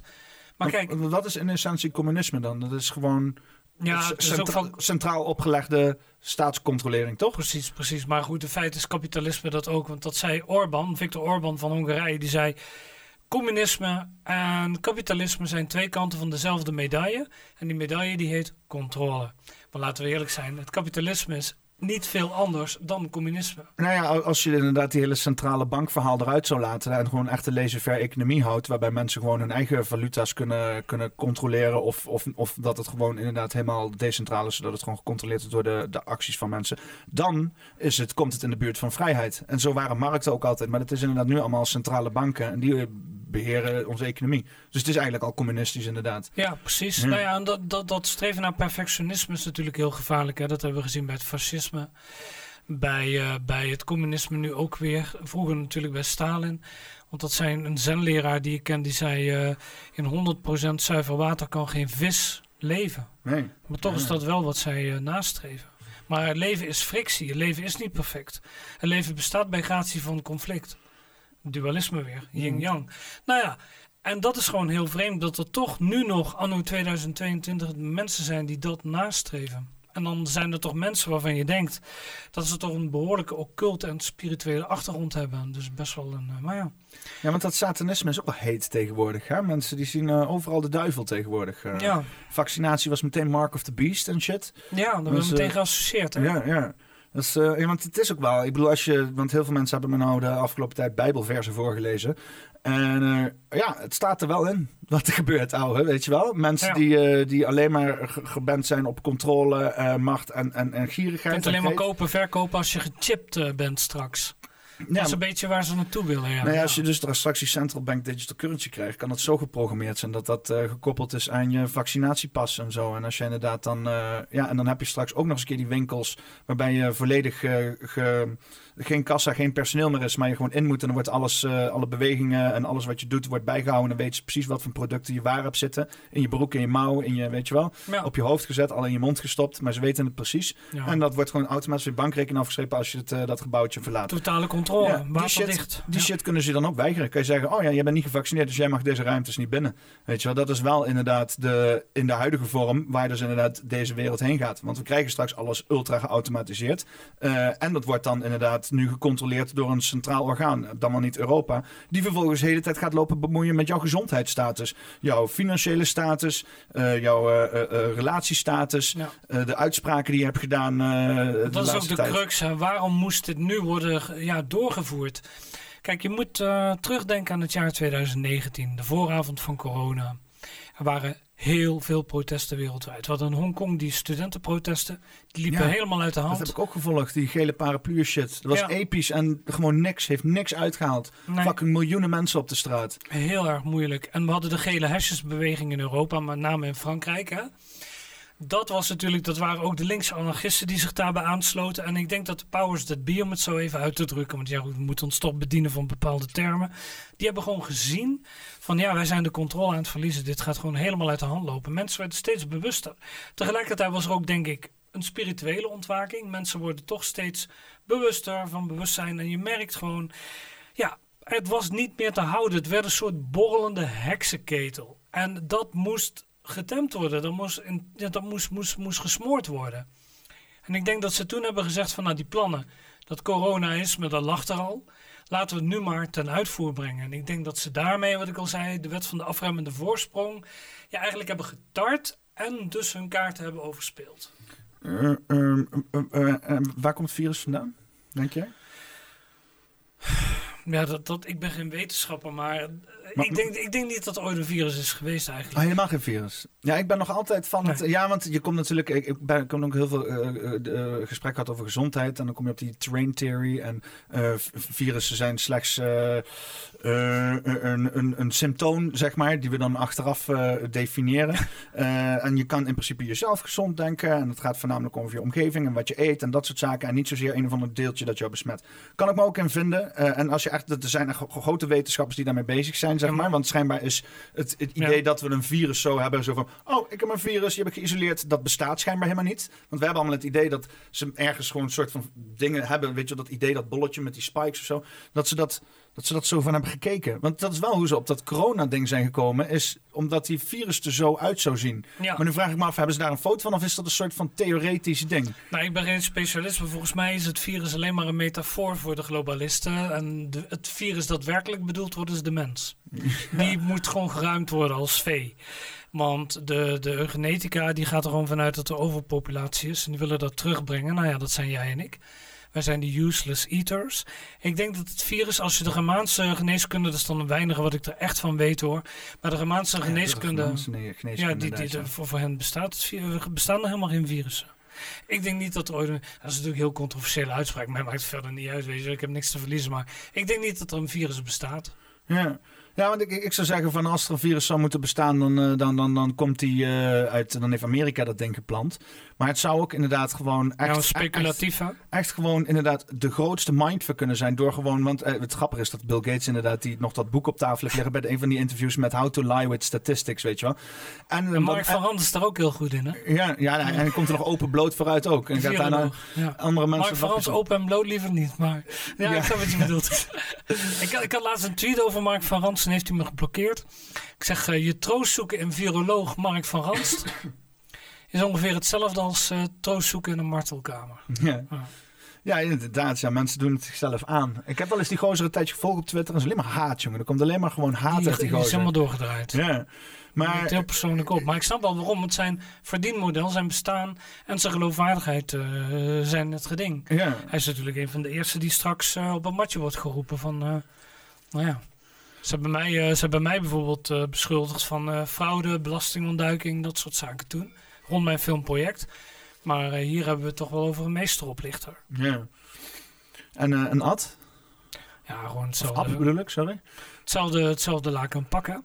En wat stomme is, al die shit staat gewoon, het is gepubliceerd. Weet je wel, je hebt Mark Verans die dan in zijn praatje doet van, uh, van ja, uh, ja, je moet je gewoon... Gecoördineerd, man, en, en, en, je hebt dan die Ab Osterhaus documentaire over hoe hij met die uh, H&N1 dingen of zo vette heeft lopen cashen en shit. En dan vervolgens zijn dat onze kopspelers in, in, in, deze pandemie en zo. Het is ook echt... het is bijna zo bizar dik erbovenop dat je denkt, nee, toch? Stel je voor dat, dat het virus nooit bestaan heeft. Ja. Dat gaat mensen een zee te, te hoog. We zeggen, hè? maar ja, ik heb zelf wel zoiets van... Uh, kijk, als je gewoon open-minded persoon bent... sta je open voor elke theorie. Nou ik, ik, wil deze theorie wel van de andere kant benaderen. En dat is niet zozeer over inderdaad het virussen gebeuren en zo. Want daar weet ik ook niet zo heel veel van, vanaf. Ja, Alleen maar van mij ook zo'n plopkap trouwens. Ja, wil, wil, je die? Die heb ik zeker. Ja, want ik blaas ook af en toe... Uh, stoom afblazen. is niet echt heel prettig voor de kijker en de luisteraar. Oh, jij gaat gewoon live nu in je podcast een plopkap voor mijn microfoon zoeken. Ja. Goed bezig. Het is al heel authentiek uh, op deze manier podcasts uh, maken, denk ik. Ik ben een plopkap kwijt, denk ik. Ah, nou, laat maar waaien dan. Ja, ik heb hem er toen inderdaad uh, heel gerecht van. Is hij wel schoon, want ik wil niet besmet raken door het killervirus. ik weet niet wat ja. Weet je nog dat, dat Mark Rutte op televisie zei dat was toen rond 15 eh, maart 2020. We gaan nu stoppen met handen schudden.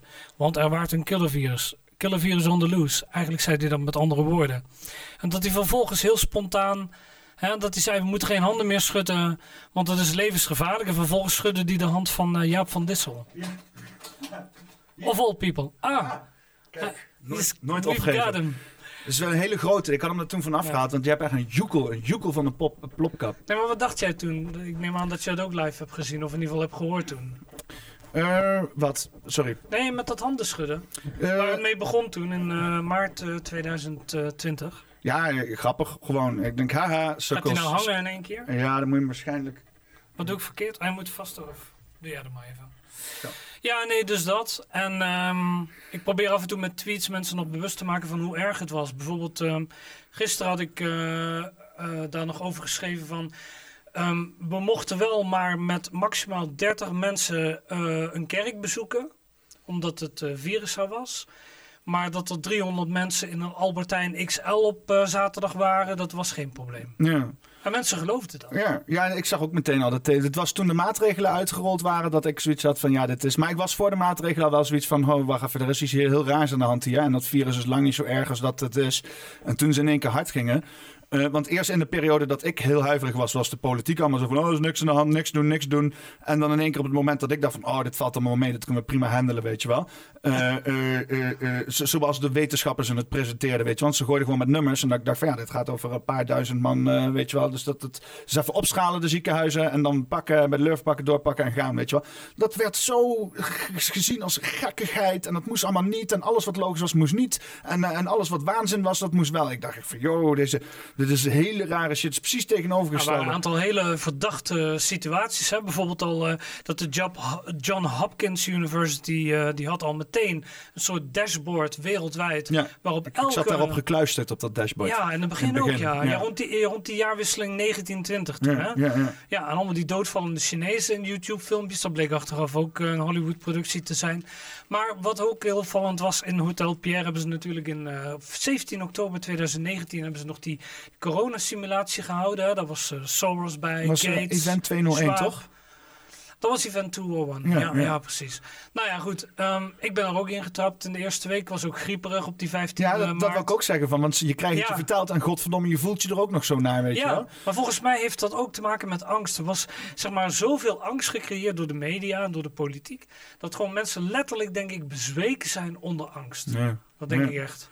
Ja, want dat valt je immuunsysteem aan. Je bent gewoon zwakker en vatbaar. Ja, je kan jezelf letterlijk, Ja. want als je Germaanse, eh, eh, eh, Germaanse eh, Geneeskunde. geneeskunde aanhangt, dan weet je dat, dat, dat, dat inderdaad dit soort emoties en beïnvloeding jouw gezondheid gewoon met direct kunnen aantasten, Ja, zeg maar. ja, en het is ook van stress ga je dood, weet je wel? Dat is het hele idee.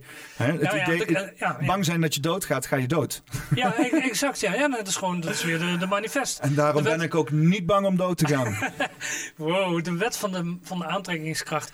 Nou ja, dan krijg je die lente van 2020. Dat was gewoon heel raar. eh. op een gegeven moment gaat alles weer open op 1 juni 2020. Dan zit je in een kroeg en dan eh, moest je dan wel een mondkapje op als je aan tafel zat. Nee, als je aan tafel zat met iemand, dan hoefde je geen mondkapje op. Maar als je naar het toilet moest of een drankje wilde gaan bestellen bij de bar, dan moest je opeens eh, die, die koffiefilter op je, op je Ja. smoel. Nou, en dat was natuurlijk ook gewoon heel raar. Dus zag je mensen echt inderdaad, die stonden op en dan gingen ze een mondkapje opdoen. En dan konden ze het killervirus niet meer verspreiden. Ja. En mensen geloofden het. Ja. Ik ben woedend geworden op die, op die serveerster ergens in een kroeg waar ik was. En die zei, meneer, eh, u loopt rond, u moet nu een mondkapje op. Ik zeg, oké, dit is de laatste keer dat ik hier geweest ben. ja, ja ik, ik er ook... Jij eh, gelooft hem wel Disney-verhalen. ja. Wie, ik? hè? Stupid bitch. Oh, Nee. zij, zij, ja, ja, ja. Ja, nee, ja, ja, zij en heel veel anderen. Maar heel veel mensen hebben ook gewoon maar meegedaan hoor. Die zijn inderdaad bezweken en die hebben maar gewoon meegedaan. Massahypnose, Ja. Maar heel veel mensen, want ik heb ook bijvoorbeeld, eh, ja, gewoon heel veel mensen die in de zorg en het ziekenhuis werken. Bijvoorbeeld mensen die in de handel zaten, die over de grens heen moesten. Die hebben maar gewoon meegedaan omdat ze hun business, hun leven aan het omhoog houden waren, weet je wel. Ja, maar weet je wat ook heel En, raar en, was? en, en mensen, Ja. die, die, iedereen om hen heen, die, die, die zag dat die mensen kapot gaan. En alsnog moesten ze maar doen. Je sluit je winkel maar, weet je wel. Want anders verspreid je het virus. Het is echt een zieke tijd geweest. eh. Ja, maar weet je, er, er is ook natuurlijk een enorme schaduwkant. In de bejaardentehuizen zijn daadwerkelijk, is er daadwerkelijk oversterfte geweest door griepgolven. Maar had dat te maken met het coronavirus of was daar iets anders aan de hand? Wat ik heb gehoord van mensen die in de zorg heb- hebben gewerkt en die mij dat verteld hebben, want ik was eerst van plan een heel kritisch boek eh, te gaan schrijven over het corona, maar daarna dacht ik, nou, dat ga ik toch maar niet doen. Ik wilde ook delirium op de kaart zetten. Dat ging voor. En ik vond ook dat mensen waren die veel kundiger waren dan ik. Ik ben maar een leek. Ik ben geen medisch specialist. Ik heb niet gestudeerd in die richting. Gezondheidswetenschappen ken ik niet. Dus ik kan daar helemaal geen bewering over doen. Maar wat ik wel heb gehoord uit de mond van eh eerste ooggetuigen die hebben gewerkt in bejaardentehuizen, dat zich daar onmenselijk leed heeft, eh, heeft eh, voorgedaan. Van mensen die, die, die gewoon werkelijk dagenlang, die slecht op been waren, hoogbejaard, eh slecht konden ademen, gewoon helemaal verwaarloosd zijn. Maar waren zij bevangen door het coronavirus? Of was er iets anders? Was het verwaarlozing? Was het angst dat hun immuunsysteem heeft aangetast? Dat is de vraag natuurlijk. Hè? Ja. Nou ja, wat je had in het begin, niet die gigantische oversterfte, is dat eh, ze, ze- er was zeg maar eh, algemeen bekend door de World Health, World Health Organization. Organization, inderdaad was gezegd van oké, ja. ja. je moet iedereen aan de beademing leggen. De beademing, dat is de bedoeling, want ze hebben een zuurstoftekort. Op de buik. Ja, want dat, was de, de, de moeder van een vriendin van mij. Die zei letterlijk tegen mij bij het begin van de uitbraak van de corona-epidemie. Erik, het is heel raar. We moeten mensen op hun buik leggen volgens het protocol. Dat hebben we nog nooit hoeven te doen. En dat is heel vreemd voor ons. Ja. Maar wat jij wil zeggen is, die mensen werden te hard beademd. Ja. En ook onnodig. Die longen die zijn stuk eh, beademd, omdat juist als je dus die hele eh, die slijmontwikkeling krijgt van, dat, eh, van whatever de fuck er gaande is, Ja, klopt. Dan als je dat gaat beademen, dan trek je die longen kapot op een of andere manier. Omdat dat slijm droogt uit en dan wordt het korstig. En dan, dat moet je juist, ja, wat je moet hebben is een antiviraal middel. Zoals bijvoorbeeld eh, hydroxychloroquine en, en, en, en Voordat ik straks een fucking eh, balkje hier krijg dat het medisch advies is en zo. Klinkt Even als kijken of ik op deze manier omheen kan. Ja, klinkt ook als een exotische ziekte. Ik praat ja. gewoon in tongen, zeg maar. Maar je hebt daarvan gehoord, toch? Die, Ja, eh, Die, die, die middelen die nooit benoemd mochten worden, omdat ze anders... Maar dat heb je nodig in de vroege stadia's van een ontwikkeling van die ziekte. Dan, eh, krijg je dat, dan kan je dat overmeesteren. En dan is er niks aan de hand. Dan krijg je gewoon de, de, de, de ziekte, de virus, de whatever. En dan genees je daarvan, zeg maar. Want het die immuunsysteem moet daar inderdaad gewoon aan blootgesteld worden. Die moet daarmee kennis maken en die kan dat doen. Maar in het begin heb je dus heel veel mensen... Of je gaat gewoon dood. Sommige mensen gaan ook gewoon dood, weet je wel. Dat, dat ook wel eens. En, eh, maar in het begin hebben ze dus allemaal aan de beademing gegeven. Gaven ze een raar protocol uit. Terwijl mensen die helemaal niet aan de beademing hoorden, daar hebben het gelegen. Ja. En dat was die oversterfte in het begin. Ja, En op die dus angst... dat mensen echt Op die, dood- angst, ja, op die angst zijn ze dus inderdaad voortgeborduurd. Ja. Dus jij denkt dat mensen letterlijk eh, zijn opgeblazen. Hun longen zijn opgeblazen doordat ze verkeerd en vooral ook onterecht werden beademd. Ja, ja. Dat Want is, dat, eh, want dat kan ik me wel nog herinneren. Dat die, die moeder van die vriendin van mij, die, dat, eh, die werkt in het eh, ziekenhuis in Alkmaar. En die zei tegen mij, dat hebben we echt nog nooit meegemaakt. Dat mensen op die manier... Maar ook als je dus corona had, dan moest je al heel vaak daar blijven in het ziekenhuis en zo. En ik hoorde van, van collega-journalisten ook van, ga niet alleen naar het ziekenhuis. Eh, in Amerika was dat... eh, later zei een arts ook over hier, toen ik daar was, van... ik geef je één tip. Ga nooit alleen naar een ziekenhuis. Nee, want je werd ook gekaapt. Je mocht niet meer bij je familie zijn. Eh, weet je wel, je wordt gewoon, eh, je brengt iemand naar het ziekenhuis omdat hij een beetje verkoudheid heeft, ademingsproblemen en zo. En die heeft gewoon eh, wat middeltjes nodig en wat zorg en wat liefde. En dan is hij er weer bovenop. Vervolgens hoor je dat je hem niet mag zien, dat hij op de IC ligt en in één keer is hij dood. En je mag er niet bij zijn. Zelfs met de begrafenis mochten sommigen er niet bij zijn. Hè? Dus Ja. ook voorstellen dat, bij, bij- dat je dit gewoon, het laatste, wat we laatst hebben gezien van je, van je familielid of zo, is dat hij verdwijnt het ziekenhuis in en dan nooit meer contact mee mogen hebben. Ja. Ja, het, Ik had, ik had twee schijnende gevallen. Jeugdvriend van mij, Pedro, die, ehm, die suikerziekte, had suikerziekte. En eh, die had eh, zijn, eh, zijn voet verwaarloosd. En op een gegeven moment was, dat aangeta- was zijn linkerbeen helemaal aangetast. Hij moest dus zijn linkerbeen moest geamputeerd worden. En toen wilden ze hem, dat was in januari 2021, en toen wilden ze hem niet opereren in het ziekenhuis, mits hij die vaccins zou nemen. Het was trouwens in maart 2021. Nou, dat heeft hij dus zich maar laten vaccineren, maar hij had natuurlijk al een zwak eh, gestel. ja. Dus zijn been geamputeerd, linkerbeen geamputeerd. Toen kwam hij thuis, toen werd hij steeds zieker. Hij is overleden vorig jaar in december. En eh, ja, ik, ik vind dat toch allemaal hele verdachte omstandigheden. Ja, ik heb ook wat eh, verdachte omstandigheden in mijn omgeving. eh, van ook mensen die nog steeds leven, maar wel allemaal kwaaltjes hebben en shit. Die ze anders Ja. helemaal niet zouden Wat hebben eigenlijk. wat dan bijvoorbeeld? Bloedstollingen en zo. En eh, dan, eh, eh, ehm, ehm, eh, Trombose. eh, helemaal, helemaal dichtgeslipt. Moest ook bijna been geamputeerd worden en zo. En, Mhm. ja, van allerlei. en, en ook andere baas overleden. de- de- de- van mij. Die, ehm, ja, ik wil dat niet linken aan het vaccin. Maar ik vind het allemaal wel heel verdacht inderdaad. Maar ja, ik, ik zal je zeggen. Eh, eh, eh, want ik wou graag nog die, die vergelijking maken, of die, die hele virus-ding. Weet je wel, waarom we nu denken dat er virussen zijn, waar dat vandaan komt. En waarom we in godsnaam vaccins hebben. Want dat virus en zo, daar ben ik inderdaad niet zo van op de hoogte. Dus dat, dat, maar de tegenhanger van een virus, virus bestrijden, is een vaccinatie. En die vaccinaties waar die vandaan komen, dat is heel duidelijk. Dat is ehm, eh, King Leopold van België in de Congo, eh, 1800 ergens, 1850, 18 ergens, eh, 1800, ik weet niet meer. Eh, had daar een, een hardhandige slavenrepubliek opgezet. Om dus inderdaad eh, ja, gewoon zijn grondstoffen te mijnen en shit. Daar En- gaat het altijd om, hè? Grond- en delfstoffen. ja, en eh, hij had, eh, maar zijn, zijn de, de slaven die, die be- be- behandelden die zo slecht dat ze de hele tijd doodgingen en shit. En koning Leopold die had zoiets van ja, eh het is rendabel om hier wetenschappers op te zetten om dit te kunnen voorkomen. Dus hij heeft wetenschappers gehaald vanuit Europa en België om dus te zeggen van nou, zorg dat deze slaven wat minder snel doodgaat, want dit kost me geld. En die wetenschappers hebben vaccins ontwikkeld. Dus vaccins, eh, en dat is uiteindelijk dus, eh, die hele technologie is Janssen en Janssen geworden. Daar komen fucking vaccins vandaan. Van koning Leopold, die zijn slaven niet dood wil laten gaan. Dus dit hele idee dat vaccins er zijn voor onze gezondheid. Nee, zij zijn om een slechte levensstijl die opgelegd wordt van boven te compenseren. Om ons leven rendabel te maken voor de heersers. En dat is waar vaccins voor zijn. Omdat we niet gezond leven. Niet omdat we eh, het nodig hebben om te kunnen leven. En notabene, we zijn, ehm, weet ik veel, eh, ho- 50.000 jaar cultuur naar de cultuur gekruist over de hele fucking wereld zonder één vaccin te nemen als we officiële geschiedenis moeten geloven. Dus waarom de fuck moeten we het nou in één keer dan wel hebben, zeg Ja, maar. dat is allemaal heel verdacht, hè? Ja. Ik had nog zo'n rare kwestie dat eh, mijn schoonzusje, dat heb ik ook uitgebreid over getwitterd. En heb ik eh, Toen heb ik hem twee weken moeten onderduiken van, door alle bedreigingen. Dat was toen net uh, die QR-code was ingevoerd, ook in de kroegen en de horeca. Toen was die vaccin, de tweede vaccinronde was toen al uh, begonnen. En toen werden heel veel mensen buitengesloten. Maar mijn schoonzusje, die uh, had een prik gehad. Volgens mij was dat haar eerste prik in haar linkerbovenarm. En twee weken later ontwikkelde zich daar een heel agressief melanoom. Precies op de plek van de prik. Nou, ze is 32, jong, sportief, nooit ziek, niks hm. aan de hand. Hoe kan dat nou? Nou, is daar geopereerd. Bleek later ook melanoom in haar onderrug te hebben. Dat was heel heftig. En ik had daar een foto van geplaatst. Een echte authentieke foto op, uh, op mijn Twitterlijn. Nou, dan wil je niet weten wat er toen gebeurde. Echt van, van artsen tot uh, zogenaamde influencers die mij verwensten natuurlijk.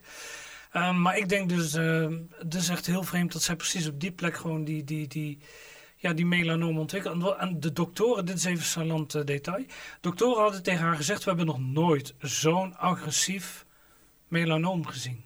Moet je je voorstellen. Dus dat was toch een hele vreemde opmerking. Ja. En dat zegt wel weer genoeg van, uh, nou ja, dat zou dus normaaliter onderzocht worden en misschien zelfs een wetenschappelijke publicatie moeten voortvloeien. Maar ze laten het dan gewoon op zijn beloop. En later, zeker nu in deze tijd, blijkt het aantal kankergevallen wereldwijd gewoon te exploderen. En wat ik helemaal schijnend vond, mijn schoonzusje is ontzettend aardig. Maar ik heb haar niet kunnen overtuigen om die tweede prik niet te gaan halen. Ja. Die is ze toch weer gaan halen, ja. dat vond ik ongelooflijk. En mijn moeder had het ook, nadat ik inderdaad haar uh, een beetje was, uh, een, beetje, een beetje bot tegen haar was geweest. En gezegd van, hey, dit, is, dit, is, dit, dit, dit is het, weet je wel. Had ik haar best wel weer binnengesleept na meerdere malen naar het feit van, luister, dit is allemaal niet wat het is zoals op het nieuws gezegd wordt. Heeft ze alsnog ook die vierde prik gehaald. Ik denk, godverdomme, weet je wel. Ja, ja mijn moeder ook. Ja, die zit vol, die heeft zelfs de griepprik nog gehaald. Ja. En dan zit ik wel eens bij de schaakclub. En dan zitten er dan wat oudere mensen. En dan zeggen ze, ja, wordt het niet eens tijd, Erik, dat jij ook uh, laat vaccineren? En dan denk ik bij mezelf, mijn god, maar dat zijn mensen die 16 uur per dag naar uh, televisie kijken. Jezus. Nou, met ja. is wel, ik heb vroeger echt moeilijk veel tv gekeken. Ik heb mezelf ook wel aardig moeten deprogrammeren. Ik denk dat daar ook wel de, goed de, de, de, de, drugs voor waren. De, de, hoe noem je dat? De, de psychedelica.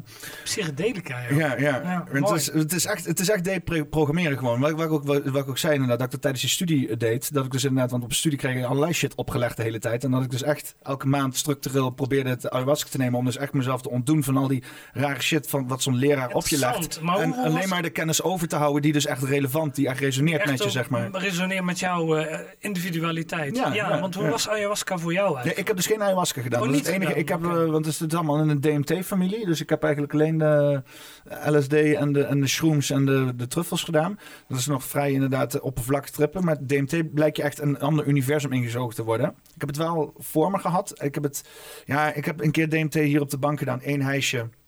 En uh, toen voelde ik het al, zeg maar, voelde ik al een hele, hele sensatie, zeg maar, al heel overweldigend. En hij stond voor me, ja, ja, je moet nog één ijsje, dan ga je er en je moet nog één ijsje. En toen dacht ik van, ja, dat is niet helemaal de goede setting volgens mij. Of ik weet het niet. Dus ik ben de gechickend, zeg maar. En één keer heb ik uh, eh, eh, DMT-achtige shit gerookt van, uh, van Stef. Uh, die, die, was ook iets, maar heel licht. En kom je gewoon in een beetje een soort van lichte sensatie Dat was ook mijn vraag aan jou, hoe jouw ervaring was met LSD. Ja. Omdat LSD is ontzettend gedemoniseerd. Zit in een verdomhoekje, terwijl zoveel spirituele leraren um, en wijzen toch hebben geattendeerd op het, ons hebben geattendeerd op het feit ja, dat het eigenlijk een instant verlichting eh, kan bewerkstelligen. Ja, ik vind het geweldig spul. En uh, ja, weet je wat het is met alle psychedelica, drugs en ook wat, wat dat betreft eh, blowen ook heel erg.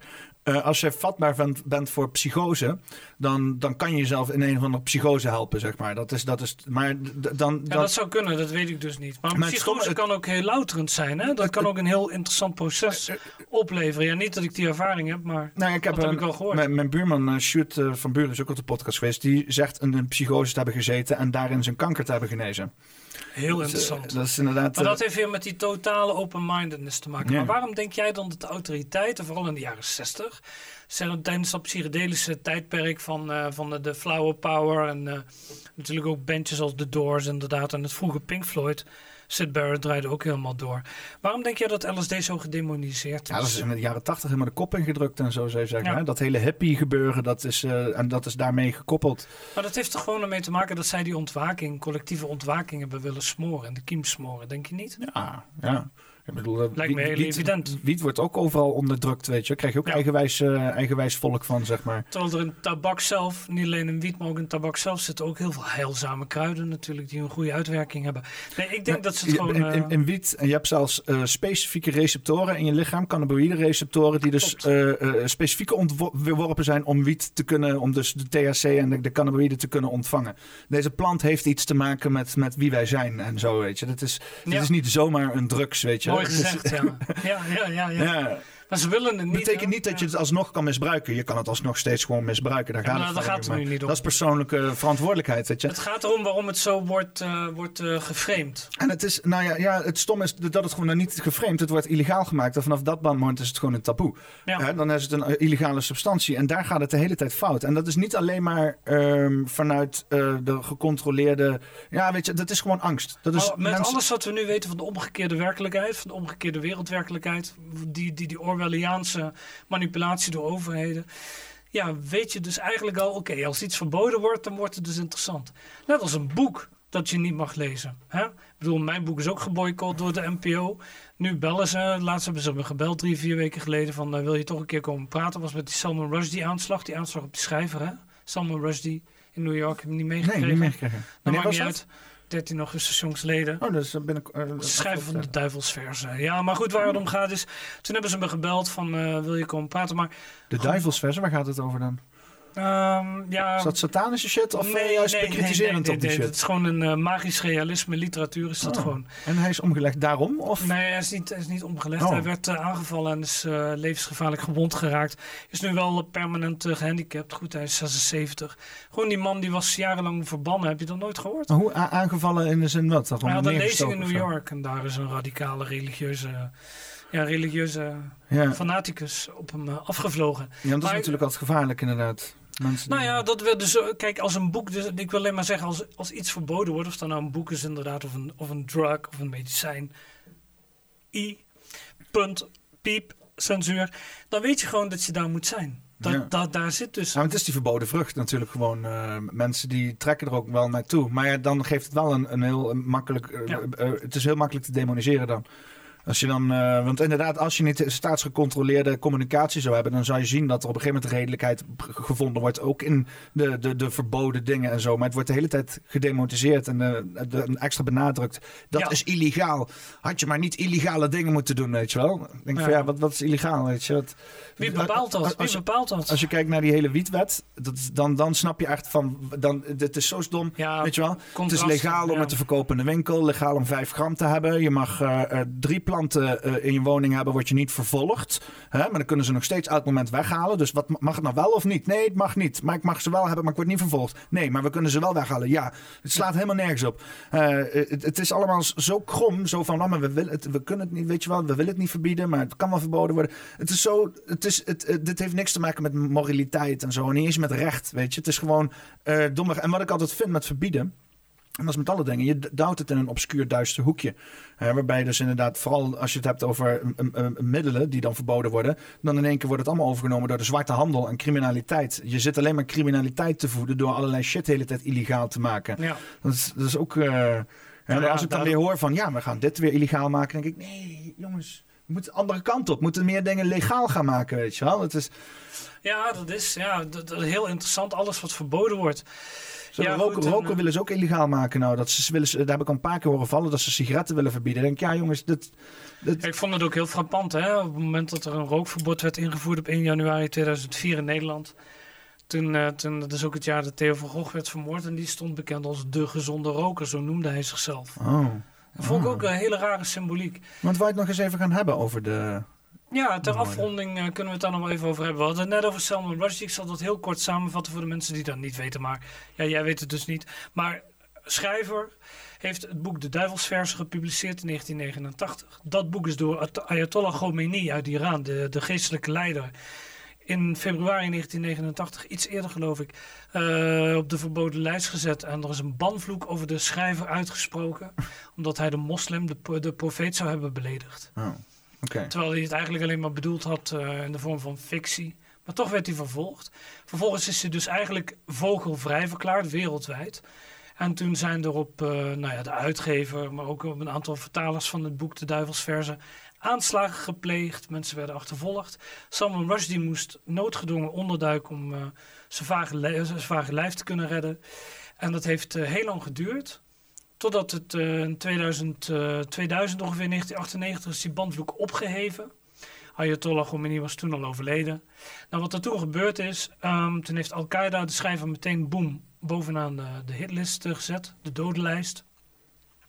Salman Rushdie heeft eigenlijk een leven geleid zoals Geert Wilders. Constante bewaking in het ondergrondse. Zijn leven is hem eigenlijk ontnomen alleen maar omdat hij bepaalde woorden had gebruikt. En dan ook nog in een, in een context van fictie, literaire fictie. Nou om lang verhaal kort te maken in 2016 is hij toch weer begonnen met optreden. Hij dacht, nou, is nu zo lang geleden, bijna drie decennia geleden, dat die bandvloek is uitgesproken. Die is ook wel weer ingetrokken, maar ik denk dat de meeste moslims de duivelsverse, mijn roman, zijn vergeten. Nou, en toen stond hij dus uh, eh, 13 augustus, dat was een vrijdagochtend in New York, stond hij op het podium. En toen is hij nou aangevallen met een mes door een uh, ja, fanaticus, een radicaal, radicale moslim. En uh, toen levensgevaarlijk gewond geraakt. Wat is de moraal van het verhaal? Ja, het geschreven woord is gevaarlijk en de vrijheid van meningsuiting staat zwaar onder druk. En dat zien we met Samuel Paty, dat was die Franse leraar die...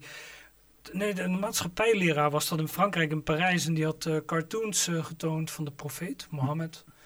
En daar heeft iemand in de klas aanstoot aangenomen. En die heeft toen in, zijn, in zijn vriendenkring in de Parijse buitenwijk... heeft hij een ja, radicaal eigenlijk zo gek gemaakt dat hij die leraar heeft laten vermoorden, zeg maar, die Samuel Paty. Nou goed, ze zijn er talloze voorbeelden. En Theo van Gogh is natuurlijk, die past ook in dat uh, trieste rijtje. Van mensen die gesneuveld zijn door, uh, ja, door aanslagen, door een moord eigenlijk. Schrijvers, intellectuelen. En wat mij zo geraakt heeft is, hij was de drijvende kracht achter de Nederlandse filmwereld. Hij was een uniek figuur, volkomen authentiek had een vilijnenpen, had een scherpe tong, maar ook een zilvertong. Eigenlijk iedereen die met hem in debat ging, kwam automatisch in zijn schaduw te staan. Hij was enorm erudiet. En ja, ik denk dat hij gewoon werd gezien als een enorm gevaar voor de gevestigde orde. Hij werkte aan de film over de Pim Fortuyn-revolutie, 0605. Het scenario was deels gebaseerd op de thriller van uh, Thomas Ros. En ik denk dat ze dat ook met ledenogen hebben aangezien. Ze, wie zijn dan ze? Nou goed, dat zijn mensen natuurlijk die uh, toch belangen hadden om die film uh, tegen te houden. Kijk, uh, Van Gogh heeft nooit geloofd dat Fortuyn vermoord is door een milieuactivist. Die alleen maar boos was op Fortuyn, omdat hij het nertsenverbod wilde opheffen. Hmm. Um, ik denk dat die film 0605 ook heeft meegespeeld waarom de AIVD uiteindelijk in ieder geval laks is geweest. Met het schaduwen van Mohammed Bouyeri, de moordenaar van Theo van Gogh. Um, zijn allemaal verdachte dingen daar gebeurd. Ik denk dat ze gewoon heel graag wilden dat die film over Fortuyn er niet kwam. Want die film over Fortuyn van Gogh suggereerde daarin dat de kogel van links kwam. En eigenlijk is dat een soort van publiek geheim inmiddels. Uh, je kent het nog wel, hè, de demonisering van Fortuyn. Maar wat ook heel vreemd is... Van Gogh werd vermoord op 2 november. De film zat in de eindproductie, in de eindmontage. De film die uiteindelijk door Tiscali werd gelanceerd in de bioscoop in december en op internet, december 2004. Dat is een heel ander soort film uh, geworden dan Van Gogh voor ogen had. Dus die is later aangepast toen hij dood was. Ook heel vreemd. Tapverslagen van de AIVD die Mohamed Bouyeri onder andere afluisterde, die zijn voor de 2 november, die zijn allemaal gewist. Na de 2 november, toen gingen ze de Hofstadgroep, dat was de groep van moslims rond Mohammed Bouyeri, die gingen ze schaduwen. Die hebben ze wel nog kunnen bewaren. Maar waarom zijn dan die tapverslagen verdwenen van voor 2 november? Wist de AIVD dat Bouyeri van Gogh al ging vermoorden? Hebben ze hem maar gewoon laten gaan? Ja. Of is het nog erger en hadden zij ook een soort vinger in de pap vanuit weer een andere autoriteit die dat heeft aangestuurd? Ja. Dus dat is allemaal heel complex. Maar er zijn echt verdachte dingen. Katja Scheurman heeft de moord op Van Gogh. Want uh, Katja was natuurlijk actrice bij Column Producties. Die heeft de moord op Van Gogh onderzocht. Uh, prettig weekend ondanks alles. Die kwam erachter dat na de moord is het huis van Mohamed de Bouyeri um, niet, um, niet verzegeld. Maar de buurman van Mohamed Bouyeri, die niks met de moord te maken had en die Mohammed niet eens kende, die hebben ze opgepakt. Zijn huis hebben ze helemaal ondersteboven gehaald. Ze hebben zijn tuin uitgegraven. Niks gevonden. Die man zat drie dagen vast. Maar ondertussen, het huis waar het wel om ging, dat hebben ze gewoon maar onverzekerd opengelaten. Dat zijn toch zulke verdachte en vreemde dingen. En weet je wat het allerergste is, Peter? Vrijwel niemand heeft zich erom bekommerd. Ja.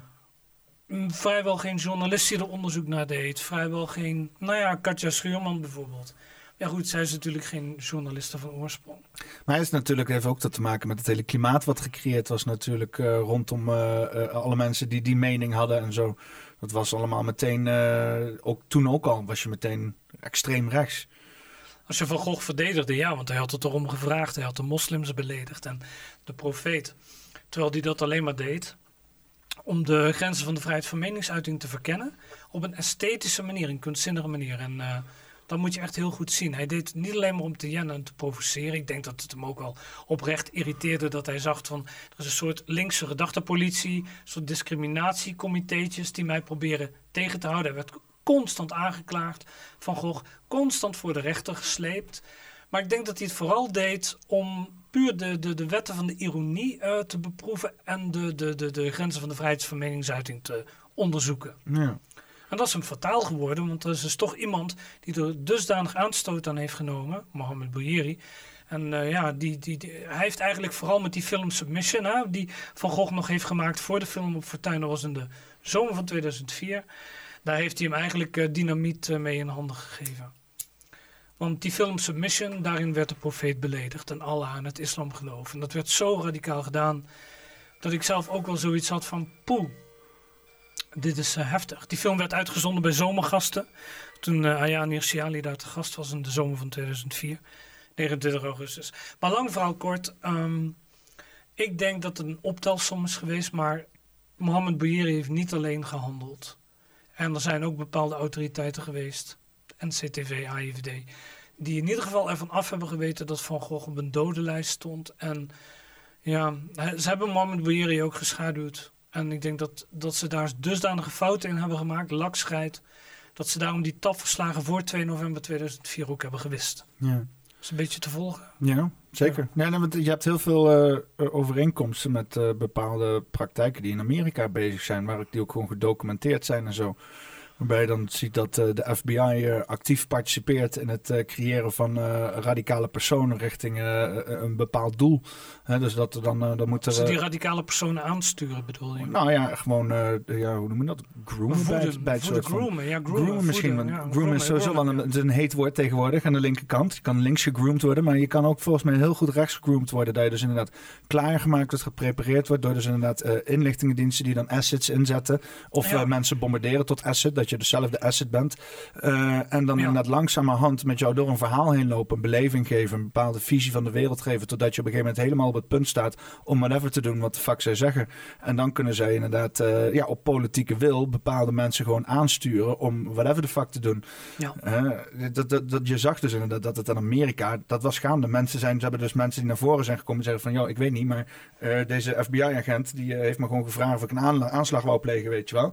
En daar zijn meerdere Er voorbeelden van. Verslagen van. Ja, Ja. klopt, klopt. Ja, je kunt zeggen bij Fortuyn is natuurlijk het cliché dat het eh, linkse partijen, zoals eh, GroenLinks inderdaad en ehm, ehm, moet ik even kijken wie dat ook weer waren. Ja, Rozenmuller en die hebben in ieder geval het klimaat gescha- geschapen om Volkert van der Graaf over te halen om Fortuyn te gaan vermoorden, zou je kunnen zeggen. Bij Van Gogh is dat moeilijker omdat hij meer vanuit zichzelf handelde en eh, nou ja, de islam de islam beproefde. Door zijn films en eh, eh, pamfletten. In zekere zin is het klimaat ook gewoon geschapen. Dat klimaat kon heel makkelijk geschapen worden, omdat zeg maar, de set al gecreëerd was met uh, de val van de torens. Ja, ja was... natuurlijk, natuurlijk. Want dat heeft Fortuyn ook heel veel wind in de zeilen gegeven bij zijn opkomst. Hij was een politieke komeet. Hij werd uh, verkiesbaar gesteld in, uh, volgens mij was dat augustus 2001 inderdaad, net voor de aanslagen. Het werd hij al meteen aangeklaagd door het uh, discriminatiecomité, omdat hij had gezegd dat de islam een achterlijke cultuur was. Later ging hij dat in de Volkskrant nog een keer herhalen. Dat was in februari 2002. Ja, toen, uh, toen werd het helemaal uh, feest. Toen viel echt half Nederland over hem heen. Maar je, je kan er ook donder op tegen zetten dat als zeg maar, de grootste aanslag in de menselijk, menselijk heugenis uh, wordt gepleegd en weggeschreven wordt onder één bevolkingsgroep, dat er mensen in de wereld aan alle kanten oppoppen om dat te gaan haten, zeg maar. En, en, en, en er is ook echt een zieke angst ehm, ding gezaaid ermee. Het was, Ja, Ja, ik door heb 9-11, hè? ja, ik heb die 9-11 ding heb ik veel te veel uitgepluist. Ik heb dat, eh, maar het is in mijn Ja, optiek is het een soort van... eh. Hetzelfde wat ze zeg maar met corona hebben gedaan. Hè? Dat hebben ze toen gedaan ook met 9-11. Weet je wat? Het was een, eh, een, een, een vooropgezet plan om een bepaald angstritueel de wereld in te helpen. Waar vervolgens dus op allerlei manieren op Nou, voortgeborduurd om een is. politieke agenda te legitimeren ook, hè? Ja. En dan moet je weer verder gaan kijken en dan kom je weer, weet je wel... Het zijn eigenlijk dingen waar ik niet vaak over praat, laat staan publiekelijk. Maar eh, die inval in Irak en Af- Afghanistan en Irak... Nou ja, heeft dat nou werkelijk te maken gehad met het feit dat ze bang waren dat daar kernwapens werden ontwikkeld? Of had het misschien toch een meer occulte reden? Laat ik Ah, het zo ja. uitdrukken. Ja, want je hebt wel een film die dan uitgebracht is over Dick Cheney. Heet Cheney inderdaad, met Russell Crowe.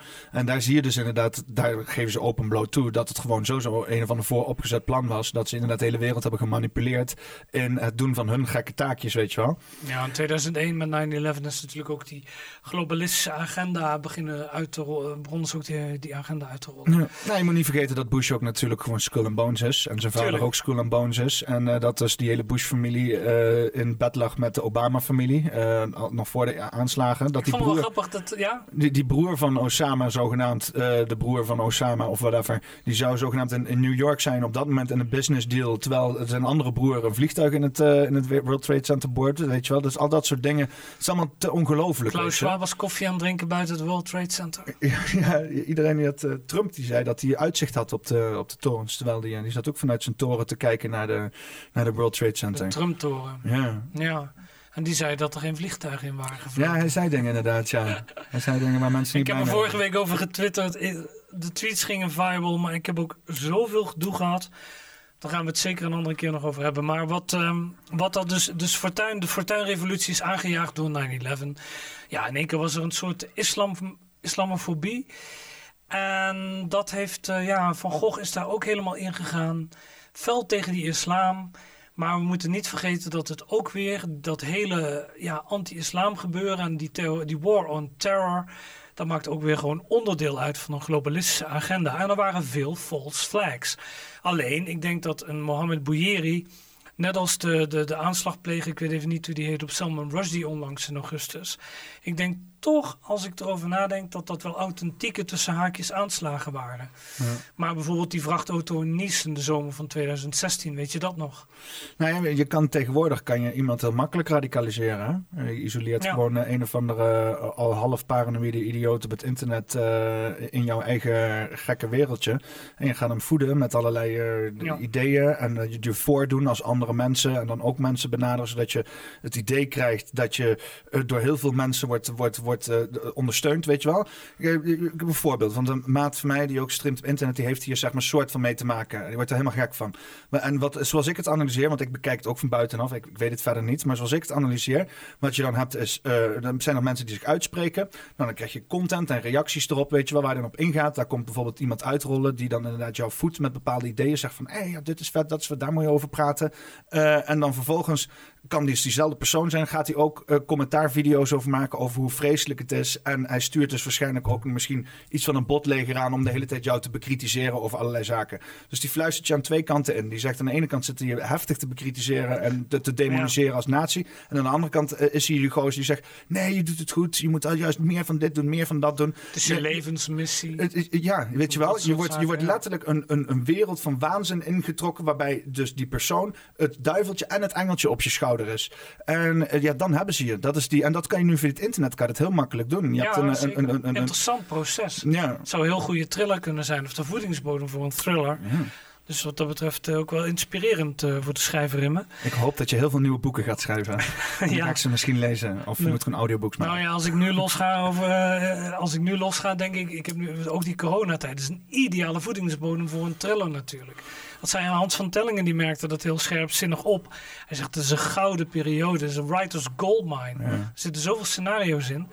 Ehm, maar even kijken waar we waren gebleven. Dus we hadden het inderdaad over de moorden op Van Gogh en op Fortuyn. Dan zal ik nog even heel kort vertellen. Kijk, Van Gogh, dat raakte mij heel diep. Ik zag het als een aanslag op de kunst. Het torpedeerde ook eh, de hele filmindustrie in Nederland. En met name natuurlijk het proces rond Column Producties, zijn filmbedrijf. En ja, wat ik vond gewoon dat ik als schrijver, omdat ik me al hard had gemaakt over de vrijheid van meningsuiting binnen de radiowereld, dat het mijn taak was om op zijn minst als een soort eerbetoon aan deze vrijheidsstrijder gewoon een soort eh, roman, thriller te componeren. En dan eens goed uit te zoeken ook. Wat heeft dit betekend in de tijdsgeest, in de context van de maatschappij, in de context van de latere geschiedenis? Hoe kijken we er later op terug? En zo is die hele roman Delirium Thriller dus eigenlijk uh, tot stand gekomen. Het heeft me 13 jaar gekost om het helemaal goed te onderzoeken. Punt is, ik heb niet alles kunnen vertellen in mijn boek. Ook nu kan ik bepaalde dingen gewoon niet vertellen omdat het gewoon too much is. Ja. En dat is heel jammer natuurlijk. Maar je moet ook een klein beetje aan je veiligheid uh, denken. Uh, maar ik heb het wel geprobeerd door middel van suggestieve dingetjes. En um, eigenlijk ook wel door middel van voetnoot. Tussen de regels door heb ik geprobeerd de waarheid te duiden Ja. en uit te leggen. En ik hoop dat mensen dat herkennen. Want als je het expliciet gaat benoemen hoe het zit, ja, dan ben je je leven gewoon niet meer zeker, joh. Ja, ja. Maar het is gewoon echt zo.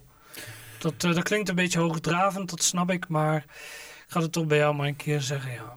Ja, maar het, het, is, het, is, het, is, het is inderdaad gewoon, denk ik wel, in het thema van het geschreven woord is gewoon heel gevaarlijk of zo. Ja, En dus, ja, dat is een oerthema natuurlijk, hè. Kijk, eh, Stalin heeft niks anders gedaan dan eh, schrijvers opgepakt die eh, tegen hem waren. maar ik, ik denk ook, als je inderdaad gaat zeggen hoe het is, dat je daarmee altijd mensen heel erg in hun realiteit mee schiet. En dat dan. Ja, is- gewoon dat je mensen inderdaad, dat is met die cognitieve dissonantie, verontrust.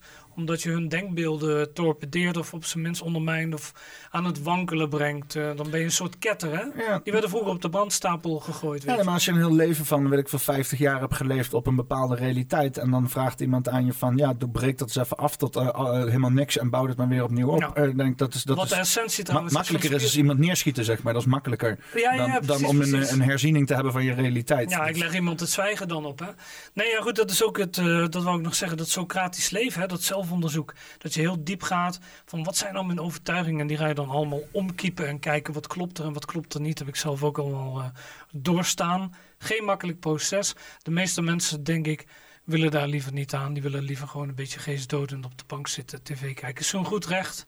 Maar ik had het gevoel dat ik er iets anders mee moest doen en met mijn leven. En ik denk dat jij dat ook hebt. Een bepaalde gedrevenheid om toch de waarheid boven, boven water te krijgen. Ja. En in dit geval eh, vond ik dat de moord op Theo van Gogh... ja, ook weer... Nou ja, dan zie je toch allemaal elementen in... die weer naar deze tijd, deze coronatijd verwijzen. Ja. Dus die, die, het die begin- sfeer die gecreëerd is, de politieke praatjes die gehouden worden. Angstpsychose, Ja. maar ook eh, het zwijgen opleggen van een rechts eh, ja, intellectueel... Ehm, dat was bij Fortuyn. En het waren toch ook mensen van Gogh en Fortuyn die als dissidenten waren gekenmerkt. En die stonden toch bepaalde agendapunten in de weg. Ik zit wel eens te denken, wat zou Pim Fortuyn doen met al die woke gebeuren van tegenwoordig? Die woke zou die niet kunnen handelen. Nou ja, hij zou eigenlijk net als een Thierry Baudet nu eh, volledig eh maar ze kunnen toch niet... geridiculiseerd zijn. Ze kunnen, ja, En ze- waarschijnlijk aan alle kanten zullen gewoon proberen om hem te torpederen. Ja. Ja, ik wil zeggen, kunnen ze een homo onder de bus gooien, zeg maar. Tja. Want dan zou hij natuurlijk meer, man, meer een blanke man zijn dan dat hij een, een, een homofiel is, zeg maar. Want ik, ik, ik heb Ze dat, kunnen alles. dat die, maar- ene, die ene Tim den Beste, die zo, eh, die zo helemaal los ging. Weet je, "Huh, en ik heb, ik heb Sinterklaas, ik heb Sinterklaas kapoentje. Oh, gezongen." of ja, weet ik veel wat de fuck ook weer zijn. Ja, die, Zo dat onbenullig. was, is, ook, is ook gewoon, eh, hij is homo volgens mij. In ieder geval zo gedraagt hij zich wel. En, Dat eh, wordt allemaal aangestuurd, joh. Dat is allemaal maar- om het narratief te voeden. Daar Maar- geloof ik helemaal niks van. ja, maar die gozer ging helemaal stuk, weet je. Die hebben ze eigenlijk onder de bus gegooid. Zit die, die, die, die, Ja, die hebben ze inderdaad gebruikt.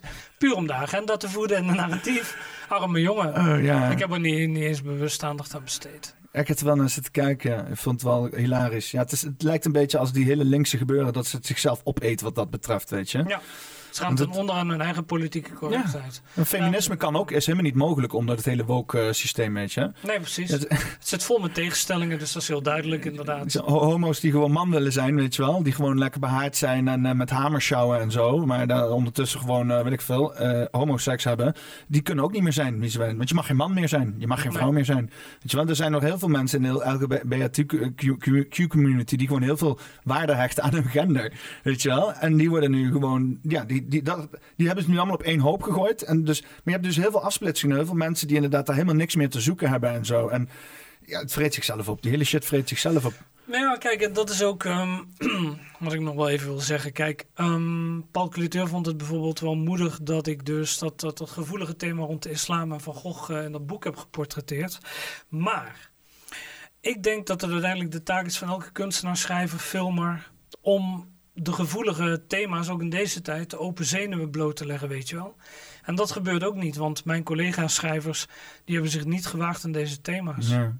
Ja. Bijvoorbeeld. En natuurlijk, een schrijver, niet elke schrijver heeft dezelfde thematiek of de gedrevenheid om dat te doen wat ik heb gedaan. Want je hebt ook als schrijver gewoon je eigen proces en evolutie. Maar hoe kan het toch dat ook... Je ziet ook schrijvers bijvoorbeeld helemaal niet kritisch twitteren of zo. Nee. Zo Arno Grunberg die bij Buitenhof bij de NPO een pleidooi maakt voor hoe goed Rutte het wel niet doet. En dat we meer pro-asielbeleid moeten worden. En denk ik, jongen, heb je je nou laten omkopen of wat is hier gebeurd, weet ja. je wel. Ja, die heeft sowieso... Uh... Of ben je masochistisch? Kan ook. Of, of hij is gecomprimeerd. Oeh, dat zou nog kunnen. Dat is een hele scherpe. In mijn optiek is de hele VVD gecomprimeerd. Al die mensen die hebben, die hebben zoveel lijken in de kast dat ze gewoon nieuwe kast hebben moeten aanschaffen. Uh... Maar goed, uh, ja, wat ik eigenlijk de afronding een beetje nog, nog één keer wil benadrukken, of nog één keer wat ik nog wil benadrukken. Mijn boek werd volledig geboycott en ook heel erg gedemoniseerd natuurlijk. Want oh ja, dat was het boek dat voortvloeide uit een film die 2,7 miljoen euro zou hebben gekost. Het is een fabeltje. Ik had ongeveer een, nou wat was het, een 50, 60.000 euro schuld gemaakt met de preproductie van Delirium. Dus in 2012, de filmpreproductie. Mm Nou goed, dat is allemaal inmiddels uh, netjes afbetaald. En daar heb ik heel veel boete voor gedaan. En allemaal keurig afgerond. Maar de NPO heeft gewoon een fabeltje de wereld ingeholpen dat het om een productie ging van 2,7 miljoen euro. Jezus. En toen dus mijn roman uitkwam in 2020, nu komt uh, maandag dus die, die, nieuwe versie uit van Delirium. Toen zei iedereen van, uh, oh dat is dat gevraagde boek, want dat is gebaseerd op, uh, op die film, die verboden film. De, ver de, verboden film. De verboden film en het verboden boek. Dus het wordt aan alle kanten tegengewerkt, maar dankzij Twitter en nu ja, mijn nieuwe carrière. Ja. Is het toch op de kaart gezet. Dat is wel cool. Is toch een beetje handig dat internet zo... Uh... Nou ja, ik denk dat het oprecht was. Ja. In, dat in de goede handen? Is. Ja, nee, het is echt wel heel goed gegaan. En ik denk dat het, het boek heeft ook dat lot verdiend. Uh, ja, vind ik wel. En nou ja, uiteindelijk moet ik het ook weer gaan loslaten. Maar wat ik zeg, die verfilming, die zou ik nou ja, nog wel willen voltooien. Alleen ik durf me dat natuurlijk niet echt uh, zelf meer aan mijn vingers aan te branden. Omdat er al zo'n controverse omheen heeft gehangen. Ik hou er wel van. Controverse bedoel je? Ja, ja. En uh, inderdaad, uh, ja, weet niet, dingen doen die onmogelijk lijken te zijn en zo, weet je wel. Dat is, uh, Kunnen we nog wel eens over hebben dan. Het is, het, is, het is ook wel nodig, die shit, weet je wel. Ja. Ja, nou ja, precies. Maar er staan gewoon zoveel ongemakkelijke waarheden in dat boek. Dat ja, was ook geen uitgever die zijn vingers aan durfde te branden in het begin. Ja, film kan je er wel leuk mee spelen. Film kan je, kan je er heel leuk mee spelen. Ja, dus je kan heel veel, heel veel met symboliek doen en ja. met, met interpretatie. En weet je wel, als het allemaal een schouwenspel is, dan kan je er nooit uh, aanklagen voordat het echt zou zijn of zo. Het is het rijkste medium dat er bestaat. Alles zit erin. Hè? Fotografie, acteren, filosofie. Ja, dat is zo'n rijk medium. Het, het, het, zijn letterlijk lichtdeeltjes die breinen worden geschoten. Ja. Weet je, dat is, uh, het, is, uh, het is hypnotiserend. Het is hypnose, ja. zeg maar. Uh. Inderdaad, inderdaad. Ik was vroeger, want ik, ben, ik heb nooit aandacht voor niks niet. weet je, ik ben overal schichtig en alles aan het doen. Maar als ik film of tv zag te kijken, zat ik hyperfocus. Je kon er zelfs voorlopen, ik zag je niet. weet je wel, ik zat er helemaal in. Dat is echt, en dan heb je bij een directe zend-brein connectie gewoon heb je dan. Het is echt, ja, interessant ja. Leuk dat jij die audiovisuele achtergrond hebt, ja. Ja. ja. Maar ja, dat blijkt nu ook wel weer. Ik, ik heb toen echt de opleiding echt heel vaak gevraagd van... ja, maar is dit dan niet gewoon propaganda? Waarbij je dan meteen inderdaad heel ongemakkelijk wordt, weet je. Want dan worden al die mensen die dan met film bezig zijn... die willen meteen zeggen... nee, nee, nee, nee, nee. Nee, maar dat is wat ik niet goed doe. Nee, ik, ik vind het gewoon leuk. Ik vind het... Maar niemand wil dan echt toegeven aan de kracht van het medium, weet je wel. Dat als je bepaalde dingen uitbrengt... dat je wel degelijk echt beïnvloedt wat mensen denken, voelen en dat soort zaken. Ja, dat is massa, massamedia, toch? En de psychologie erachter. Ja. Ja, bij marketing geven ze daar wel heel makkelijk weer aan toe. Daarom heb ik ook echt marketing daarna gedaan. En daar zeggen ze gewoon van, ja, natuurlijk, we zijn openlijk mensen aan het manipuleren. Maar ja, er moet geld verdiend worden, jongens, weet je wel. Ja. Hier hebben we een model. Ja, inderdaad, inderdaad. Nou, ik, ik zit er nu ook uh, nog even mee van... Nou goed, alles waar we het over hebben gehad. We gingen een beetje van de hak op de taak in dit gesprek. Maar goed, het, het is prima, zo intuïtief improviseren. Door zo'n uh, conversatie in zo'n podcast. Ik heb een uh, heel leuk gesprek gehad, man. Ja, maar dat was een van de betere dit. Oké, oké. Ja, ik moet het wel een keer terugzien. Maar... Um, Kijk, uiteindelijk zitten we in een hele uitdagende periode natuurlijk. En ik ben heel benieuwd uh, of we het allemaal gaan overleven. Want daar hou ik mijn hart nog wel eens voor vast. Ja. Soms denk ik wel eens op, eh, op de mindere dagen van eh, 2030, out of reach. Gaan we niet meer halen. En ik vond het ook heel mooi wat Sietske Bergsma heeft gezegd. Dat we een gouden tijd hadden kunnen hebben, deze 21ste eeuw. Eh, Ik bedoel, dankzij het internet. eh, alle technologie die we voorhanden hebben. Als het op een goede manier was gebruikt, hadden we ja, een homo universalis kunnen creëren. Dus een, een alomvattend mens die, die alwetend is. En, Worden eh, alle nieuwe technologieën niet eerst gruwelijk misbruikt voordat ze dan eh, herzien worden en eh, juist gebruikt? nou, elke democratie wordt misbruikt. En dat is het probleem. Nee, maar ik, ik- Dat zei Plato, dat zei John Stuart Mill. Elke democratie wordt in een vroeg of laat, later stadium misbruikt. Ja. Dat heb je nu ook gezien. We hebben gewoon op een gegeven moment die World Economic Forum. Die is gewoon heel subtiel vanuit, eh, vanuit de duistere uithoeken van, van, van, van onze beleving is die eh, opgekomen eigenlijk. Hè? Zelfs in 2000 was een politicus, ik weet even zijn naam niet, die al in de Tweede Kamer pleitte voor een onderzoek eh, naar het World Economic Forum. Die vond het toen al verdacht. ja, dat, dat was, Dat was niet nodig, zei de oppositie toen. dat was Ja. ik, ik, ik was aan het zoeken over de World Economic Forum en toen kwam ik World Social Forum tegen. En dat Staat was, ook, ja. was schijnbaar een of andere gozer. Ik denk niet- nee, maar die- ik dacht dat ik een laser zag in mijn ogen geschenen worden. Oh. Wordt zo neergeschoten hier, jongens. Niet, niet- niet op 13 hoog, denk ik. En eh eh eh, Of is het 14 hoog? Want de 13e verdieping mag niet bestaan, hè? Nee, nee, nee. Maar niet uit. twaalfde verdieping. Oh, oké. zie je? Nee, maar eh, eh, eh, World Social Forum was opgericht door een gozer hier ook in, Nijmegen. Hè. Ik probeerde te contacten, maar die gewoon, ik kreeg hem niet. was allemaal Nou, ik denk, en nee, zo. dat, dat- dat weet ik. Dat en dat was heeft echt- er niks mee te maken, Nou, toch? nou, dat, dat was een kritiek op World Economic Forum. Ja, Hè? dat en dan hadden ze World Social. Forum hadden ze opgericht. Maar dat was inderdaad gewoon ook gewoon, nou ja, dat, ja, was gedoemd te mislukken natuurlijk. Maar Maar, dat, was, afgesloten, joh. dat was inderdaad helemaal terug in, in 2002, 2003 of zo. Dat was... Ja, ook in een heel vroeg stadium, dat bedoel je. ja, ja. Hmm, dat is interessant inderdaad, ja. Nee, ik heb er wel van gehoord toen, ja. Maar die jongen hebben ze gewoon getorpedeerd. Wat ik tenminste van het projectje heb gehoord. Maar grappig dat jij daarmee komt. Er is bijna niemand die dat weet, nog. ja, Jij weet wel heel veel vreemde dingen en zo. Ja, ik ben super nieuwsgierig. En ik bedoel, ik, ik heb het hele internet tot mijn beschikking. Ik kan heel goed googlen. Dus ik, ik heb zo allerlei dingetjes opgezocht en zo. En ik schuw ook niet voor... Want heel veel mensen die zeggen... Die schuwen bijvoorbeeld voor bronnen of zo. Ja, maar daar, daar ga ik niet kijken. Nee, daar ga ik niet, daar, daar ga ik niet op zoeken, weet je wel. Want dat- Ja. allemaal veronderstellingen. Ja, ik, ik zoek overal, weet je wel. En eh, ik ga gewoon Ja. bronnen najagen en kijken waar het uitkomt. En eh, ja, ik kwam toen inderdaad de World Social Forum. eh was, het was gewoon op de Wikipedia-pagina volgens mij over het World Economic Forum. Ja, werd inderdaad benoemd vandaan, eh, World Social Forum. Dus ik naar die Wikipedia van World Social Forum. En daar staat het dan, weet je wel. En dan kwam daar, er werd opgericht voor het vier mensen. Toen kom ik uit bij een gozer in Nijmegen. Ik denk, die moet ik hebben in mijn podcast. Maar zijn site, die de mail werkt niet meer. Het is allemaal eh, doodgebloed en zo. Ja. Dus eh, Nou ja, misschien als hij kijkt dat hij zich dan maar meldt bij jou dan. heb jij het World Social Forum opgericht? poppenkast.peter.nl Nee, wacht even. Peter.poppenkast.nl Ja, heel erg mooi, heel erg mooi.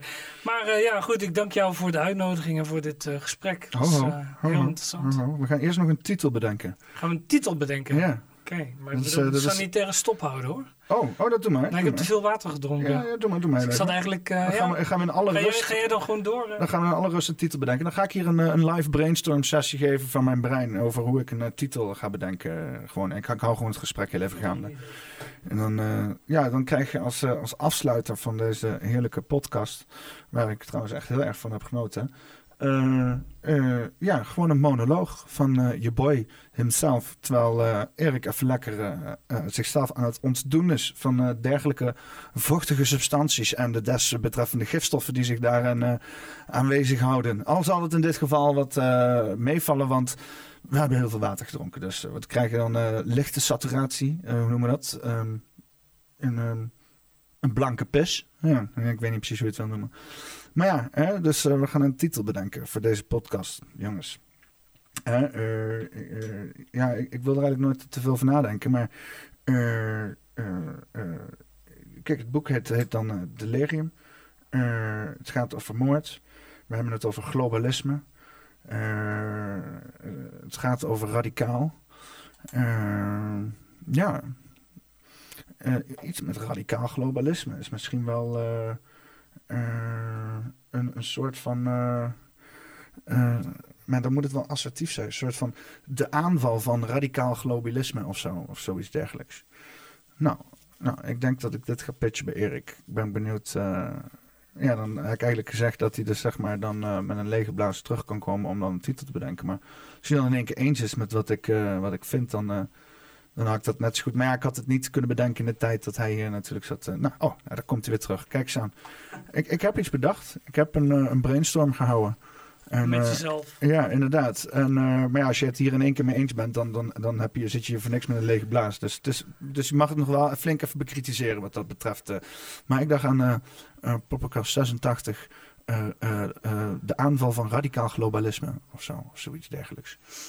Mm, is wel lang, het is wel een lange titel. Ik zag eerst denken aan gewoon radicaal globalisme, maar dat klinkt ook. Ik weet niet, ik weet niet of het. Uh, het gewoon radicaal globalisme noemt. Maar...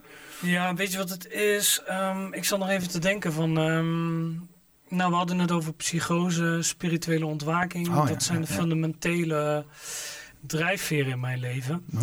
En daar komt de titel Delirium ook vandaan. Het is eigenlijk een soort waan, uh, een soort waan waarin iemand zit, ook een soort psychose. Maar dan, die ontst dus ook de vraag en het uitroepteken en uh, het vraagteken in, in, de titel van, van mijn boek. Van is het nou een delirium omdat het een soort psychologische aandoening is? Of is er iets heel anders aan de hand? Het vraagteken is misschien een spiritueel proces. En is de psychose een gevolg van een spirituele ontwaking? En dat voert ook weer terug naar de dichter Arthur Rembo, die in zijn uh, dichterbundel Seizoen in Hel, Seizoen ja in Hel heette dat, um, een hoofdstuk heeft gewijd aan, uh, aan, aan een delirium. Delire heet dat. Zo kwam ik op die titel. Maar dat zou een leuke titel kunnen zijn. Psychose zou een leuke titel kunnen zijn. Ik weet het. Nee, nee, niet psychose. Delirium van het zelfbewustzijn. Ja, die is wel mooi. Ik vind het altijd wel leuk om uh, iets van het werk van, uh, van, uh, van de gasten in de titel te verwijzen. Is natuurlijk ook, is ook gunstig. Ik ben online marketeer en als mensen gaan zoeken op delirium, komen ze uit op mijn podcast. ja, dat is waar. Een delirium, een delirium van het zelfbewustzijn. Of het delirium van het collectieve bewustzijn misschien. Hm, ja. Dat weet ik niet. Ja, dat kan ook. Collectief delirium. Dat vind ik een betere. Die doen we. Collectief delirium? Collectief de, een, een, een, collectief delirium. Dat een is collectief, een, nice. Niet vergeten. Een okay. collectief delirium. Dit is Daar Poppenkast nummer 86 met Erik Overveen. Een collectief delirium. Ja, Dankjewel.